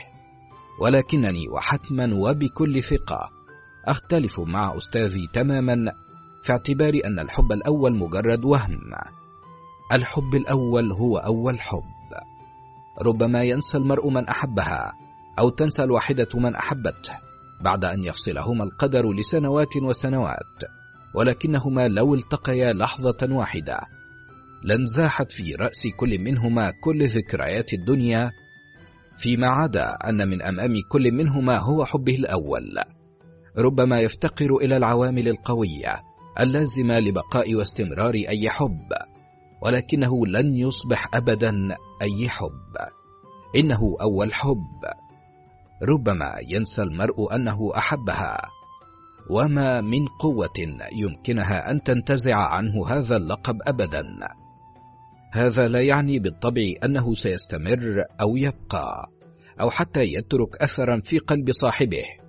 ولكن من المؤكد أنه لن يمضي دون أن يترك خلفه ما يرشد إليه إذا ما دعت الحاجة إلى هذا. ربما يترك ضحكة أو ابتسامة أو حتى لمحة حزن. المهم أنه لن يذهب أبدا. فتشوا في أعماقكم بصدق وإخلاص وستكشفون أنني على حق. حبكم الأول هناك. في بؤرة مظلمة من أعماق أعماق قلبكم. ينزوي هناك صامتا. لأنكم تخشون مجرد استرجاعه. حتى لا يفسد هذا حبكم الحالي. أو حتى القادم. وأول حب في حياة الإنسان يمنحه نشوة ما بعدها نشوة في حينه. ثم ينتهي دوما على نحو مباغت أو غير متوقع. ففجأة يرتبط الطرف الثاني بآخر أو يبتعد أو حتى ينتقل إلى مكان آخر. المهم أن أول حب لا يمكن أن يستمر إلا في حالات بالغة الندرة إلى حد يكاد يقارب المستحيل. وهذا أمر حتمي حتى تستمر الحياة وتتواصل. لا بد أن يتجاوز الشخص أي شخص محنة الحب الأول هذه. فالأشخاص الذين يعيشونها أكثر مما ينبغي تصيبهم العقد النفسية والمنغصات المعنوية ويبدأ حاضرهم ومستقبلهم في التآكل رويدا رويدا فلا يعود لهم من حياتهم كلها سوى الماضي والماضي وحده. وما لا يدركه هؤلاء المساكين هو أن مشكلة الحب الأول الرئيسية هي المقاييس والمعايير. فالمقاييس التي يتم اختيار المحبوب الأول بها تتناسب حتما مع العمر الذي يتم فيه هذا الاختيار. ومع معايير مرحلة المراهقة. فمع تفتح زهرة القلب الأول لأول حب تنتبه العين إلى المعايير الشكلية في المقام الأول وتنبهر بسرعة. تنبهر بالجمال والوسامة ولون العينين ونعومة الشعر. لهذا تجد أن المراهق ينشغل دوما بالجميلات والمراهقة تهيم عشقا بكل وسيم. ولهذا أيضا يبدأ الشباب فجأة في الاهتمام بشكلهم الخارجي ورائحتهم وحلاوتهم وحتى خفة ظلهم. ولان مقاييس الاختيار هنا سطحية ومباشرة أكثر مما ينبغي فمن غير المنطقي أو العملي أن يتواصل هذا الحب أو يستمر. حتما سينهار وينتهي. مع أول شعاع من شمس النضج أو حتى يتفتت تحت وطأة شكل وسامة أو وجه أكثر جمالا وحلاوة. وهنا يتلقى القلب أول صدمة عاطفية صدمة فشل الحب أو بمعنى أكثر دقة صدمة حقيقية ذلك الحب الهش. ورد الفعل هنا مهم جدا وخطير جدا. فقليلون هم من يتجاوزون هذه الصدمة بسرعة. ويلقونها خلف ظهورهم ويمضون في حياتهم ليغسلوا جراح أول حب إما بحب آخر أو بعمل وجهد ونشاط. أما الغالبية العظمى فتقضي وقتا طويلا في البكاء على الحب الوهمي الضائع والعاطفة الزائفة المسكوبة وبعد فترة تطول أو تقصر تتجاوز النسبة الأعظم من المجموعة الأخيرة هذه المحنة. أما من يبقى فهو الضحية التي تستحق الرثاء بحق. الضحية التي ترفض الخروج من المحنة وتتشبث بها وتمضي شطرا طويلا من عمرها في البكاء والغضب والنقمة على الطرف الآخر الذي لم يدري أبدا ربما ما دار في قلبه يوما ما. الضحية التي تهدر حاضرها ومستقبلها من أجل حب وهمي مضى فتنقم وتحزن وتثور بل وربما تخطط لانتقام ما أيضا. كل هذا خطأ في خطأ. هذا لأن أول حب هو مجرد تجربة لنبض القلب وتحرير المشاعر وإشعال العواطف والأحاسيس. ولكنه ليس نهاية الحياة إنه فقط البداية. البداية لقلب جديد. تجاوز على التو مرحلة مرح وعبث الطفولة ووثب منها إلى مرحلة شباب وانطلاق وحرارة. مرحلة يأتي فيها حتما حب آخر وآخر وآخر. وكلما مضت أيام العمر اختلفت مقاييس ومعايير الحب وظهرت للقلب أنواع جديدة وألوان جديدة من الحب و ولهذا حديث آخر. ثلاثة وللحب ألوان. ترى ما لون الحب الذي يروق له بالضبط. قد يبدو لك السؤال غريبا عجيبا وربما غير منطقي أيضا. بل ومن المحتمل أن تستنكره وتغضب منه وتتصور أنه مجرد تلاعب لفظي. ولكن الواقع أن الحب له ألوان بالفعل وألوان الحب ليست ألوانا زاهية أو واضحة للعين. ولكنها أشبه بقوس قزح يتألق في عمق القلب مع انهمار أمطار الحب في العروق. وكلما تميل عين كل منا إلى لون ما من ألوان الطبيعة يتناسب مع شخصيتنا ويصلح لتحديد اتجاهاتنا النفسية. كذلك يميل قلب كل منا إلى لون من ألوان الحب يتناسب أيضا مع شخصيته لتحديد هويته النفسية. وألوان الحب مجرد مصطلح يرتبط بالشيء الذي جذبنا إلى محبوبنا أو محبوبتنا والذي من أجله وقعنا في بحر حبه وغرقنا داخله حتى النخاع. وأول لون من ألوان الحب هو اللون الوردي أو الحب الرومانسي الذي ينتبه فيه كل طرف إلى المشاعر الرقيقة لدى الطرف الآخر. وإلى حساسيته وأحاسيسه ولمساته وحتى هيامه وأحلامه. وفي مثل هذا اللون من الحب يكون للمظهر الخارجي أهمية بالغة في نظر كل من طرفي حالة الحب إذ أن النظره الرومانسيه للأمور تحتم أن يكون الطرف الآخر أشبه بنجوم السينما حتى تكتمل الصورة. فلا يمكن لفتاة رومانسيه مثلا أن تتصور نفسها في حالة حب مع شخص أصلع سمين. له كرش ضخم يشف عن اهتمام غير طبيعي بالطعام والشراب كما يصعب على أي شاب رومانسي أن يرسم صورة حب جميلة مع فتاة بدينة فطساء الأنف أو غليظة الملامح. هذا لأن اللون الوردي هو الغالب على كل الأمور وعلى كل الأشياء. والأشخاص الذين يميلون إلى الحب الوردي يغرقون طويلا في أحلام اليقظة ويقضون وقتا طويلا في تخيل لحظات لقائهم القادمة مع الحبيب ويرسمون صورة أنيقة جميلة مثالية لها بل ويكتبون السيناريو الكامل للقاء من ناحيتهم وحدهم. ولهذا تكون صدماتهم عنيفة في المعتاد فالطرف الآخر قد يكون رومانسيا بدوره. مما يمنحه الحق في أن يرسم الصورة من وجهة نظره أيضا. وعندما يلتقيان تكون لدى كل منهما صورة رومانسية جميلة وأنيقة وشاعرية ورقيقة ولكنها مختلفة. والاختلاف بين منظوريهما للأمور قد يصدم كل منهما دون أن يقصد الآخر هذا أو حتى يتمناه. كل ما في الأمر هو أن كل منهما قد ارتطم بصورة تخالف تماما تلك التي ظل يرسمها في ذهنه طويلا. صحيح أنها تكون صورة جميلة أيضا ولكنها لا تشبه صورته.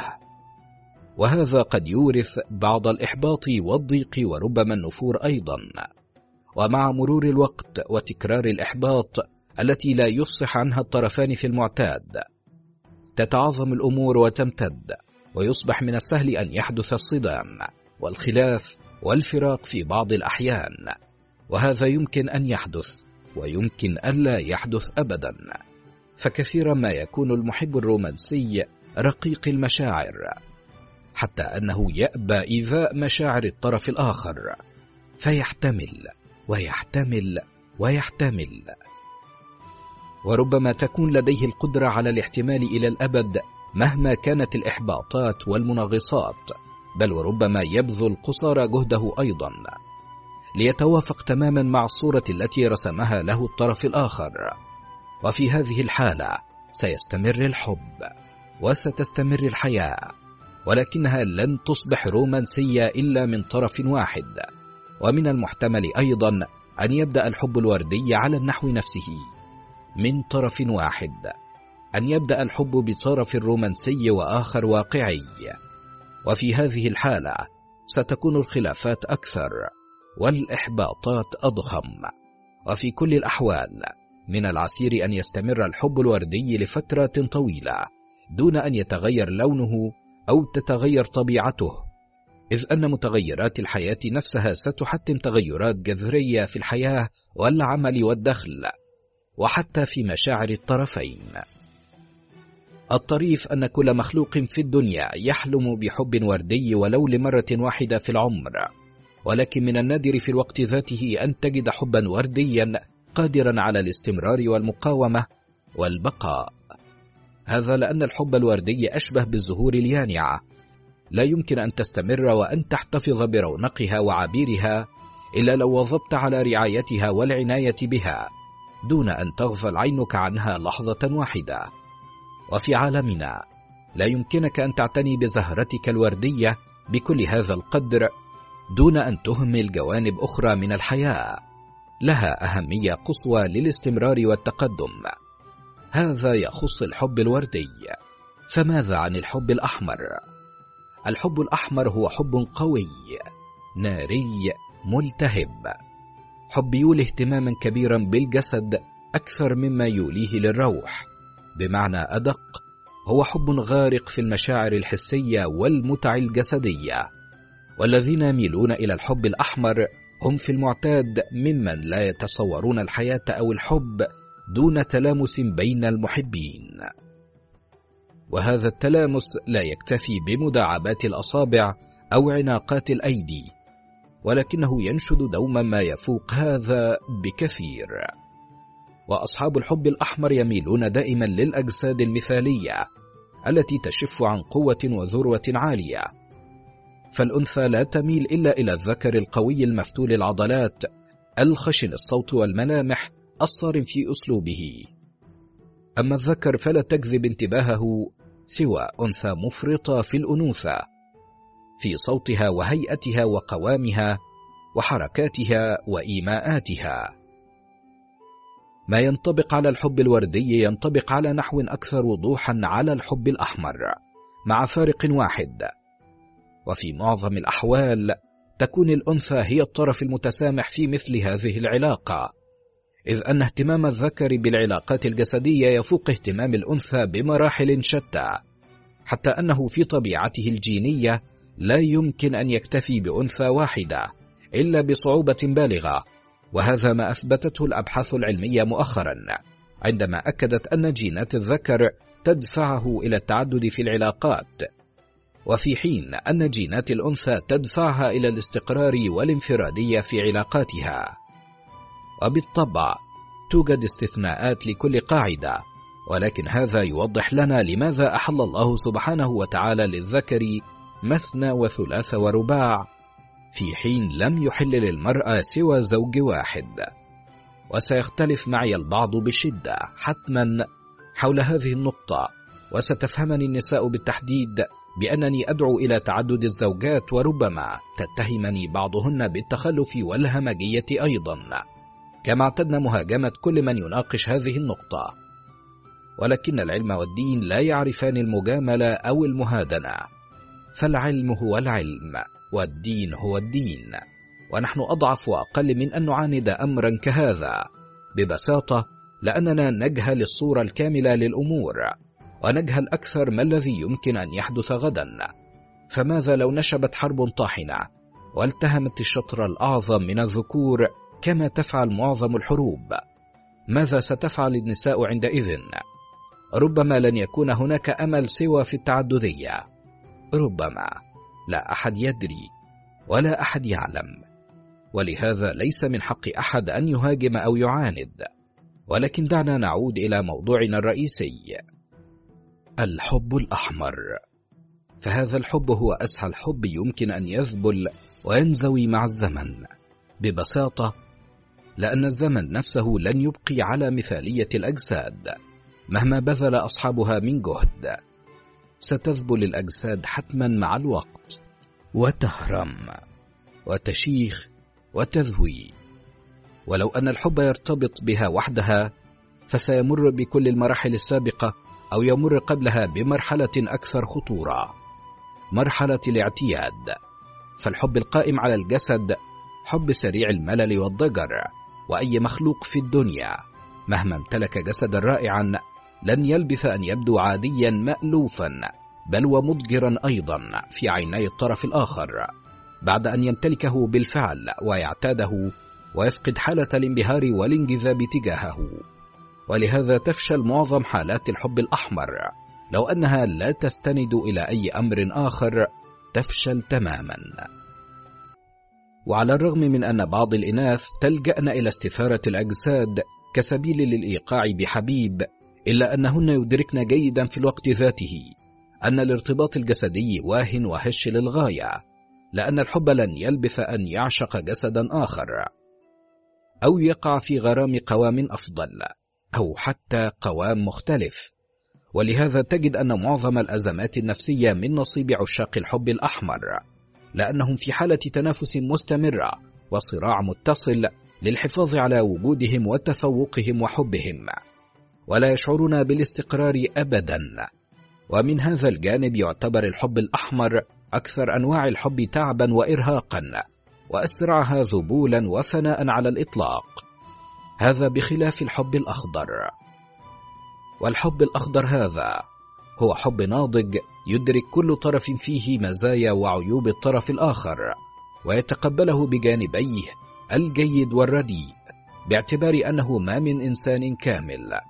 بل وما من مخلوق كامل في الكون كله فالكمال لله سبحانه وتعالى وحده. وأصحاب الحب الأخضر هم الأكثر قدرة على تحمل المصاعب وتجاوز العقبات وتفادي الصدمات العنيفة.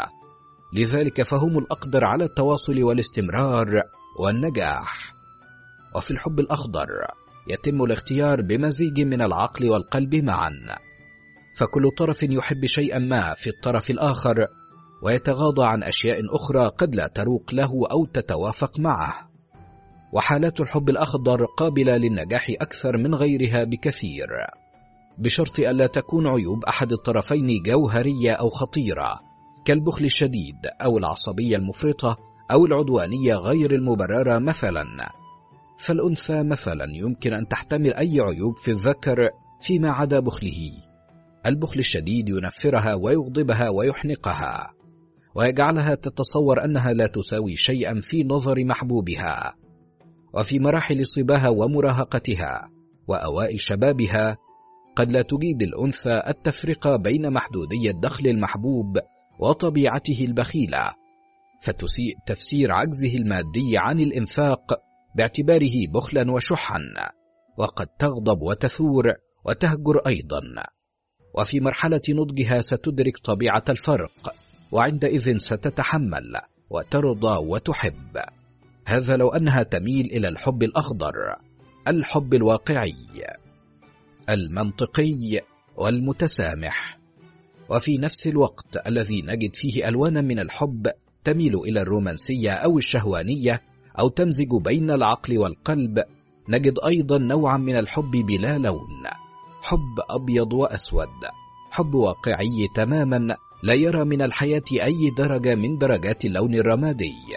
يرى فقط اللونين الأساسيين الأبيض والأسود.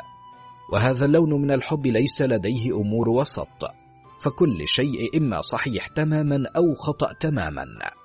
وسيدهشك أن أصحاب هذا الحب هم القادرون على التعامل مع كل أصحاب الألوان الأخرى. ما دام هذا يحقق مصالحهم التي يحسبونها دوما بمنتهى الدقة ولا يتنازلون عن تحقيقها ابدا. فالحب في نظرهم مجرد وسيلة لتحقيق أحلامهم وطموحاتهم مع أقل القليل من التعب والتضحيات. وأصحاب هذا النوع لا تخفق قلوبهم ابدا حتى أنهم قد يبدون كمن لا قلب له ولا مشاعر عنده. وحتى لو حاولت قلوبهم أن تخفق فهم يخمدون خفقانها على الفور لأن نبضات القلب والحب عندهم مجرد حماقة أو نقاط ضعف لا بد من هزيمتها والتغلب عليها فورا. وإلا فسدت خططهم وضاعت أحلامهم إلى الأبد. ولأنهم لا يحبون ابدا يكون باستطاعتهم أن يتلاعبوا بمشاعر الطرف الآخر ايا كان لونه. فلو أنهم يرتبطون بشخص رومانسي النزعه تجدهم أساتذة في التعامل بمنتهى الرومانسية والشاعرية والرقة. ولو كان المحب من هواة الحب الأحمر سيبذلون كل ذرة في أجسادهم لإرضائه وإمتاعه وخلب لبه. أما لو أنه من المنتمين إلى الحب الأخضر فستكون المعركة صعبة إلى حد كبير إذ أن عليهم أن يملأوا عقله وقلبه معا. وهم في العادة يفلحون ولكن لفترة محدودة. فترة قد تطول أو تقصر ولكنها تنتهي بكشف أمرهم حتما. هذا لأنهم لا يحتملون التلون طويلا. وإن عاجلا أو آجلا سينكشف أمرهم وتسقط الأقنعة عن وجوههم ويظهرون على حقيقتهم أحيانا في الوقت المناسب وغالبا بعد فوات الأوان. وعندئذ تحدث الكارثة وتكون صدمة عنيفة للطرف الثاني. ولهذا حديث آخر. أربعة. حبك نار. هل عرفت يوما ذلك الحب؟ النار الحب الحار الساخن الملتهب. ذلك الحب الذي ما إن يدخل قلبك حتى يشعل النيران في كل خلاياه. ويحول الدماء فيه إلى حمم لا تبقي في كيانك ذرة واحدة إلا وهي تتحرق لهفة لرؤية المحب ومقابلته والعيش بين ذراعيه حتى آخر العمر. وللوهلة الأولى يبدو ذلك الحب أشبه بالحلم الذي يتمنى كل إنسان أن يحياه ولو لليلة واحدة. الحلم في أن يحب بكل هذه القوة وأن يحب أيضا بالقوة نفسها. وقديما كانت قصص الحب من ذلك النوع حيث يغرق الحبيب في عشق محبوبته منذ اللحظة الأولى ويتملكه حبها حتى النخاع فيقاتل ويخوض غمار الحروب والمعارك حتى يفوز بها أو لمجرد أن يثبت حبه. وهذه الصورة دائما جميلة وخلابة وبالذات للجنس اللطيف. إذ أنه ما من فتاة أو امرأة في العالم إلا وتتمنى أن يحبها شخص ما كل هذا الحب العاصف الجارف وأن يذوب عشقا لخطواتها وهمساتها ولمساتها وحتى لمجرد مرآها. والأنثى كل أنثى تجد في هذا الحب كل الراحة والاطمئنان والسعادة والأمان ولكن بشرط واحد أن تميل إلى من يمنحها كل هذا الحب وأن يمكنها هي أيضا على نحو أو آخر أن تحبه. فإن لم يتحقق هذا الشرط الأساسي جدا فالحب نفسه سيتحول في هذه الحالة إلى نار حقيقية نار تلسع وتلهب وتحرق أيضا. وسيتحول الحلم نفسه بأدق تفاصيله إلى كابوس كابوس بشع يرتجف المرء كلما أوى إلى فراشه خشية أن يلتقي به في منامه. فماذا عن صحوه؟ فالمحب الذي يعشق الآخر بحب النار لا يمكن أن يقبل بالتنازل عنه أبدا مهما كان الثمن ومهما كانت التضحيات ومهما بلغت الصعاب. فإذا لم يظفر به مباشرة فيظل يطارده في إلحاح ويقاتل للظفر به. ويجاهد للفوز بمشاعره. وبالنسبة للطرف الآخر ستصبح هذه مشكلة ما بعدها مشكلة. وبالذات لو الطرف الثاني هو الأنثى.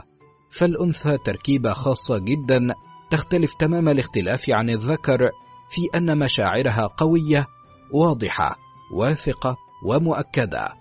وهذا بالنسبة لها شخصيا على الأقل. وبسبب كل هذا فمشاعر المرأة مباشرة جدا ولا تقبل في نظرها المساومة أو التهاون وليس لديها أي حل وسط فهي إما تحب أو لا تحب والحب أو اللا حب يحولان المرأة إلى كائنين مختلفين تماما فإذا ما أحبت أصبح المحبوب هو كل شيء في الوجود ملامحه وسيمة دعابته مضحكة أفكاره عبقرية. وحتى أخطاؤه هي نتاج حكمة وذكاء وبعد النظر.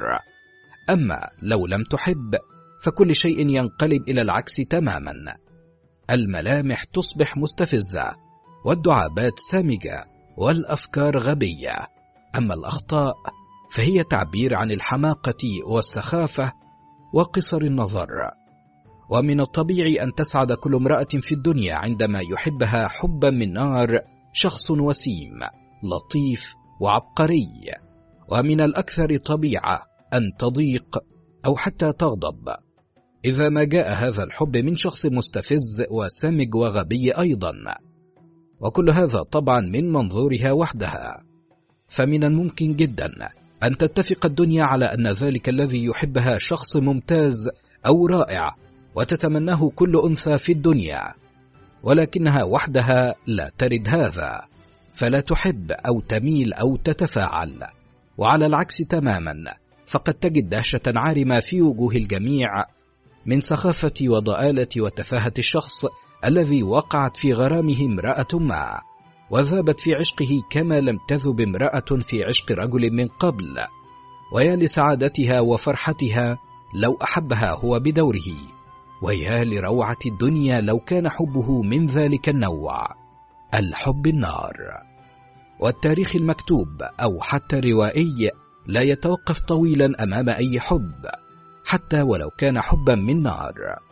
لو أنه حب من طرف واحد. ففي هذه الحالة يعتبر دوما نوعا من الحب اليائس البائس الفاشل. أما لو حدثت المعجزة وأصبح الحب من نار من الطرفين في آن واحد فلا أحد في الدنيا يمكنه أن يتجاهل هذا. أو حتى يدير عينيه عنه. فالنار تلتقي بالنار ليصنعان معا شلالا من اللهب. لا يمكنك إلا أن تتوقف أمامه مبهوتا ومبهورا.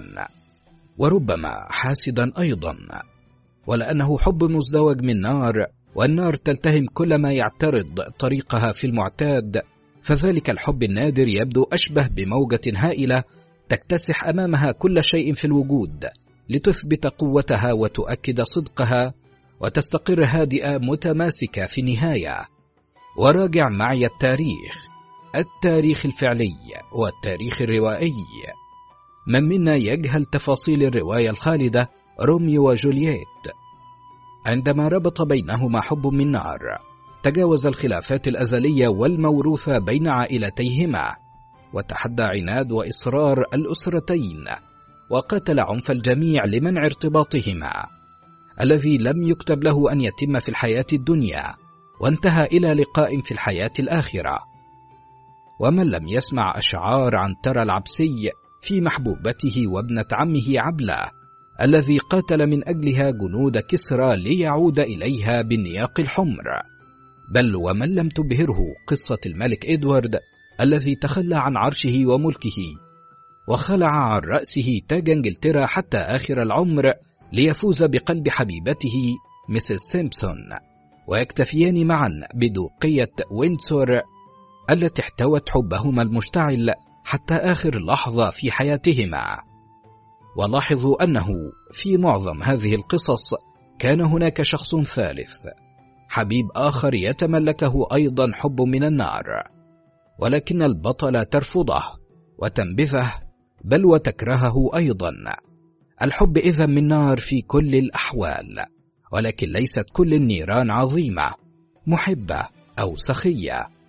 هذا ما علمنا إياه التاريخ وما لقننا إياه الأدب وما أكدته لنا الدنيا وما أوصلنا إليه التفكير المرتب المنطقي. عندما نناقش فكرة الحب الملتهب عندما يتملك الرجل تجاه المرأة. والآن علينا أن نتساءل عما يمكن أن يحدث لو أن العكس هو الصحيح لو أن المرأة هي التي تحب الرجل حبا من نار. صحيح أن الحالات المعروفة في هذا المضمار نادرة إلا أن هذا لا يعني أنها غير موجودة على نطاق واسع. كل ما في الأمر أن المرأة ليست لها الجرأة الكافية للإفصاح عن حب من نار يلتهم أعماقها تجاه رجل لا يشعر بوجودها. أو حتى لا يدرك هذا. ولأن ثقافتنا ما زالت شرقية ذكورية متزمتة. مهما بدا العكس في الآونة الأخيرة فالمجتمع يواجه المرأة بالصدمة والاستنكار والازدراء وربما النفور أيضا لو أنها أفصحت عن حقيقة مشاعرها تجاه رجل ما. فما بالك لو أن مشاعرها هذه من نار. لذا فقد نمت المرأة ونشأت وترعرعت وتربت على إخفاء مشاعرها وكتمانها بل وإنكارها في بعض الأحيان. ولكن هذا لا يمنعها من السعي المستميت للفوز بمن أشعل قلبها.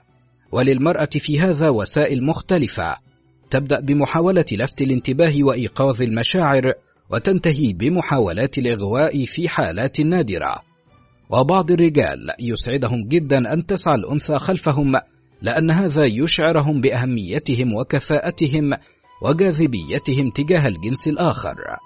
وهذا النوع من الرجال ينبهر إذا ما لمس نيران حب أنثى ما وربما سقط في حبها أيضا ويوفر لها مشوارا من السعي والتعب والمحاولة أو تروق له اللعبة فيتمادى في إظهار لا مبالاته لينعم بسعيها خلفه أكثر وأكثر والمرأة لديها ذكاء خاص في هذا المضمار بالذات وهي تدرك بسرعة حقيقة مشاعر الرجل تجاهها وتتخذ قرارها بناء على حصيلة دمج مشاعرها بمشاعره ومن منظورها الخاص جدا فقد تواصل القتال مع تغيير التكنيك أو تتوقف لالتقاط أنفاسها وإعادة دراسة الموقف. أو تدرك أنها تخوض حربا خاسرة فتنسحب. والحالة الأخيرة لا تلجأ إليها المرأة أبدا إلا إذا أدركت أن الرجل الذي شغف به قلبها واقع في عشق أخرى وأن تلك الأخرى تبادله عشقا بعشق. في هذه اللحظة فقط تدرك أن القتال عقيم وأن جبهة أخرى قد فازت بالنصر في المعركة وهذا ليس أمرا حتميا. بل من الممكن جدا أن تواصل المرأة القتال على الرغم من كل هذا. وعندئذ تتحول إلى كتلة من النار بالفعل. نار تحرق كل ما أمامها بلا رحمة أو شفقة وتلقي خلف ظهرها كل القواعد والتقاليد في سبيل الفوز بمن تحب. والفوز فقط والدافع هو الحب نفسه. الحب النار. وعلى الرغم من كل ما سبق ومن الصورة الملتهبة التي يصنعها الحديث عن الحب النار إلا أنه حب قصير المدى مهما طال عمره. تماما كالنار تحرق وتنتشر وتلتهم ثم لا تلبث أن تهدأ وتخبو وتنطفئ وتتحول إلى رماد ساخن سرعان ما يبرد ويبرد ويبرد. فمشكلة هذا النوع من الحب هو أنه يحتاج إلى حطب يزكيه باستمرار ويضمن اشتعاله على النحو نفسه طوال الوقت ومشكلته الكبرى أن طرفيه يعشقانه ويأبيان التخلي عنه أو القبول بتحوله إلى حب هادئ عميق مستقر. ولأن دوام الحال من المحال فمن الطبيعي أن تهدأ نيران الحب بالارتباط وأن يفقد سمته الأساسية الالتهاب. وعندئذ يغضب أحد المحبين ويثور وهذا أمر طبيعي لأنه يتفق تماما مع ذلك النوع من الحب الحب النار. خمسة ولي لا الحب عيب حرام خطأ. وهذا ما تربينا عليه في طفولتنا ونشأنا ونحن نسمعه من آبائنا ومعلمينا وأهلنا وكل كبير نلتقي به ويصنع من نفسه واعظا لتلقيننا مبادئ الحياة دون أن يطالب أحد بهذا. المدهش أن أحدا لم يحاول تحذيرنا من الكراهية والبغض والغيرة والحسد. كل المشاعر السيئة كانت بالنسبة لهم أمرا عاديا وسليما ولا غبار عليها. فقط الحب هو الخطأ. كل الخطأ. موروث عجيب توارثناه لقرون من الزمان وغرس في عقولنا وعروقنا وقلوبنا وحتى في نخاعنا. والعجيب أننا لم نتوقف لحظة لنتناقش هذه التحذيرات ونحاول فهمها واستيعابها. فما دام الحب أمر خطير وسيء إلى هذا الحد فكيف يمكن أن نناقشه؟ بل ومن سيسمح لنا بهذا؟ فمنذ عقود وعقود صنعوا أسوارا عالية وسميكه حول الحب. ذلك الشعور الغريزي الذي لا يمكن منعه أو كبحه أو تجاهله. ولان الحب ينمو في الأعماق ويجري في العروق مجرى الدم. كنا نعجز دوما عن مقاومته وكبحه. وكنا نحب ونهوى ونعشق. ثم نشعر بالذنب والخزي والعار. ولانهم نجحوا في عمليات غسيل المخ. وأقنعونا أن الحب حرام فإننا نشعر دوما بالتوتر كلما ساورتنا مشاعر الحب. وكنا نستغفر الله تعالى ونصلي كثيرا طالبين المغفرة فقط لأننا أحببنا ثم كبرنا وكبرت معنا مخاوفنا. وتعظم الشعور بالخزي مع الحب أكثر وأكثر وبالذات لدى الإناث. فالمجتمعات الشرقية بطبعها تركز عدوانيتها كلها تجاه الإناث. باعتبارهن كائنات سريعة وسهلة الخطأ مرهفة الحس من اليسير إيقاعها في فخ الحب والعشق من كل محتال. وكوسيلة لحماية الإناث اعتاد الكل محاصرة مشاعرهن وإرهابهن بأنهن سوف يواجهن العقاب والعار والغضب الإلهي أيضا لو أنهن احببن وأصبحت هذه هي القاعدة. أن تخفي الأنثى الشرقية مشاعرها. أن تحتويها. ولا تفصح عنها ابدا. حتى بعد أن ترتبط بزوج المستقبل وشريك العمر. تظل تلك القاعدة عميقة في رأسها. وفي كل ذرة من كيانها. ولان كل ما يستخدم ينمو وكل ما يهمل يضمر. فقد ضمرت مشاعر الأنثى. وجفت وتيبست وتحجرت. وبالنسبة لكل الأجيال السابقة على الأقل صار من العسير أن تفصح المرأة عن مشاعرها وحبها حتى لزوجها. والعجيب أن الحياة قد استمرت على الرغم من هذا. استمرت باردة باهتة جافة. استمرت لتحفر معالمها على وجوه المتزوجين والمتزوجات. على عيونهم وشفاههم حتى أصواتهم ولأن فقدان الحب يجعل الحياة سقيمة خشنة فقد اختفت البسمة من الشفاه. كما ستلاحظ حتما إذا ما راقبت وجوه السائرين في أي مكان. وانحفر البؤس والهم والغضب بل والثوره أحيانا على الوجوه كل الوجوه. السؤال الآن هو لماذا؟ لماذا نحارب الحب بكل هذه الشراسة؟ لماذا نتعامل معه بقسوة وغلظة وعدوانية؟ ولماذا؟ ولماذا؟ ما الذي نربحه عندما يخلو العالم من الحب؟ ما الذي يسعد حياتنا وعمرنا؟ الحب أيها السادة هو أعظم وأروع مشاعر في الوجود. فلماذا نقتله في أعمق أعماقنا ونمضي في حياتنا بدونه؟ لماذا نحذفه من قلوبنا؟ فلا يتبقى فيها سوى كل شعور سلبي. هل ألقيتم على أنفسكم يوما هذا السؤال؟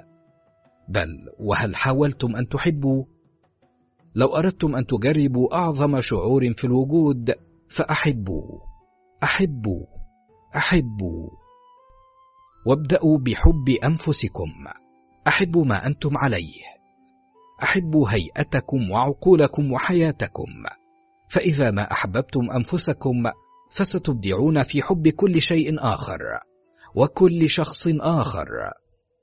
ابتسامة واحدة يوميا يمكن أن تكون بداية جيدة. ابتسامة كل صباح. ابتسامة لصديق أو قريب أو جار. ولا تندهشوا من هذا. أو تتعجبوه أو تستنكروه. بل حاولوا. ابتسموا للحياة. تذكروا المقولة الشهيرة اضحك تضحك لك الدنيا. اعبس تعبس وحدك. وتحرروا من كل مخاوفكم عن الحب ومن الحب. واستعيدوا ذاكرتكم. هل رأيتم يوما شخصا يحب؟ هل شاهدتم مدى بهجته وسعادته وحبوره وحيويته ونشاطه؟ هل هل راقبتم إقباله على الحياة وعشقه لها وطموحاته الكبيرة فيها؟ لو رأيتم وشعرتم وراقبتم وأدركتم كل هذا فاعلموا أن السبب الوحيد له هو أنه يحب.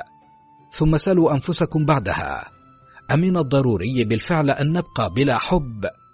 أمن المحتم أن نفتقد الحب والحياة والابتسامة؟ فإن عثرتم على جواب السؤال ونجحتم في التخلص من كل رواسب الماضي. فابدأوا مرحلة جديدة مرحلة الحب. وقبل أن تنزعجوا من كلماتي هذه ألقوا على أنفسكم سؤالا أخيرا. ولي لا ستة. النفس وما تهوى. ترى أية صفة بالتحديد يمكن أن تدفعك إلى الوقوع في حب شخص ما؟ أهي قوته؟ أم جماله أم طيبته؟ أم روحه المرحة أم أم. الواقع أنه لو أجريت استفتاء عاما بين المحبين لما أمكنك أن تحصر جوابا واضحا في هذا الشأن لأنه في هذه النقطة بالذات يختلف كل مخلوق عن الآخر اختلافا بينا. لا يرجع إلى طبيعته وشخصيته فحسب ولكنه يرتبط بجيناته أيضا. وبحياته ومنشئه على وجه عام. وربما كان لهذا العامل الأخير التأثير الأعظم في الغالبية العظمى من حالات الحب. فالطب النفسي يقول أن الإنسان يحب في الطرف الآخر أمرا افتقده في حياته ويسعى إليه طيلة عمره. الشخص الذي حرم من الحنان في طفولته أو عانى عذابا أو قسوة قد يقع في الحب إذا ما شعر بحنان الطرف الآخر أو دفء مشاعره. بل ويجد نفسه مدفوعا بقوة نحو أية لمسة حانية أو همسة رقيقة. لهذا قد تجد رجلا غاية في الوسامة غارقا حتى أذنيه في حب امرأة يرى الكل أنها تفتقر إلى كل مقومات الجمال أو الإثارة بل ويبدون دهشتهم الشديدة من شدة عشقه لها إلا أنه في الواقع منجذب إلى حنانها وما يمنحه إياه من شعور بالأمان والاستقرار. والعكس أكثر شيوعا وهو أن تجد فتاة رقيقة جميلة تعشق رجلا خشن المظهر أو يكبرها في العمر لأنها وجدت لديه الحنان الذي تبحث عنه منذ طفولتها. والابنة التي نشأت في كنف أب صارم متزمت قد تعشق في شبابها شابا مرحا منطلقا. فمشكلة الحب الرئيسية هي أنه يكمن دوما في جزء خفي عميق من كينوناتنا. جزء نجهل كل شيء عنه وحوله. جزء يثب من مكمنه بغتة في لحظة نجهلها ليسيطر على كل ذاتنا دون أن نملك له ردا أو دفاعا. وقد لا ندرك حقيقة ذلك الجزء الخفي أبدا حتى بعد أن نحب ونعشق ونتزوج وننجب أيضا. والواقع أن هذا لا يهم. ليس من الضروري أن نعرف ماهية الحب ولا لماذا أحببنا. المهم أن نحب وألا نضيع هذا الحب مهما كان الثمن. المشكلة أننا نخشى بشدة حالة الوقوع في الحب عندما نشعر بها فجأة. فالناس أعداء ما يجهلون وما يعجزون عن فهمه أيضا. ففي لحظة يكونون أحرارا وفي اللحظة التالية يجدون أنفسهم أسر الحب. هذا لا يعني أن الحب يحدث في لحظة أو من النظرة الأولى كما تحب روايات الرومانسية أن تقنعنا. إنما الواقع أن ننتبه إليه فجأة. ففي البداية يكون هذا انجذاب واهتمام ومتابعة و... وفجأة يأتي عامل ما ليفجر الحقيقة داخلنا دون تمهيد. حقيقة أننا نحب. وذلك العامل قد يكون غياب المحب أو مرضه أو عودته أو حتى لمحة عن احتمال وقوعه في حب شخص آخر. والفتيات أكثر من يدركن هذه الحقيقة حقيقة العامل الخفي للحب. فعندما تريد الواحدة منهن اختبار عواطف شخص ما نحوها تجدها تختفي من حياته فجأة أو تفتعل معه مشكلة وهمية أو تروي له مأساة مفتعلة. المهم أن تفجر داخله عاملا ما عاملا تجهله ويجهله. وعادة ما ينجح هذا الأسلوب تماما ولكن ليس بالضرورة أن يسفر عما تنشده الفتاة. فقد يدرك الشاب طبيعة مشاعره نحوها أو انعدامها أو هو لن يدرك انعدامها ولكنها هي ستدركه وسيتحطم حبها وقلبها وتتصور أن عمرها قد انتهى وأنها لن تحب مرة أخرى و ولكن الزمن يمر ويندمل الجرح ويشفى القلب ويتفتح ويأتي حب جديد واختبار جديد. وما تهواه المرأة في الرجل يختلف تماما عما يهواه الرجل في المرأة بسبب اختلاف نوعيتهما ومنظور كل منهما للحياة. وللحب. واختلاف المنظور هذا هو الذي يسبب كل مشكلات الحب والزواج والارتباط بين الجنسين. ففي آخر الأبحاث العلمية والتي ترفض الجمعيات النسائية الاعتراف بها في تعنت مضحك أثبتت الجينات أن الرجل كائن متعدد والأنثى كائن منفرد. وهذا يعني أن قلب الرجل يسمح له بالوقوع في أكثر من حب في آن واحد. في حين أن المرأة لا يمكن أن تقع إلا في حب شخص واحد في الوقت الواحد.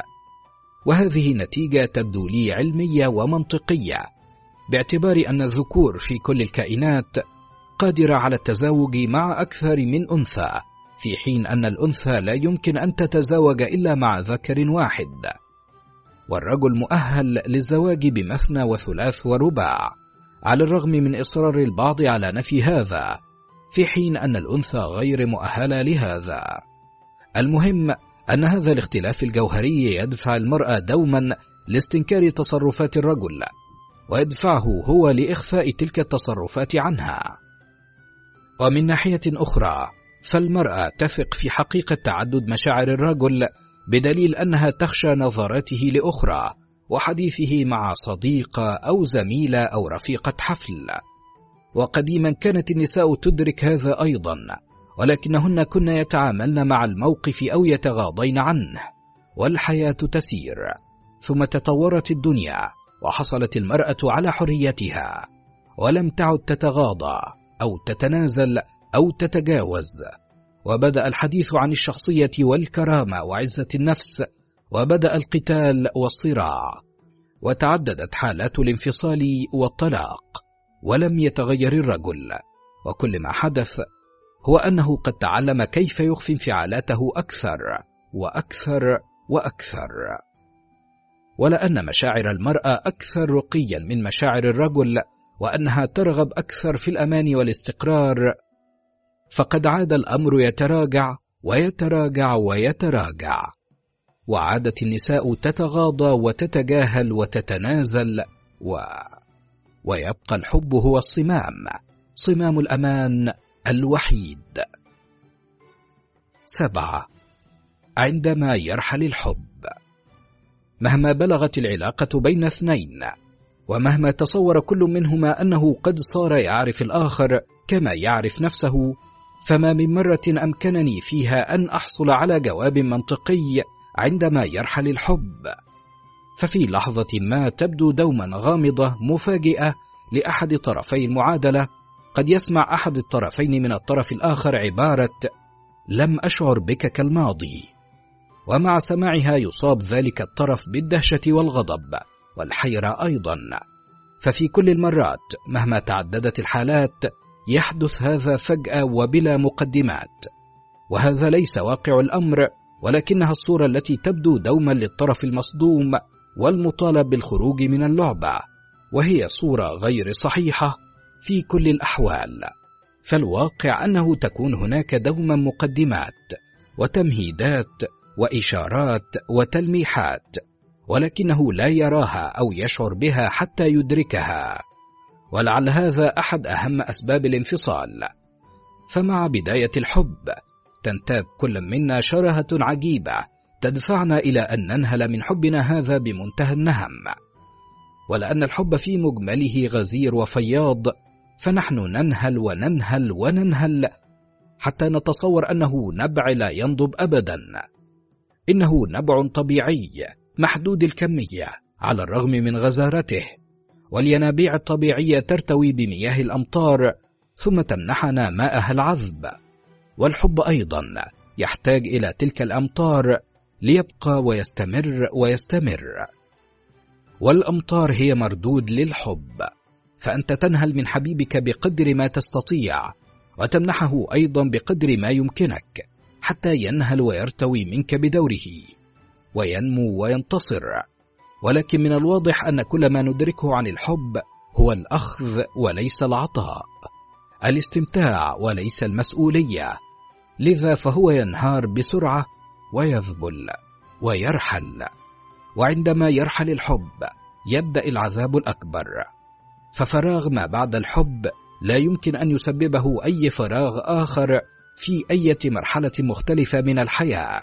وبالذات فراغ ما قبله. فقبل أن نحب نعاني من فراغ القلب ولهفته إلى الحب والتقارب وتبادل المشاعر والعواطف والأحاسيس ثم يأتي الحب ومعه يأتي كل هذا. ويخفق القلب وينتعش ويحيا كما لم يفعل من قبل أبدا. ومع استمرار الحب يعتاد المرء هذا الشعور ويدمنه ويتعايش معه وبه. ثم تأتي تلك الصدمة ويرحل الحب. ومع رحيله تنهار كل تلك المشاعر وتترك في القلب خلفها فراغا. فراغا هائلا كبيرا. فراغا ليس بحجم القلب بل بحجم الكيان كله وربما أكبر منه ألف مرة. وللوهلة الأولى قد يغضب المرء لأنه قد فقد الحب ثم ومع مرور الوقت يتحول الغضب إلى مرارة ولوعة وفراغ. القلب الذي اعتاد أن يخفق كطير سعيد توقفت خفقاته. وانهارت سعادته ولم يعد لديه مبرر واحد ليبقى في صدر محب قديم. وتنهار المشاعر كلها واحدا بعد الآخر. كما لو أنها كانت مربوطة كلها بخيط واحد خيط حب. وفي بعض الأحيان قد يؤدي هذا إلى مراجعة النفس ومصارحتها وكشف أسباب الرحيل. وفي تلك الحالات يتضاعف العذاب أكثر وأكثر وأكثر. فالمرء يدرك عندئذ أنه المسؤول عن الفراغ.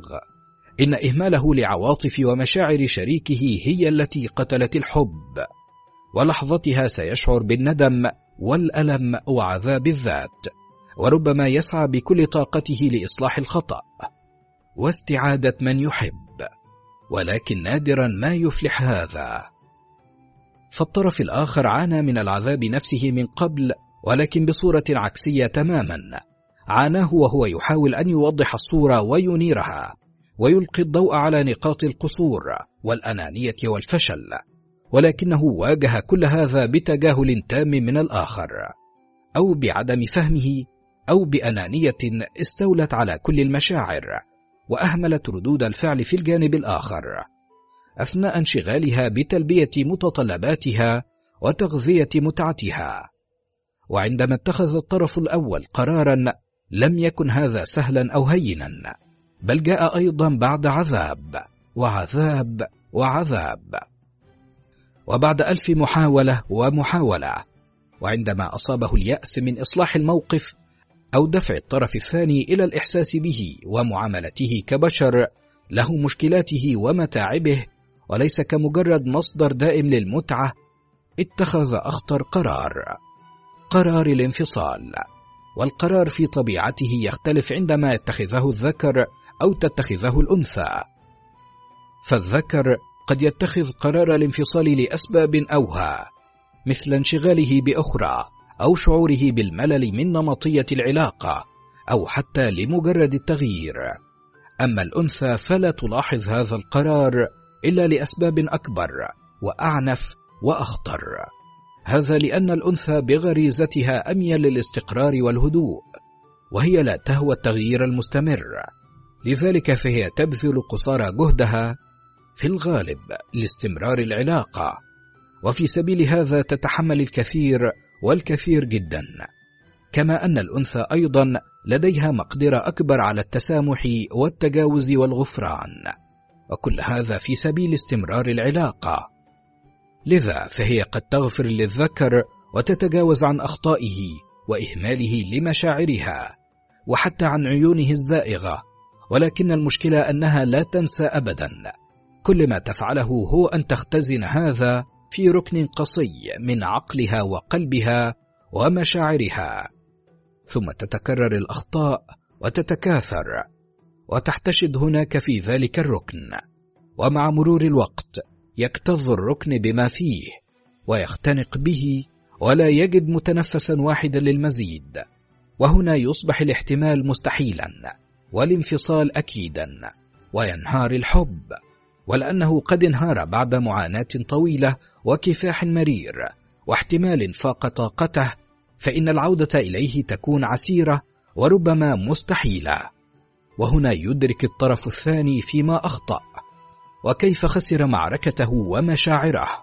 ويدرك هذا فقط عندما تنهار العلاقة وعندما يرحل الحب.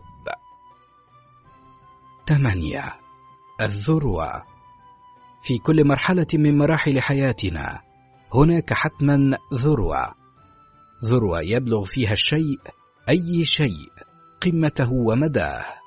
ويصل إلى أقصى ما يمكن أن يصل إليه. هناك ذروة للنجاح وللفشل وللغضب وللفرح وأيضا للحب. ولكن المدهش في كل الحالات هو أن الإنسان لا يدرك قط أنه بلغ ذروته. الشخص يمكن أن ينجح ويواصل النجاح والتقدم ولكنه لا يدرك قط أنه قد فاق أقرانه بكثير وأنه قد تجاوز كل الحواجز وبلغ ذروة لم يبلغها سواه. ربما يشعر الآخرون بهذا أما هو فينشغل بنجاحه عن إدراك ذروته. ثم تبدأ الذروة في الانحسار ويدرك المرء أين كان بالضبط قبل هذا. وهذا يحدث أيضا في كل الأحيان وبالذات في الحب. وبلوغ ذروة الحب أمر لا يدركه العديد من المحبين. إذ أنه من الطبيعي أن تتدرج المشاعر من الود إلى الإعجاب إلى الانبهار إلى الحب. ثم يتطور الحب ويتطور ويتطور. وإذا ما كان الحب متبادلا بين الطرفين فسيبلغان ذروته دون حتى أن ينتبه إلى ذلك. وذروة الحب أمر جميل. بل هو أجمل ما في العلاقات الإنسانية كلها. فمع ذروة الحب يتوقف الطرفان عن التعامل من منظور فردي ويبدأان الانتقال إلى المعيار المزدوج. كل شيء أصبح يرتبط بهما معا وليس بأحدهما دون الآخر. كل شيء. العواطف المشاعر والأحاسيس وحتى الأحلام. أفكارهما نفسها تحويهما معا. فلا أحد منهما يتخيل حياته من دون الآخر ولا يرى مستقبله إلا معه. الوجبة الواحدة لا يصبح لها مذاق إلا إذا تناولاها معا. الحلم يكمله أحدهما للآخر. رويدا رويدا وتمتزج روحاهما ويصبحان أشبه بشطري المخ. لا يمكن أن يعمل أحدهما دون الآخر وإلا أصيب الجسد بشلل كبير.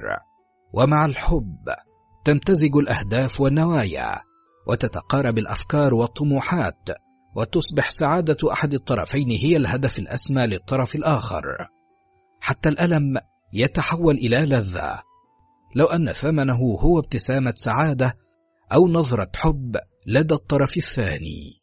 وعندئذ يكون الإثنان قد بلغ الذروة. ولكنهما لن يدركا هذا. لن يدركاه حتى تحدث الرجة. ومن المؤسف أنها تحدث دوما.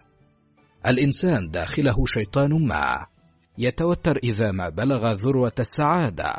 فيبدأ في نبش كل خلية من خلايا المخ في محاولة لإيقاظ لمحة ما. أي لمحة يمكن أن تفسد الهناء؟ والعجيب أنه ينجح في كل الأحوال. ربما النفس البشرية ضعيفة أو أنها أمارة بالسوء كما يقولون. ففي ذروة الحب لا بد أن يبدأ أحد الطرفين في التمرد على نحو أو آخر. والبداية تكون دوما من رفض الازدواجية. في مرحلة ما لا يمكن تحديدها قط يبدأ ذلك الشق الصغير في التكون وسط العلاقة الازدواجية الجميلة. شق يبدأ أصغر من أن يلفت الانتباه أو أن يتوقف عنده أحد وربما ينشأ من موقف أو حدث أو حتى كلمة قيلت. المهم أن شيطان الفساد يتلقى هذا ويضخمه ويضيف إليه عشرات الأحداث الصغيرة عبر علاقة طويلة. وهنا يتسع الشق ويتسع ويتسع. وفي لحظة ما تتهاوى الازدواجية وتعود الفردية للسيطرة. وكل طرف من الطرفين يبدأ الحديث عن نفسه عن مشاعره وأحاسيسه وعذاباته وآلامه. وعن كل ما تحمله لتستمر العلاقة. وكل شخص يفكر في نفسه فقط دون الآخر. ومع التفكير والفردية تبدأ مرحلة التحدي والرغبة في إثبات الذات. ويتسع الشق أكثر وأكثر ويتحول إلى هوة ساحقة وربما يتدخل البعض أو حتى يجلس الطرفان للمناقشة وتحل المشكلة ويعود المحبان إلى بعضيهما البعض. ولكن ليس إلى الذروة فالذروة قد ذهبت وإلى الأبد. ما حدث بينهما سيظل دوما أشبه بشرخ ما في لوح من الزجاج البلوري النقي. صحيح أنه لن يؤدي إلى انهيار الزجاج إلا أنه سيفقده نقاءه وشفافيته وسيظل الشرخ مرئيا دوما ويستحيل أن يعود لوح الزجاج إلى شفافيته الكاملة أبدا. وكذلك الذروة وأنها إما أن تكون أو لا تكون وأبدا لا تعود. الوسيلة الوحيدة للحفاظ على ذروة الحب إذن هي ألا نفقدها إذا ما وصلنا إليها. وهذا ليس بالأمر السهل وليس بالمستحيل أيضا.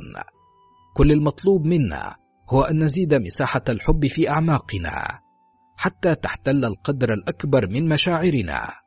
فتنزاح إلى جوارها كل المشاعر والعواطف السلبية الأخرى. أن نثق في من نحب في مشاعرنا نحوه ومشاعره نحونا. نثق في أن كل ما يفعله هو بدافع الحب وحده. وليس بأي دافع آخر. حتى لو أخطأ لابد أن ندرك ونثق في أنه لم يقصد هذا ولم يتعمده ولم يسع قط لإيذائنا. الحب هو الثقة والاقتناع والإيمان بحسن النوايا والمقاصد. لو افترضنا فقط حسن النية ستسير سفينة الحب في بحر الحياة. حتى لو انقلبت أو هاجمتها العواصف والحياة لا تخلو من العواصف وفيها يثبت الحب وجوده. فالحب لا يبلغ ذروته لأن المحبين يتشاركان ساعات الفرح والسعادة والهناء فحسب ولكنه ينمو ويزدهر. عندما يواجهان معا المصاعب والعواصف ولن نبالغ لو قلنا أن الأزمات تصنع حبا يفوق ما تصنعه أيام السعادة والهناء. بل تصنع ما هو أقوى من الحب الثقة. وما يساعد ذروة الحب على الاستمرار هو الثقة والثقافة وهدوء النفس. ولست أشك لحظة في أن نصف من سيقرؤون هذا المقال سيسخرون من كل كلمة جاءت فيه وسيؤكدون أن الحب نفسه لم يعد موجودا. فما بالك بذروته؟ ثم إن بعضهم سيشكك في نمو العواطف والمشاعر في مثل هذا الزمن الصعب زمن المادة كما يطلقون عليه. والواقع أنني أشعر بالكثير من الشفقة على من يفكرون بهذا الأسلوب ومن حرموا أنفسهم من الشعور بأسمى عواطف البشرية فالحب موجود دوما مهما تعقدت الحياة أو زادت ماديتها. بل إنه ينمو ويزدهر أكثر في المجتمعات المغرقة في المادية نظرا لأن الناس يكونون فيها أكثر حاجة إلى الحب وإلى كل العواطف. كل ما في الأمر هو أن البعض أصيب بحالة من جفاف المشاعر أو عدوى القساوة. مبررا هذا بصعوبة المعيشة وضعف الإمكانيات أو غلظة تعامل الناس مع بعضهم البعض. ولست أظن الدنيا يعنيها هذا. فمهما كانت مشاعرنا وظروفنا وسبل عيشنا فسنحيا مرة واحدة لا غير. مرة ينبغي أن نستمتع فيها بكل ما أحله لنا الله سبحانه وتعالى. إذ من الجحود أن يمنحنا نعمته عز وجل فنتجاوز عنها لأي سبب كان.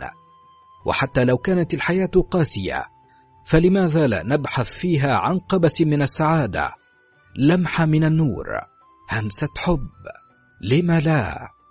سل نفسك هذا السؤال وابحث عن جوابه وتذكر أنك ستحيا مرة واحدة وذروة واحدة في النجاح والحياة والحب.